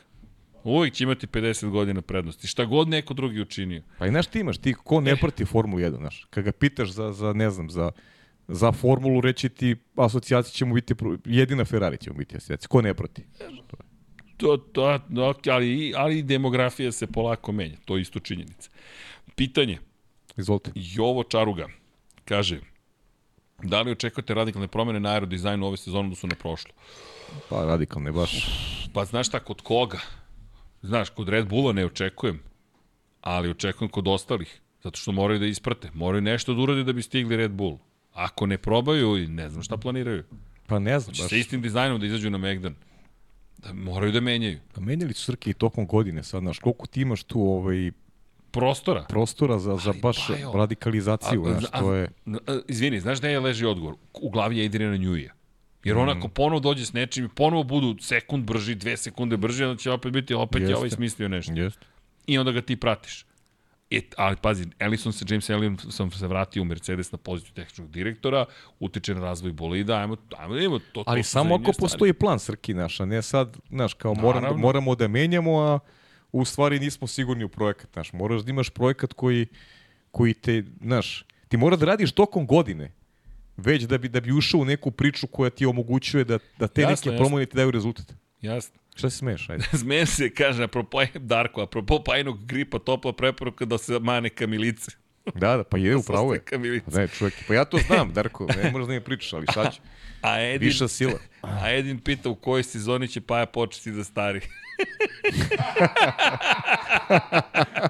Nije predviđeno scenarijum. Pitaću, pitaću jedino ove iz Netflixa, pitaću ih, javit ću ti. Pobedničko pitanje, bukvalno Drive to Survive. Drive... Pitaću ove iz Netflixa, javit ću ti. Au, dobra, dobra, do, dobra. Mirza Smajlović kaže, moraju neke prave trkačke skaze da se može ostvariti fuzija F1 i MotoGP. Uuu, Mirza, pričali smo sad o tom super mm. vikendu, sad baš na prezentaciji. Je tako? I baš sad E, ba, to pričamo me o baš svemu. interesantno. S kim ste pričali to? Pa znaš šta, sa, sa kolegama, novinarima Aha, s kolegama, i aha. tako dalje. Jer niko od predstavnika nije bio sporta, nego su bili predstavnici timovi, bilo je dosta novinara. I sad svi pričamo, inače priča se da će Dorna prodati. Mm. Dakle, to je gotovo izvesno. Bridgepoint navodno planira prodaju, to već znamo neko vreme. Liberty Media je potencijalni kupac. Dan Rozomondo, koji je tamo glavni komercijalni direktor, je čovek koji je drugar Stefana Domenikalija i veza mm -hmm. postoji. I lep posao radi, jer e, ono što je moj utisak je da je Rozomondo dobio zadatak da kao solo igrač unapredi Kažem ti, ovi iz Dorne se neki šale što ih tera da rade. Znaš, to, to je Aha. show, smejem sam se, piše mi drugar iz Dorne. Pusti mi, imamo mnogo šefa, tera nas da radimo. kao užas, kao, zamisli kao. užas. Kao mora zaraditi platu. Ne da su radili, nego rade cele međusezone, ali nikad više sadržaja, nikad više događanja. Ali došao je car koji je rekao je ovo mora se podigne na više nivo. Elem, pojenta je da navodno je on veza, navodno, sa američkim kapitalom, to je sa Liberty Medijom i sad David Demet, naš kolega, pričat ćemo više utorak, je skeptičan da će se išta promeniti. Ja mislim da David tu greši, da ukoliko ulazi američki investitori, oni prvo daju pare, a onda uzimaju puta 20. Da, jasno. A ev, ne evropski, ali neki investitori znaju da uđu i samo izvu i srču lovu. Šta je ostalo? E sad, kako god pogledate, navodno, dok god, dokle god su drugačiji proizvođači guma, neće biti super vikenda. Jer najveći problem jesu gume.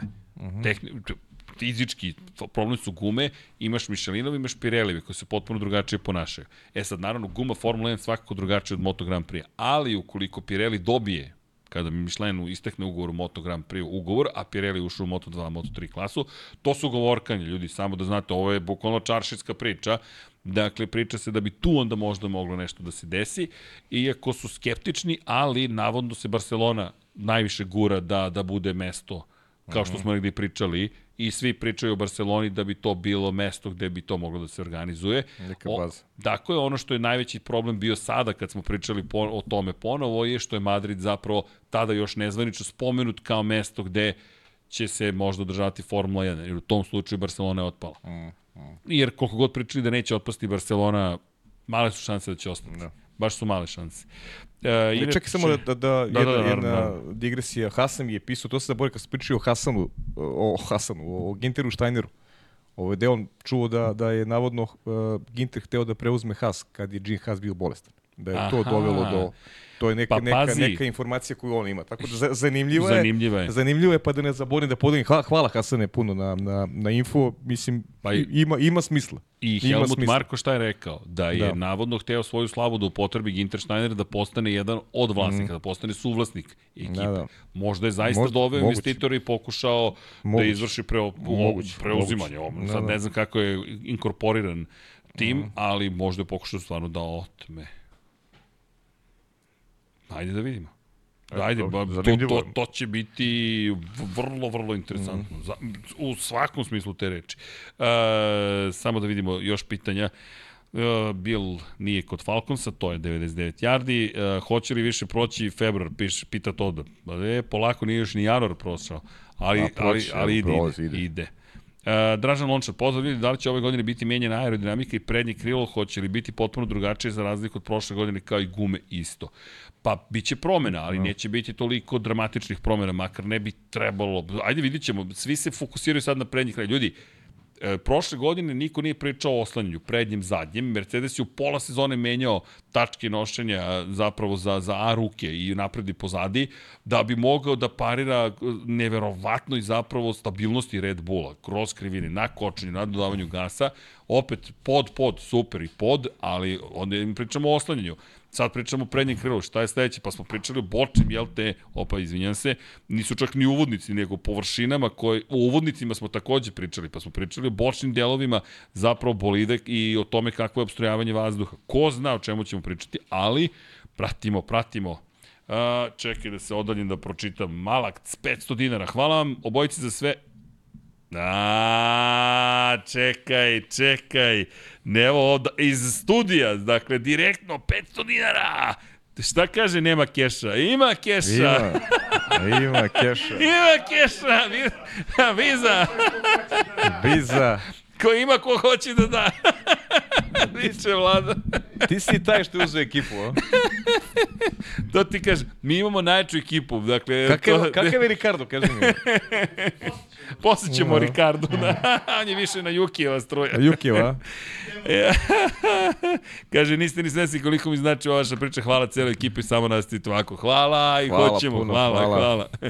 A, a super, stvarno, ovo još nismo imali. Sjajno, hvala. Dobro, ke, da, ovo je bilo baš, ovo je bilo zabavno. Pitanje za Srke i Paju, za koji tim ste mislili da će biti jako dobro na početku sezone zbog glasina i predsezoni i onda se masovno razočarali kada je počela sezona. Prošle godine. Pa ću ti reći pa nije Mercedes. Au, ti Mercedes, meni pa McLaren. Ja, ja sam, ne, ne, ja sam za Mercedes očekivao da će biti jako dobar, a baš se razočarao, da sam mislio da će biti bolji. Dobro. A opet kontra je McLaren. Očekivao sam da će biti bolji, svakako bolji. Ono je bilo baš razočaranje ogromno na što su ličili. Tako da dva, dva kontrasta. Da, Ali eto, na kraju si McLaren da. iščupao McLaren. Pa da, McLaren na početku, posle se to popravilo. Da. A čujete se, čujemo, čujete se u odavde već, u, čujete se, to je još onda. A ovde još onda, čujemo, čujemo.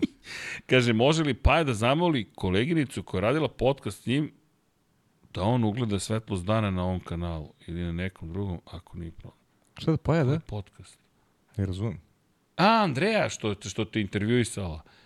Aha. A ne, a ne, da li će, ma ne, Andre, nije, Andreja naša prijateljica, A ne, to je, to je, ljudi, to je bilo, to je, šala, to je bilo, bila. mislim, nije šala, ja sam to, ja sam to pričao iskreno. Ali, a ne te ali, tvoje reči, nego da, generalno. ali je, to je bilo, ovaj, to je neki, ona je htela da vidi kako to izgleda ovaj, pred, pred kamerama i to je, nema tu materijala, nešto posebno, samo je to je, to je lično bilo, nije, nije ništa snimano u sklopu u sklopu neke, ovaj, nekog podcasta, bilo čega, nego, nego to je interno, isključivo da. interno, ona je to okačila na, na svoj profil. Ali rado ćemo je podržati ukoliko da, da, da, ikada da, bude htela. Sigurno, da, ona, da, sigurno, sigurno, da. Čujte, ne, nema koga one, nismo podržali. Pa ne, to je, ona je jedna, ono, jedno pametno biće, dobro biće, pa da. tako da elokventna je, pa ako i bude htjela da se opusti, da se upusti u takvu neku avanturu. A mi smo i to rekli još pre Još odavno, da, da, to nije, nije sporno uopšte, tako da. Da. Inače, svi prelazimo na VRC, ka, ljudi vole da pokazuju da imaju neku moć, kao što vi čitate samo donacije. Evo najtrain, ajmo izvinjenje, kako čitamo samo donacije. E, Jašić, pitanje zašto se Lotus, to smo odgovorili, bravo, pa e, ovo je sad onda kad smo, uš, pobeže mi sve. Uh mhm. -huh. Sad mi pobeže, moram se vratiti. E, X je postao svetioničar početnik, pozdrav za X-a. Almir Vuk kaže, samo da se mi pošalje veliki pozdrav za ekipu u studiju, naravno pozdrav za Mirzu Smajlovića. Pozdrav, čujeni pozdrav, to je to, to, to. E, Paja, Horner, Gine za Srkija, Tota. To, A, to, to, to, da, to, da. to, to, to, to. E, To, to, to, to. Marko Kurjački pita sa povećanjem uličnih trka i pravcem kojim se kreće Formula 1, da li vidite da Max možda po istoj ogovora odi iz F1, više puta je pominju da ne znam kada će biti tu. Pa Marko, znate šta, ja mislim da to zavisi od toga koliko je blizu apsolutnim rekordima. Ako bude blizu stote pobede, ne vidim da će ga sprečiti ulične trke, čujte, zamislite da ostavi takav trag iza sebe da skine rekord Luisa Hamiltona, da osvoji, ne znam, najviše titula i da onda kaže, e, ne bih vas više zadržavao. 10 godina će biti nekome potrebno da oborite rekord. Da, i to je, i to je ljudi priča, nije to priča o veri i neveri. Ovaj, prosto, kažem, ljudi, ljudi menjaju mišljenje godinama, znaš, pritom, a možda njegovo telo bude u savršenom stanju i za 4-5 godina, pa on to ne bude osetio kao neki, kao neki veliki ovaj pritisak ovaj, na, na neki, ajde da kažem, na, na, na, na, na, na, na svoj neki sistem i življenja i, i način na koji, kojim upravlja svojim telom, tako da to, to je kao primer Novak Đoković. Ja ne verujem da je, da je znao negde a priori da će da igra vrhunski tenis sa 37 godina. Prosto ti svoje telo treba da održavaš, treba te slušati pa da. te povrede i sve to te, teško vrhunski sportista možda planira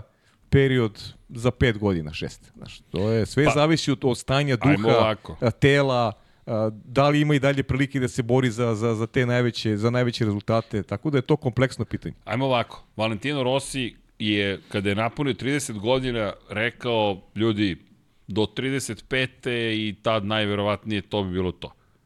Vozio je do 42. godine. Da, da, pa, da. O čemu pričamo, ljudi? I u tom periodu je bio vice šampion nekoliko puta. Bio, bio na trećoj poziciji dok stvarno nije došlo do pada u karijeri. E, Tom Brady nije rekao igraću do 43. Nije, nije, nije, nije. Rekao je, ljudi, sa 30 su ga pitali, je li prošlo doba zlatno, nije, pa on kaže, znate šta isto, do 35. pa onda do 37. pa ako naguram do 40. onda je sa 40. rekao, igraću do 50. otprilike, jer to sad već više nema nikog smisla. Znaš kako Ko to može da zna? Ću vratim, opet se vratim na, na, na, na Vatepolo, da malo lokalizujem, znaš. Duško Pjetlović, koji je jedan i, i, i sjajan tip i, i, i veliki sportista, jedan od najvećih ovaj naših sportista u, ne znam, posljednjih 30 godina sigurno, dvostruki stvar zlatne olimpijske medalje. Skoro smo pričali, kaže, mene telo i dalje sluša kao pre 10 godina. To, I, to i, je... i, i, I mogu da igram. Znaš, e sad, sa, um malo drugačije rezonuje. Malo mu je teže da, da znaš, ide na treninge s- ovaj, redovno i tako dalje, ali, ali telo i dalje izdržava. I znaš, dokle god te telo sluša i da ti osjećaš, ovaj, se osjećaš spremnim da igraš, ti, ti možeš karijeru da, da na taj način do, dodržavaš i da, i da budeš zadljiv on, on, onim što pružaš na terenu, u ovom slučaju bazenu. I, I zato ne može niko da planira da planira s godinama. I sad to nije sad priča Max je rekao pa je to sad kao porekao. Ma ne ljudi, Max je rekao jer se tako možda trenutno osjeća. A kako će osjećati za pet godina veliko je pitanje. Jer sve te, sve te moraju neke okolnosti da se ob, ujedine, objedine kako bi on mogao da, da zna da li, da li je spreman i dalje da se maksimalno bori sa nečim što je profesionalni sport, a to je mnogo teško. Vidi, ja ne znam da li bi Luis danas bio u Formuli 1 da je osvojio osmu titulu. Veliko Iskreno. pitanje. Ja ne znam da li bi on rekao, pitanje. ljudi, šta ja više? Veliko pitanje. Šta, dosta je? Pretekao sam Mihaela Šumahera, preko 100 pobjeda prvi u istoriji, preko 100 pol pozicije prvi u istoriji. Jest, jest. Neka i neko obori. Neka, e, ali vidi, i da obori, treba mu 10 godina Tako da je. obori. D- Ok, sad već možda manje. Evo ti ok, ovaj. sad već možda manje. A evo ti ovaj, Ali- evo ti ovaj čovjek, sad, sad smo svedoci ovog, ovog, ovog tenisa u Australiji. Čovjek i dalje sebe gure, ako je naj, najveći svih vremena. u polufinalu? No? Jest. To, to, On, on, i, on i dalje sebe gura, i gura, i gura, i gura. Nešto, to, to, zato to što su, možeš u ovom A trenutku. da, možeš, ali to su... Da ne možeš, ali ti bi to ti je rekao, stanje okej. i tela i uma. Pa dobro, to je Znaš, spoj. to su, to su gromade ozbiljne, znaš, to je nešto što stvarno, stvarno je, ovaj, i onda im sad kao, znaš, uhvatiš se neku reč koju je rekao, pa kao, eto, kao nije bio iskren. Ne znamo. Čekaj ljudi, to je, menja se, to se menja ljudi. Ajmo, ajmo ovako, ljudi prešle na treći svih vremena. A da, Pred nama je sezona od 24 trke. Koliko puta je pobedio prošle godine? Mi smo pričali o rekordima 14-15 po sezoni, to će da bude... Znaš šta može se desiti? Malo Na- 20 će da ima Znaš šta možda mu se dogodi? Možda mu se dogodi dođe do šeste titule. I probudi se jedno jutro i kaže, ljudi, ja ne mogu na trening. Mm. Znaš koliko je ljudi tako završilo karijeru u 30. godini, bilo Izvini. iskreno prema sebi, ja ne mogu više. Izvini, ali, ali To je to. pazi, pričali smo o tome, ajde, paralelu pravim i, i sa Formula 1 se Moto Grand Prix. Šta se dešavalo? Rossi je silno hteo desetu titulu. Nikad je nije osvojio. Stao je tu, neću da ulazi sada u, u razloge, ima Nema, ih milion. nebitno, to je nebitno. Ali vam govorim, nije ju osvojio. Mm. Mark Marquez, hteo je da dođe do devete, da se izjednači za početak s Rossijem, pa onda da ga pretekne. Zaglavio je na osmoj tituli. Opet, silni razlozi itd. itd. itd. Ljudi, izgleda tako lako. Nije lako. Ma da. to je pojnta. Sve izgleda tako, ba šta, on će ovo da ošiša. Max, isto tako. Zamislite, dođe do šeste i pojavi se Oliver Berman u Ferrariju i kaže, alo, Srki, ne mora ni Moje Berman. vreme. Ne mora ni Berman. Charles Leclerc Može se telo da mu pošalje Može signal, to. ja više ne mogu. na primjer. I to Ali, je to. Znači, ne Ali mora ajmo. se pojavi niko. Ne, Znaš, ne, a- Zato je nezahvalno praviti planovi i reći šta će biti za pet godina. Vrhunsko sport. Njuj kaže Nema u. Ferrari. Pa recimo. Na Pa ne. Njuj kaže im isto, da odu u penziju. Ode u penziju. Pa jeste. Ima milijun, tako da polako. Ne, zašto je, zašto mi je bila priča? Za razumem te. Max je rekao, nemojte ljudi da se hvate i A to, to da, nije, to da. i to nije sad Max je lažov pa ako to ne uradi, nego je, nego je to je prosto tako razmišlja danas. I, i, i prosto moraš da slušaš svoje telo i da u zavisnosti od onoga šta su neke životne okolnosti da donosiš odluku koje i, i ta mišljenja se normalno menjaju. Kažem, to sam, rekao sam to, samo glup čovjek ne menja mišljenje. To je definitivno tako. Pa vidi, to je i Vanja ne priča o tome. Ako se, ako se no, ako neke steknem nova znanja, nova saznanja, pa logično je da ću, Tako meni je logično da izanaliziram samo sobstveno razmišljanje. Naravno. Inače, evo pitanje, ko su ljudi koji su stigli u McLaren ove godine na početku sezone, pa ono što su, su, su neke informacije koje imamo zapravo jeste da su, stigao je Rob Marshall za početak, da ne zaboravimo i David Sanchez je prestigao, koji je stigao iz Ferrarija, dakle je Red Bull. Inače, Rob Marshall, odlazak Roba Marshalla je ogromna vest bila, mi smo pričali kada je Rob Marshall saopštio zapravo da će da, da, da napušta Red Bull, jer ti dolaziš u jednom trenutku u situaciju da pričaš o čoveku koji koji zaista neverovatan bio član ekipe, jedan od instrumentalnih ljudi u razvoju Red Bulla kakav jeste. On je od 2006. bio u Red Bullu, ljudi praktično od osnivanja te ekipe. I sad ti imaš Roba Maršala koji je stigao zapravo u McLaren. On je prosto bio na tom gardening livu, jel te, ba, baštovanskom raspustu, gde nije mogao ništa da radi od 1. januara, on je ponovo tu. Tako da znate, dakle, stigao je, inače čovek koji zaista ima ozbiljnu ulogu, inače čovek koji je prošao mnogo toga. On je bio Ren, u Benettonu. Dakle, nije on od juče u Formuli 1, to je čovjek koji je 30 godina u Formuli 1 i sada je otišao zapravo gde? U McLaren. A s kim je radio? Radio je s Newim. Dakle, mi govorimo o čoveku koji je proveo deceniju sa Newim, praktično i više od toga. Pored toga, David Sanchez je stigao, Francuz je u pitanju, koji će jednostavno, ajde, biti još jedna od tih ključnih osoba u McLarenu. Za sada, tehnički direktor je za engineering i dizajn Rob Marshall, a Sanchez je takođe došao, postoje perioda u kojem je, je bilo zabranjeno da radi, gde će raditi, radit će sa Peterom Prodromovom, to ono što ste pitali, koji ostaje direktor za tehniku i aerodinamiku. To je Neil Holdy, tako da je to nova ekipa. Inače, u Walkingu su zaista vredni. Vrlo su vredni, pri čemu? Maršalov i Sančezov uticaj, pitanje koliki može biti na bolid za 2024. Ljudi oni su tek stigli. Redko kad neko stigne i kaže daj da menjam, daj da naučim šta, kako ovo funkcioniše. Mm.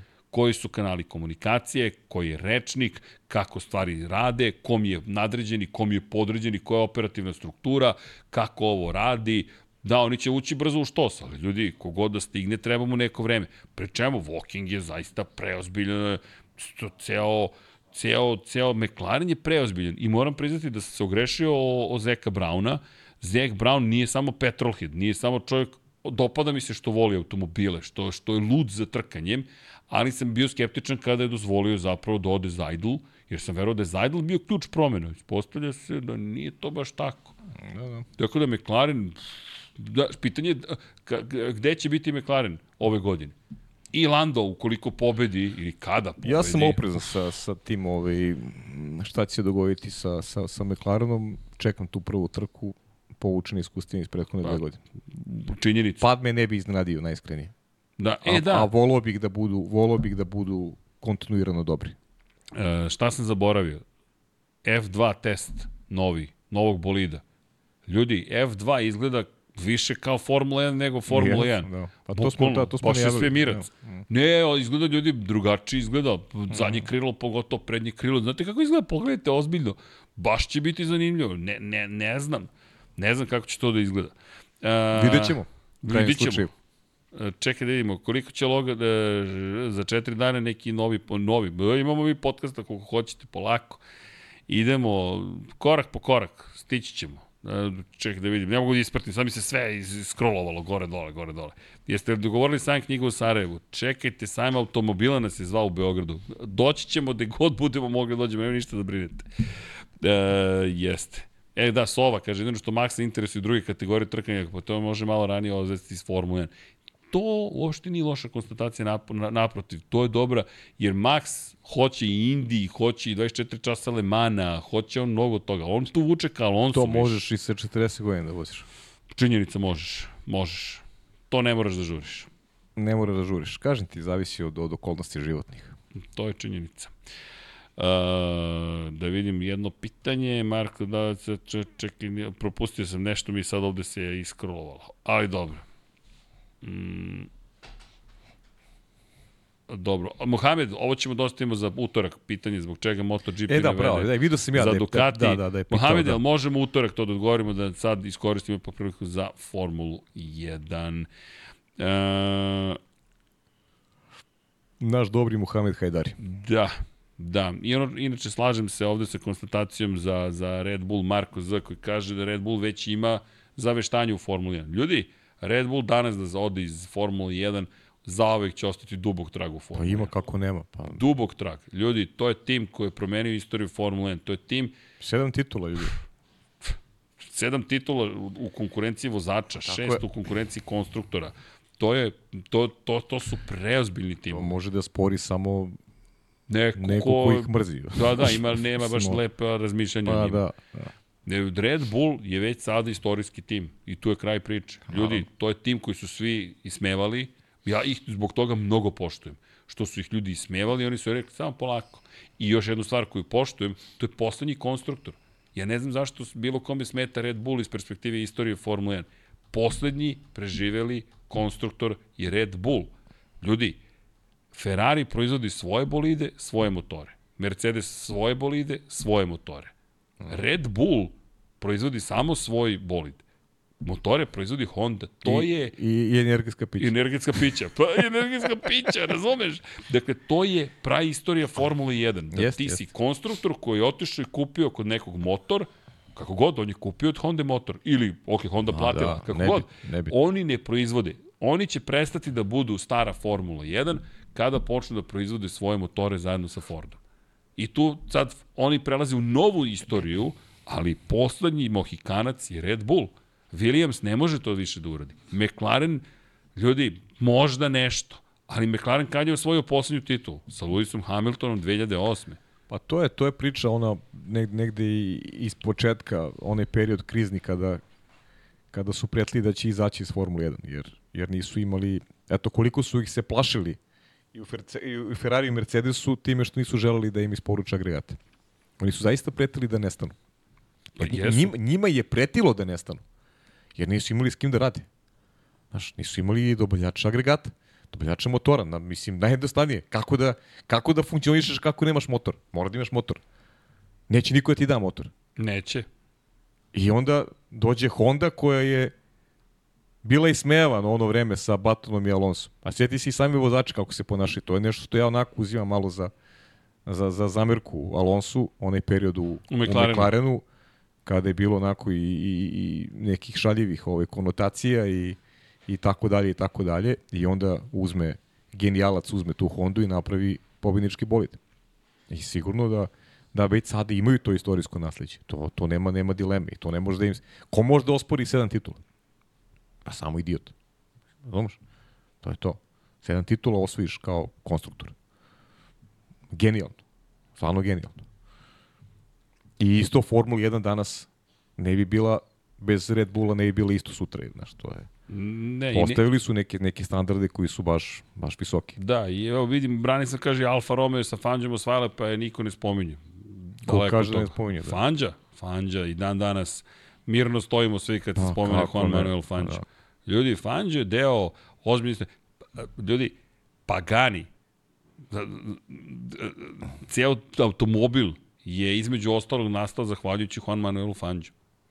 Ne znam da li, da li ste svesni. Dakle, Juan Manuel Fanđo, Ne, ja mislim da on više mislio na Alfu, znaš. Pa, da, da, da, pa da dobro, priča u kontekstu ali, Alfe. Ali, Pa znam, ali Alfa ne ali postoji ne iz možeš- druge perspektive. Alfa se promenila, ali mi, mi, a, Pagani Zonda, ljudi, je, je, je remek delo koje, to je Argentina čovjek stvario, koji je hteo da živi Italiju kao centar automobilskog sveta. To je pre titula Mihala Šumahir. Inače, Jopa kaže, složio bi se pre 30 godina. Jopo, možda se ne biste složili pre 30 godina, jer u momentu kada Mihael Schumacher dolazi u Ferrari, Ferrari nema titule. Nema titul, nema, ima jednu pobedu godišnje, vam to zvuči Pa če- poznato. Od, od Šektara čeka titulu tada. Nema, Šektera, Od 79. Pa to je taj period, to je taj I period. u tom momentu je 15 godina kako nije osvojena titula. Pa da. Dok Schumacher dođe do titule, već je prošlo 20 godina. On prvu titulu čak i- 2000. osvaja. Možda čak i više. Ne, Ne, 20, 79. je Jody 79. Scheckter. Jody Scheckter, 99. Schumacher ne osvaja jeste. titulu. Da. Polomio nogu, Ma da, Ed da, Irvine 2000. i 2000. tek osvaja titulu. Jeste. To je bukvalno kao da danas čekamo koju? 2028. godinu da bi se osvojila titula. Da, I naravno od- da su i tada već ljudi Raikkonena. sumnjali. Ljudi, Ađip, to ja stalno ponavljam, je napustio Ferrari kao tehničko-tehnološki partner zato što nije verovao da Schumacher vredi 47 miliona maraka. Ko je došao? Shell. Ko je još uvijek sponsor? Shell. E, I pa je lepo rekao, sve se promenilo pobedama. Zamislite da je Schumacher 2000. ostao bez titula i Ferrari rekao, ok, kraj. Mi, mi, ti nisi naš čovek, neko drugi je. Ko zna da li bi toliko ljudi volalo Ferrari? Ali odjednom 2000, prva, druga, treća, četvrta, osvajaju se titule. Pet za redom, to niko nikad nije uradio do tog trenutka. Dakle, Fangio imao pet titula i četiri za redom. Schumacher postaje najuspešniji svih vremena, 91 pobjeda na kraju karijere, ludilo šta se sve izdešalo i ne samo to, Ferrari kao brand se promenio, kao kompanija se promenio, sponzori su promenili, način oglašavanja, marketing se promenio. Todd je to sve promenio. Ja sećam njihovih reklama, ljudi, to su reklame koje su menjale svet. Shell pumpe, ne, on pojavljuje se, on ti pomaže. Ne, to, to, I Rossi u to vreme koji se pojavljuje, seća se Honda Jazz reklame, dok je vozio za Hondu. Reklama ide tako što Rossi parkira na, na, na, na, na semaforu, otvara vrata i spušta nogu, kao da je motocikl. I komentar jeste Honda Jazz, toliko dobro mislit ćete da vozite motocikl. Kao toliko te oslobađa. Mislim, znaš, ja se, no. svi se nasmejemo. Znaš, ali Rossi koji izbacuje svoju čizmicu, razumeš, levo. tako je Vlado, tako je Vlado. Naučio, naučio, naučio brz bomak, je, brz bomak. Naučio je. tako da da, e, ali dobro, mnogo smo ga uzbiljili, ali to je valjda i poenta. Da, da, da. U svakom slučaju, Ferrari Legacy, nemoj da se šalimo. Ne, pa ne poredimo mi sa Ferrari, nismo mi to rekli. Šta? E, ne, no. pa Branislav misli da poredimo Ferrari Red Bull. Ma, ne, ne, mi to nismo rekli. Ne, ne, ne. Baš smo rekli da će Ferrari uvijek imati 50 godina lagane prednosti odnosno na svakoga. Sa Ferrari, Ferrari ne Ferrari poredimo nikoga. Nikog ne, ne poredimo ne, ne, sa Ferrari. Samo, Samo kažemo da, da i Red Bull ima, ima to istorijsko nasledđe već sada. Samo, tako je. Ferrari ne. najveće, ali ima ga i Red Bull. Ali to ne znači da Williams nema svoje nasledđe. McLaren je, svoje, McLaren. Red Bull svoje. I kad pogledaš Williams kada je uzao titulu posljednju? 97. Sa Žakom Villeneuve. 97. ljudi. Ali su Veliki tim. Veliki tim. I dalje, I, respekt. I Red Bull je ušao to da sad neki 20-30 godina, tako, čak tako i da nema rezultata, opet će se pričati veliki tim, ima i 7 titul. Tako je. Biće Evo i Darko, jes, izgleda smo stvorili utisak da poredimo Red Bull i Ferrari. Ma ne, ma ne ma, ljudi, ko to posle. poredi? To je ljudi neuporedivo. To, to niko nije poredio. Tako je. Koji su mogući samostalni proizvođači motora u Formuli 1? Pa, jedini samostalni ostaje Honda. Mm. Ford, eto, Pa ne, ne, ni samostalni, to sad postaje neka saradnja između Red Bulla i Forda, Honda će raditi sa Aston Martinom, Audi ima svoj ceo tim, Renault ima svoj ceo tim, Alpinu, Mercedes nema, samo Honda. Honda, Honda je poslednji mohikanac. Mohondikanac. Honda. Honda, da. Tako da Honda ostaje poslednja. Honda koja neće pravi svoj bolid. I to je pokušala. Pa Honda je kriva za sve. Honda je napravila svoj tim, onda je to prodala Bronu, Bron prodao Mercedesu i sve ostalo istorija. Tako da znate. E, u svakom slučaju, pa evo, mislim da je vreme da se polako odjavljujemo. Rastajemo se mi. Mi. I naravno da ćemo se pozdraviti sa svim našim patronima. Patrončićima. Tako je, sa članovima. Hvala i svima koji ste sa nama u ovo doba. Klikte like, share, subscribe. Ej, subscribe, stvarno, da vas ne gnjevim ponovo, ali pomaže, ko nije subscriber. Da vas miksa ne gnjeli, miksa ne, miksa je u napadu, ja mislim full, jedan na jedan, da je bilo, a nisam ni gledao, bio sam siguran. Znaš, miksa je na misiji. a kako? Miksa Bog. Miksa Bog, jeste. miksa ček, i onda krene u akciju, tako da, da, u svakom slučaju, e, pa priča Srkić da Šumi ne osvojio takav utisak da poredite sa Ferrari. Pa ne, nisam, ne, samo ne, smo rekli ne, da... Samo smo se nadovezali da na Red Bull. nadovezali nije, na Red Bull, nije, ne poredimo s Ferrari. Nijednog momenta ne, nisam uopšte pomislio da, ne, recimo ti... No, ne. ne, samo sam, mi smo pričali o tome da zapravo... imaju samo, da imaju oni nasledđe, da imaju ma oni... Ne, ma rekao sam, Jopa ZG je rekao da smatra da Ferrari Ne, nismo se razumeli. Da. Jopa je rekao da on smatra da fer, formula više ne zavisi od Ferrarija. Pa je rekao da je to samo utisak jer trenutno nema rezultata. Tako je, tako je. I da bi Jopa verovatno mislio da To je samo moje mišljenje Jopa, ne kažem da vas ne poznajem, ne ti mogu da vam govorim šta vi mislite, to, to, to nepristojno bi bilo s moje no, strane. Da. Nego da mislimo da bi slično rezonovali 90. neki da Schumacher nije ostvario te rezultate koje je ostvario, nije to poređenje s Red Bullom. I onda je odjednom Schumacher stvorio jednu novu generaciju ljudi koji obožava Ferrari na poseban način. Samo zamislite sledeću situaciju. Danas, sad od ove godine, Charles Leclerc krene u pohod na pet titula za Ferrari i bude petostruki šampion sveta 2028 četvrta, peta, šesta, sedma, osma. Šta mislite da Ferrari ne bi imao gaziliju navijača? To je Paja hteo da kaže. Ma naravno. Da to zavisi. A pritom, to je potkovano istorijom koju ima Ferrari. Sad zamislite Charles Leclerc, koga vole mladi, Ferrari, kakve, stari. Ferrari god. kakve rezultate ima ima sasvim dovoljno navijača na tribinama je. koji su u crvenom. To je, Tako zato što Ferrari ima najveći, Koliko najveću ih nema bazu zapravo. navijača. Tako je, tako je. Vidjet ćete ovaj, koliko će biti holandskih navijača kada ne bude vozio Max Verstappen. Neće ih biti uopšte. Da, Jeste će gledaju Formulu 1. Kao što je nisu gledali. Kao što, kao što tenis neće niko gleda u Srbiji više kad ne bude Novak Đoković više igra. To je to. To, Pa, je, to je cela da, priča. nažalost, A tako. Ferrari je Ferrari. Tako je. Ferrari će imati uvek utemeljenje u navijačima kao jedan istorijski brend, kao brend koji se obožava prosto. Znaš, Tako obožava se širom planete Zemlje. to je to. To je to. Da, inače, e, samo, koja je posljednja staza koja je namjenski izgrađena za Formulu 1? Čekaj, koji smo A, posle, to, to smo smo- spominjali da, već. pričali a opet smo o smo tome. zaboravili. Nije Ja- Indija, nego Rusija. Soči smo rekli. Soči, smo- Soči. Soči. Soči, Soči. Soči je bio poslednji. Soči. I Indija, i Indija. U svakom slučaju, ljudi, idemo polako malo da spavamo. Sutra se družimo sa 90, 99 yardi, dakle, ko voli NFL, sutra nemam pojma u koje doba, verovatno u 8, pretpostavljam da će biti 8, ali krećemo, dakle, u akciju, dalje mi još malo, verovatno se družimo u ponedljak, cijenit će se Pa, družiti, malo se, pa. sednemo, pa vidjet ćemo šta sve ima. Šta ima, da. Da, u utorak se sigurno družimo u Motogram pri podcastu. E, tre, Track House mislim da je u pola četiri u subotu direktno prenos, ali pratite naše kanale, zato se subscribeujte i lajkujte i društvene mreže.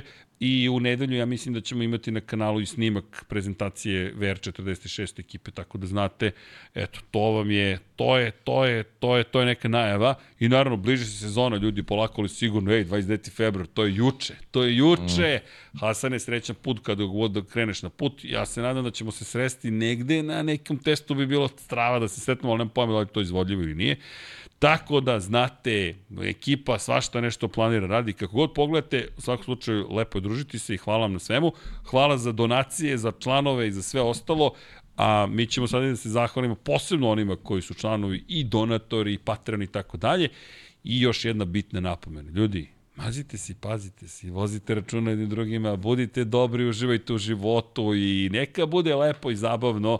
To je najvažnije. Samo polako, nema žurbe, stići ćemo gde god da smo krenuli, a mi smo sada krenuli u hipersvemir zvani naši pokrovitelji. Još jednom hvala vam, vidimo se za desetak minuta, krećemo!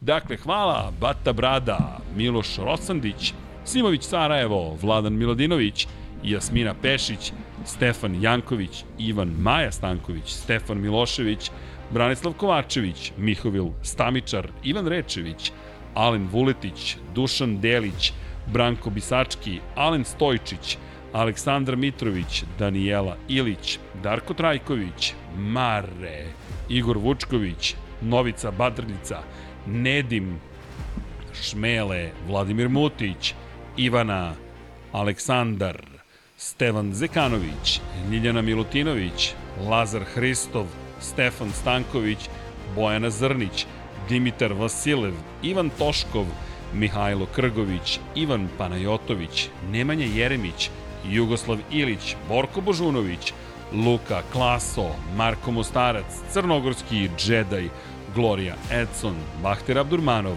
Monika Erceg, Nikola Milosavljević, Miloš Vuletić, Bogdan Mitrović, Zoran Cimeša, Aleksandar Milosavljević, Aleksa, Marko Trkulja, Đerman, Srđan Sivić, Vladimir Uskoković, Vladidov Dave, Nikola Stojanović, Zorana Vidić, Jelena Veljković, Dejan Vujović, Ivan Cigir, Vukašin Vučenović, Matija Rajić, Bogdan Uzelac, Stefan Nedeljković, Aleksandar Bobić, Đorđe Radojević, Ljubo Đurović, Dušan Ristić, Robert Čolić, Jeca and Stefan, Vojn Kostić, Marko Marković, Vuk Korać, Dorijan Kablar, Nemanja, Traktorka, Boris Gvozden, Ivan Čule, Vladimir Stojadinov, Ivan Sović, Dejan Đokić, Andrija Todorović, Mario Vidović, Jovan Đodan, Jelena Mak, Aleksandar Jurić,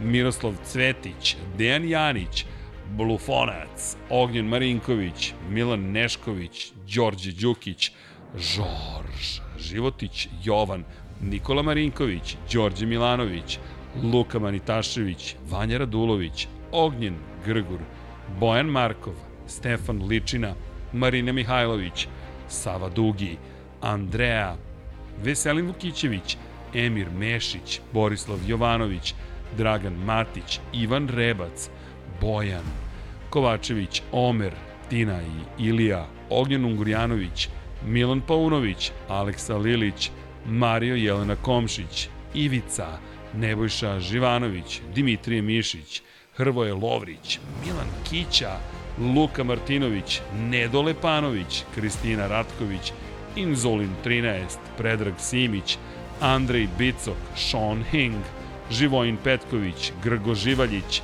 Dragan Nikolovski, Goša 46, Vokašin Jekić, Đole Bronkos, Đurđica Martinović, Igor Gašparević, Nenad Đorđević, Novak Tomić, Mirina Kovačević, Milan Milašević, Petar Relić, Marko Radanović, Marko Kostić, Daniel Kolobarić, Stefan Vuletić, Nikola Grujičić, Saša Ranisavljević, Nikola E.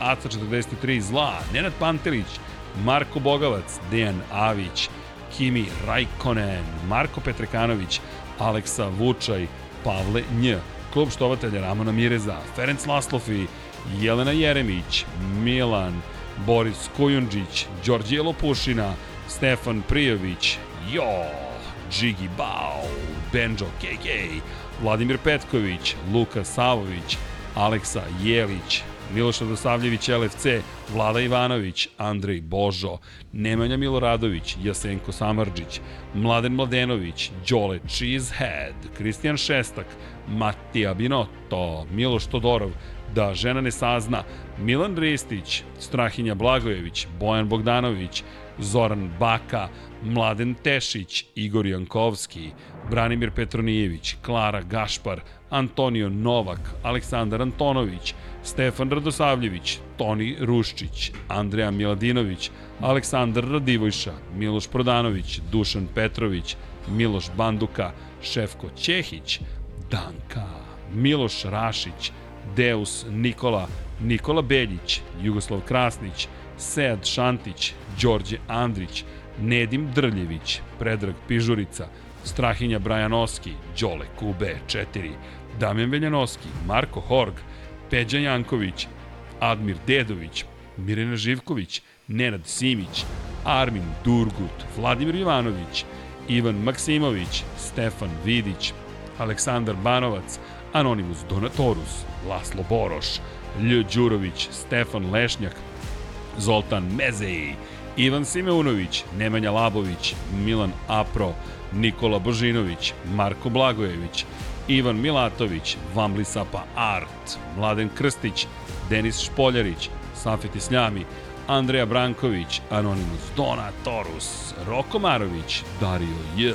Branislav Milošević, Aleksandar Anđelić, Anonimus Donatorus, Neđo Mališić, Matej Sopta, Marko Kozić, Boris Radović, Branislav Dević, Miloš Broćeta, Ivan Zlatko Vasić, Renata Neš, Martin Gašpar, Tijana M, Armin, Branimir Kovačev, Ružica Stefanović, Marin Antunović, Davor, Filip, Salim Okanović, Boris Erceg, Borislav Vukojević, Josip Kovačić, Vladimir Filipović, Aleksa Valter, Vučinić Miroslav, Bojan Mijatović, Dejan Avić, Petar Nujić, Katarina, Nemanja Zagorac, Mlađan Antić, Luka, Aleksandar Čučković, Bojan Majstorović, Marko Ćurčić, Zoran Majdov, Nenad Ivić, Lazar Pejović, Stefan Dulić, Zoran Šalamun, Branimir Rijavec,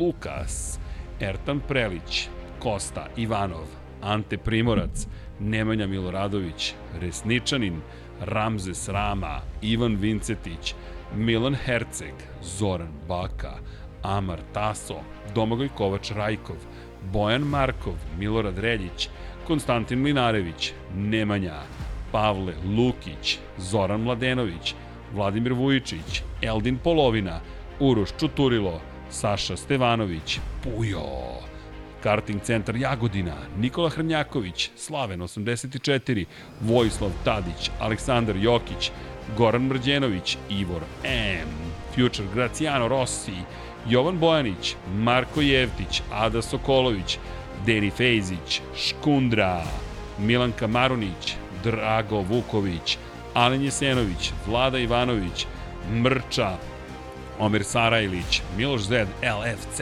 Milan Krežević, Kromid, Miloš Rašić, Nikola Vulović, Nikola Grđan, Stefan Škrbić, Edin Ustadić, Bojan Stanković, Marko Lučić, Vladimir Bulatović, Nikola Adamović, Luke Williams, Igor Ninić, Tatjana Lemajić, Igor Ilić, Ejhel, Vuk, Mateo Miholić, Aleksandar Kockar, Dejan Janić, Ivan Magdelinić, Lunatic Soul, Nemanja Cimbaljević, Aleks Vulović, Predrag Zec, Toni Soni 76, Blagoj Ačevski, Vladimir Subotić, Igor Vranić, Pancer, Stevie G8 MM93, Vladan Đurić, Aleksandar Stojković, Ivan Novaković, Filip Knežević, Almedin Ahmetović, Dejan Plackov, Plackov, Din Stero, Zlatko Marić, Bruno Jurić, Nikola Božović, Ivan Hornjak, Nikola Grujičić, Jovan Bajić,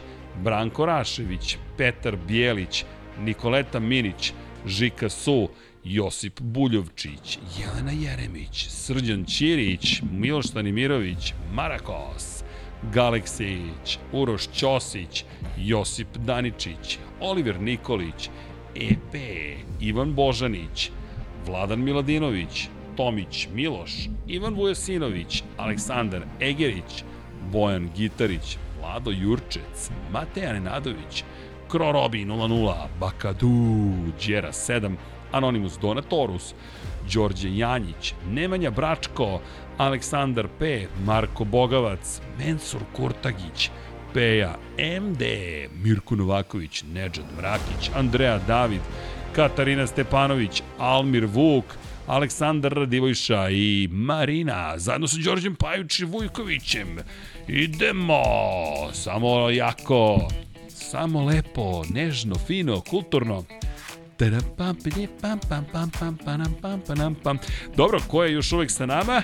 Mi vam želimo još zabavnije veče. Ko je otišao i vama želimo jedno lepo, divno, zabavno veče. Pajo, zadovoljstvo družiti se s tom, lepo vidjeti te Takođe, Srki, da. Šta da ti kažem, nego da se, nadam da se vidimo uskoro sad, šta će sve biti među kako to Vidimo zna. sigurno, da. Svakako ćemo se dogovoriti, ali želim ti lepu, laku noć, gospodo, dame, šta vam kažem, shop.infinitylighthouse.com, posetite ga, kupite sebi F1 šampione, stiže i dinastijica, tako da znate, spremni smo, stižu još neka iznenađenja, pokloni, radosti i tako dalje, patron.com kroz Infinity Lighthouse, ali poruka za večeras, Charles Leclerc potpisao, stigla nova staza, stigla nova ekipa, ma svašta se zbiva, Paja se vratio, to je najvažnije, volimo vas svi, Ćao svima. svima.